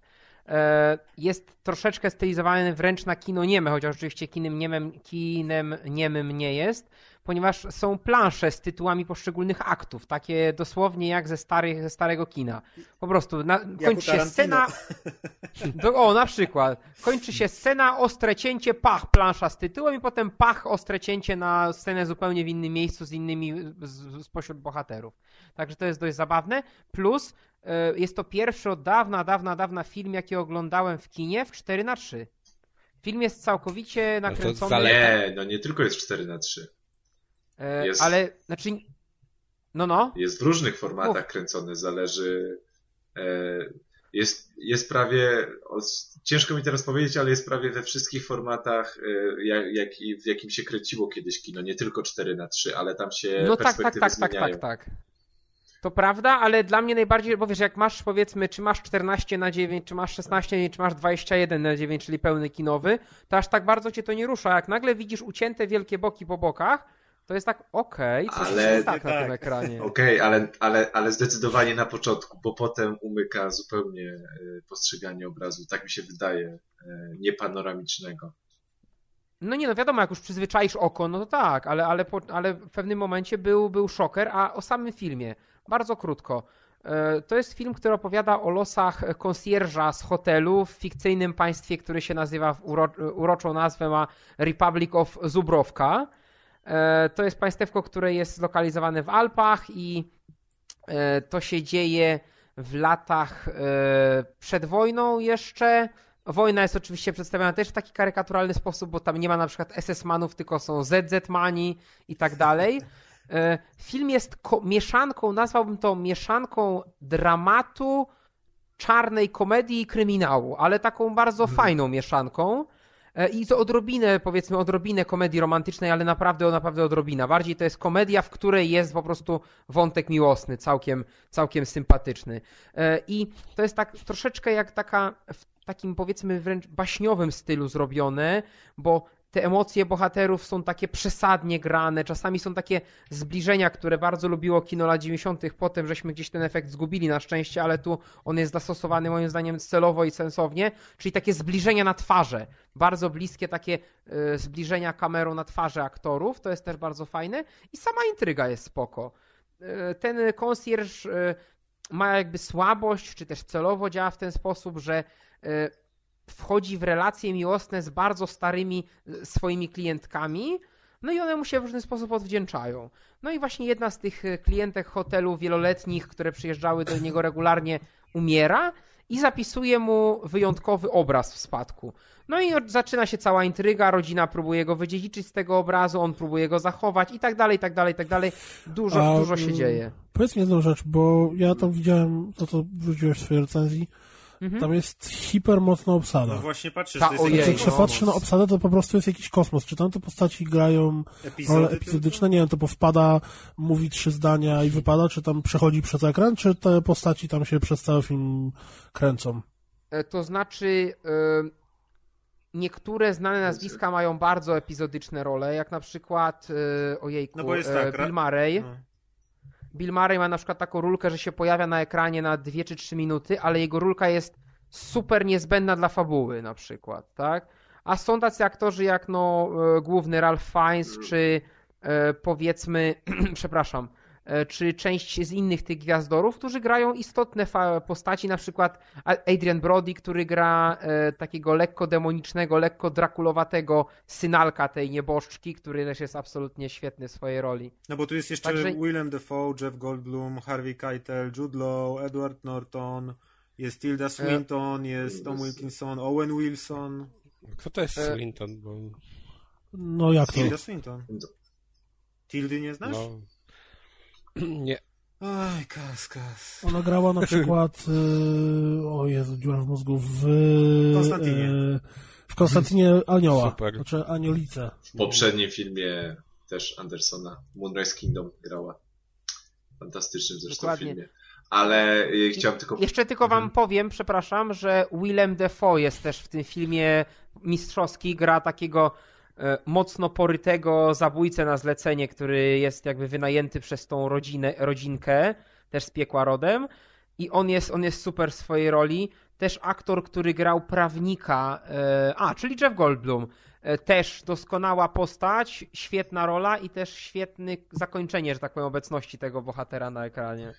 To jeszcze Także... Czyli polecasz. Raz mówię. Oj, bardzo. Polecacie właściwie, tak? Bo to już też widziałeś. tak widziałem, bo jakby Wes Anderson jest moim ulubionym reżyserem, także, A, okej. także ja mam trochę bzika na jego punkcie i sam film, e, co można powiedzieć, był kręcony, ten hotel, który jest w filmie, był kręcony Mhm. w Gerlitz, czyli w Zgorzelcu polskim, tylko że był po stronie, tylko że był po stronie Gerlitz, natomiast e, w, w takim wywiadzie dla New York Timesa, zresztą dostępnym e, w internecie w, w serii takiej New York Talks, którą robi New York Times, jest, jest właśnie wywiad e, z Ralphem i z Wesem, gdzie mówili, że właśnie e, jakby nagrywali to w Gerlitz, ale na przykład na obiady chodzili na polską stronę, bo Polacy mają fantastyczne króliki.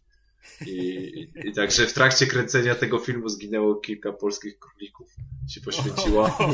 Się poświęciło. wiesz, a może... Powiedzcie mi, czy ja dobrze kojarzę. Wes Anderson, on jakby taką animację kręcił, ale taką animację nie... Fantastyczny nie... pan Lis. Tak, Tak, tak, właśnie. tak to jest jego też film? dokładnie, dokładnie. I był jeszcze taki poromany film z Billem Murrayem, e, gdzie on grał jakiegoś takiego jakby kapitana Nemo w cudzysłowie. Znaczy tam miał jakiś statek wodny. Ale to takie jest niezbędne do tej dyskusji? Nie, bo ja nie mogłem skojarzyć, ja nie mogłem skojarzyć Ale co, bo... człowiek, który przez godzinę opowiada No, o Wii U, ma no, celność tak, w ogóle się wtrącić, Nie, wiesz co chodzi? Kaz, chodzi o to, że o Wes Andersonie komentuje się zresztą i chłopacy mówili, że wiesz, że jego filmy są wyjątkowe pod tym względem, że się czymś wyróżniają, albo są jakieś takie, mają w sobie sznyt. I dlatego ja próbowałem skojarzyć, jakie inne filmy ja kojarzę. Rushmore Dwa, może dwa, z Willem Murrayem. Właśnie Rushmore nie kojarzę, kojarzę ten o Łodzi Podwodnej i kojarzę... Ten o Łodzi Podwodnej się nazywał mm, Podwodne życie ze Steve'em Yu. Aha, tak, tak. No, to już wiem o co ci chodzi. No. Jeszcze był y, zresztą według mnie najlepszy y, film 2012 roku, czyli Moonrise Kingdom y, z Bruce'em Willisem między innymi.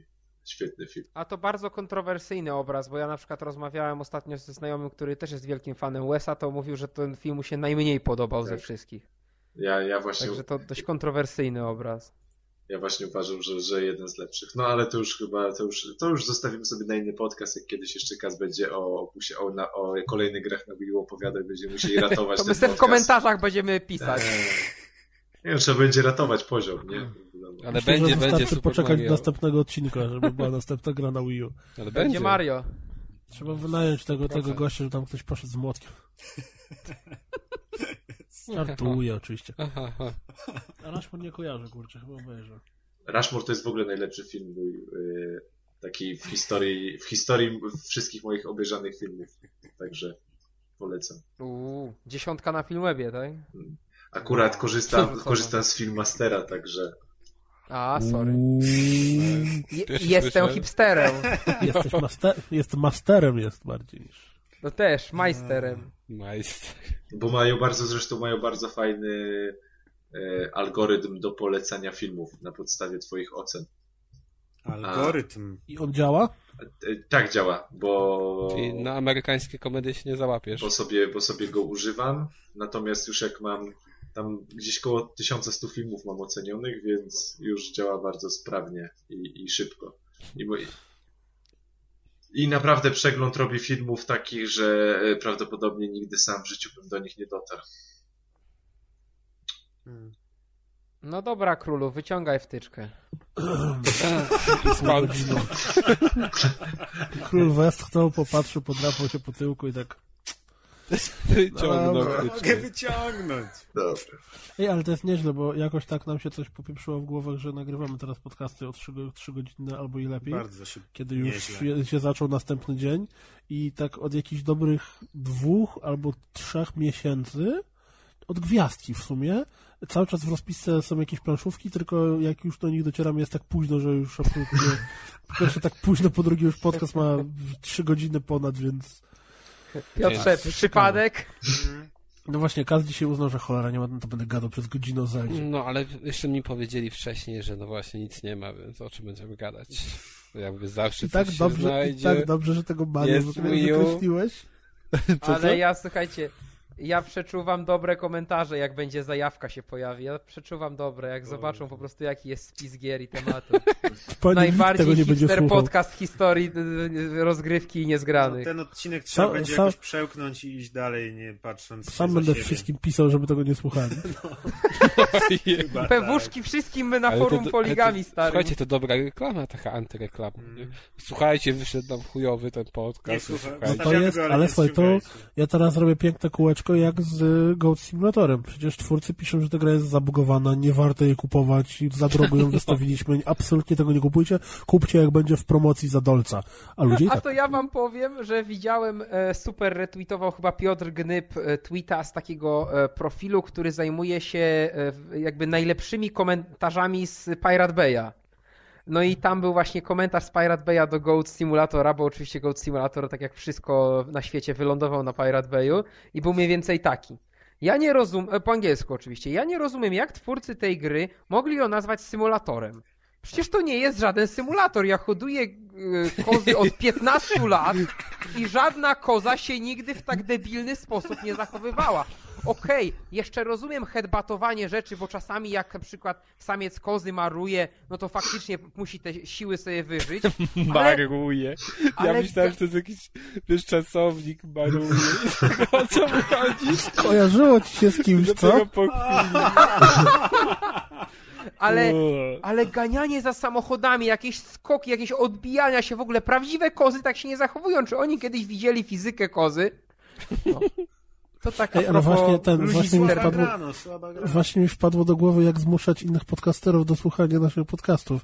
Trzeba w ostatnim, ostatnim minucie podcastu, czy tam w jakiś losowy sposób algorytm wrzucić jakiś bluzk na kogoś i potem w, podca- w, tym, w komentarzach na forum Poli wpisać z jakiegoś anonimowego konta, skoro tam się nie da założyć anonimowego Ale konta, bo trzeba mieć... No, Bo trzeba się skontaktować z Kubarem. Po tym, po, o, ale, o, ale to było mocne. Tak jak nieczyste jechały po poligami, tak? Niby była drama. Wtedy nikt od tak razu, wtedy nikt- od razu wszyscy, znaczy wtedy od razu ludzie z tego podcastu, co? O, pojechali po nas, muszę to przesłuchać. I wiesz, godzina słuchania. I potem siedzą trzecią godzinę, ja pierdolę, kiedy się skończy ten link z Nintendo. Ja pierdolę, teraz o jakimś komiksie Ale mówią, wiesz- Boże, gdzie te disy? I ludzie ich Tak ściągają. w... No i Dobrze, tak, że ich. Ale Dobrze panowie, no w każdym razie nasz model dystrybucji sądzę, że może się sprawdzić. Będziemy znowu pionierami na naszym rynku. A Czemu znowu? Mówisz o, mówisz o sprzedawaniu podcastu na dyskietkach za pobraniem? bo słuchaj, Tak, kto ma... Muszę przyznać, obrazek jest absolutnie adekwatny do tego odcinka. Mm, To mamy już jakiś obrazek? No, mamy jakiś obrazek? O, mamy obrazek? Totalnie pasuje do odcinka. Dobra. To co panowie, O mili państwo, Wypada dobranoc powiedzieć. którzy słuchają, o ile to są w ogóle państwo, bo sądzę, że chyba panowie, ale... Patrząc po, patrząc po naszych y, tajnych statystykach, które prowadzi moja grupa, To panowie. NSA, KFC i tam Pizza Hut i tak dalej, to y, są to w większości państwo i w większości y, trochę starsi. Znaczy panowie. Tak, panowie. No nie pan, no, o tym czym mówię. Znaczy Panowie, starsi tak. panowie dwaj po prostu. Jezus. No nie, no nie, nie dwaj, nie dwaj. No dobra, Gru, grupa wiekowa 25-34. Elegancko, nie jesteśmy gimbusiarską audycją. A to jest najlepsza patrzę- grupa z czego jak patrzę, dla to znajomych pełno dziewczyn lubi nasz podcast. No ale to Takich, które znajomi, nigdy w życiu twoje go nie słuchały.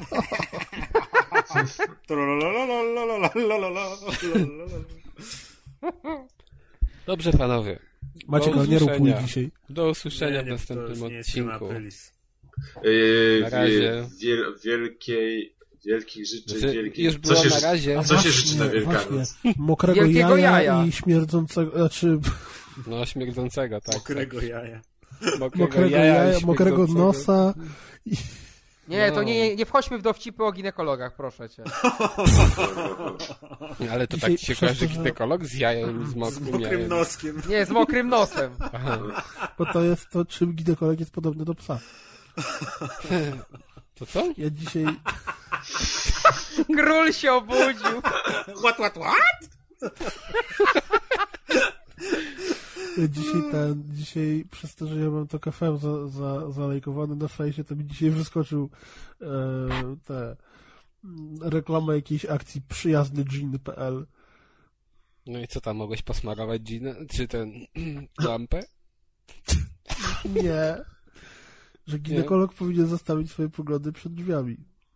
A, Nic już nie rozumiem, czego ale się jest... spodziewa, spodziewałeś się akcji społecznej na temat y, dżinów z lampy? Nie, myślałem, że dzień lubuski. a myślisz, a myślisz, że To jeszcze Ja już was zgubiłem, słuchajcie.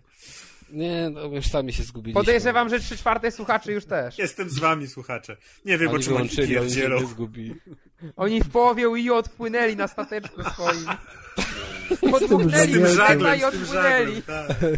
Byle dalej. Jak się, jak się włączy szum y, po tym, bo, bo, bo powinno być tak, że jak w telewizji, jak zasypiasz przed telewizorem, to budzicie to takiego kasza.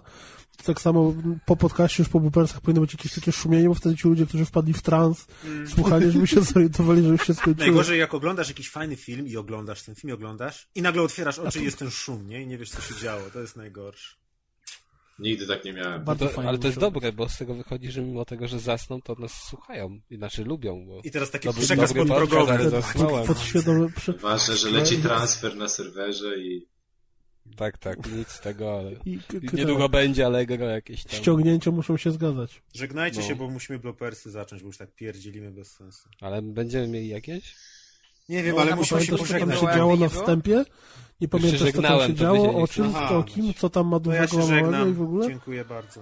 Do widzenia. Ja też, dziękuję. Ja i też Dobranoc. dziękuję wszystkim, bo jesteście Dobranoc. dzielni, jeśli wytrzymaliście aż do teraz. No, dobranoc. Pa, pa. A...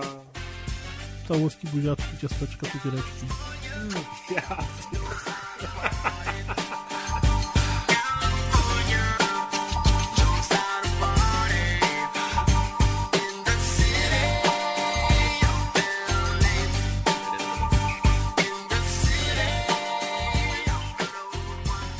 Jestem gotowy, tak jest, w oliwce, w lubrykancie. Ale ogóle... Jestem tak naoliwiony, że ledwo na krześle siedzę. O jakie. Ale nie jedz tej oliwki, bo słyszę, że tam ciamkasz coś. A ten, znacie taką firmę, nie? Bo może wasze jakieś kobiety to lubią. Znaczy, Lubię! Jest taka firma, Durek, znamy. Nie, to... Jest takie coś, co się nazywa Yankee Candle.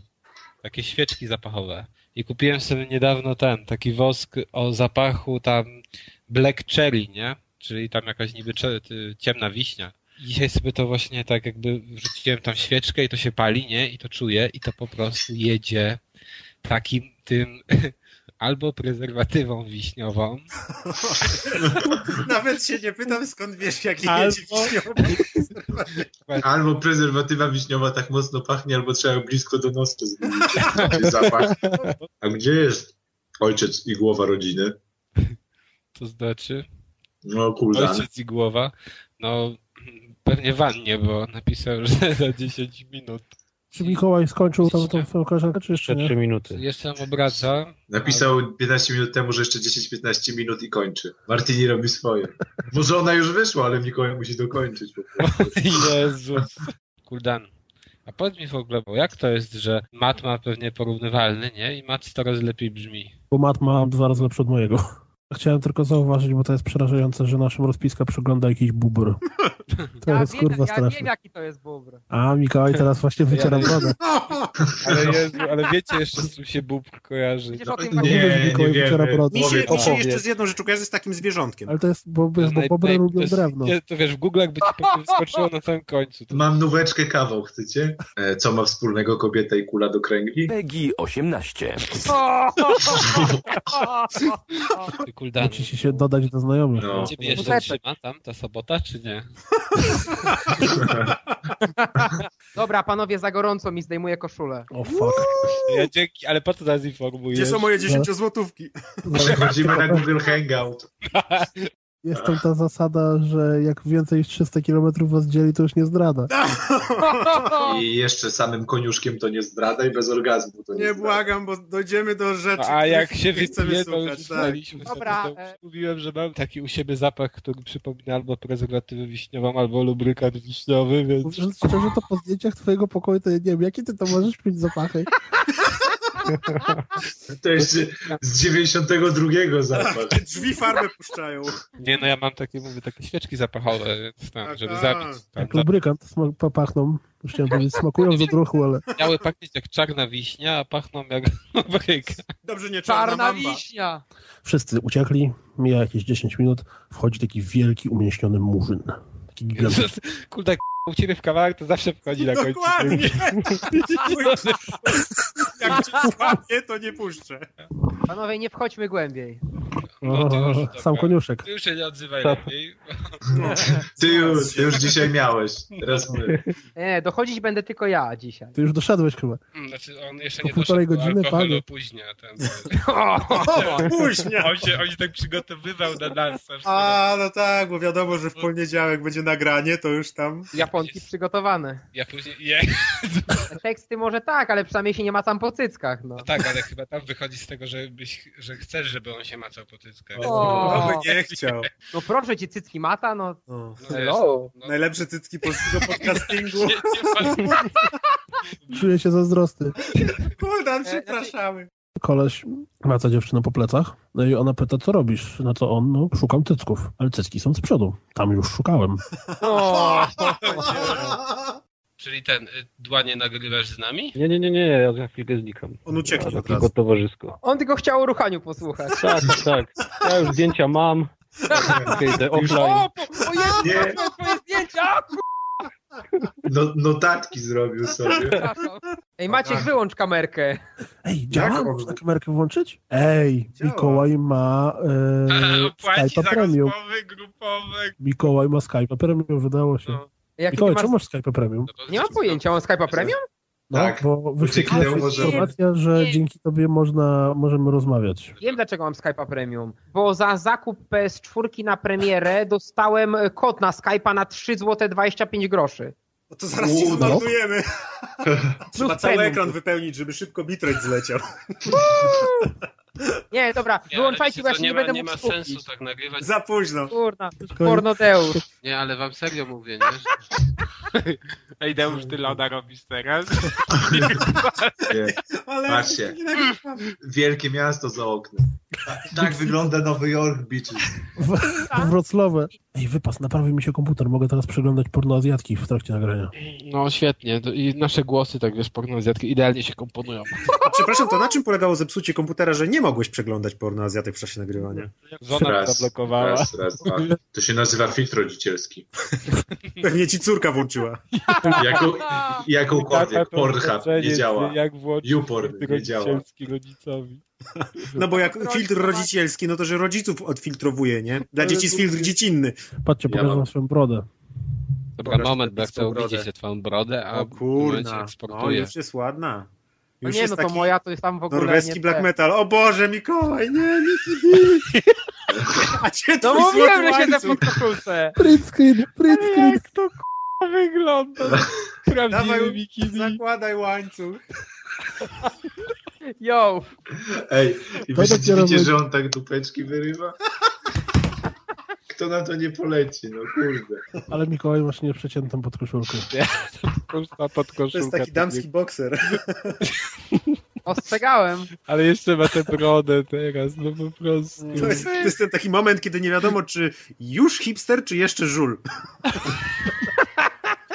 Nie. Czy jeszcze hipster, czy już? Moja, moja, moja babcia na taką brodę mówiła, jak taką miała w liceum rzadką brodę na początku, to mówiła, że wyglądam jakby w gówno patyków nawtykał.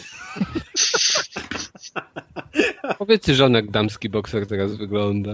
Piszesz w Google Images Wife Beater i wychodzą takie koszulki Ale właśnie. no, jakbyś, wiesz, jakbyś pomyślał sobie, jak cię, wygląda, nie, nie wiedząc, się- co to wydaje- jest Miki D, to- Wydaje mi się, że, taka, że taki tle, tleniony blond w tym momencie na Mikiego Diby poleciał. Ej, ale Tleniony blond i tips i... Proszę bardzo, Wife Beater, o. Wife link. No Mickey D.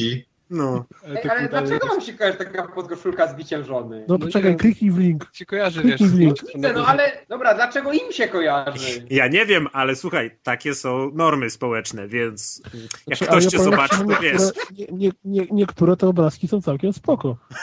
Dokładnie, a, ale nie w męskiej wersji. Zobacz, pliki mogą zawierać wirusy. Zapisujesz plik od Mikiego i uważaj. tak mi tu napisało, naprawdę. ale już nie nagrywamy. No, myślę, że Maciek tego nie nagrywa, naprawdę? Maciek Znaczy na ja już nagrywa. zalajkowałem.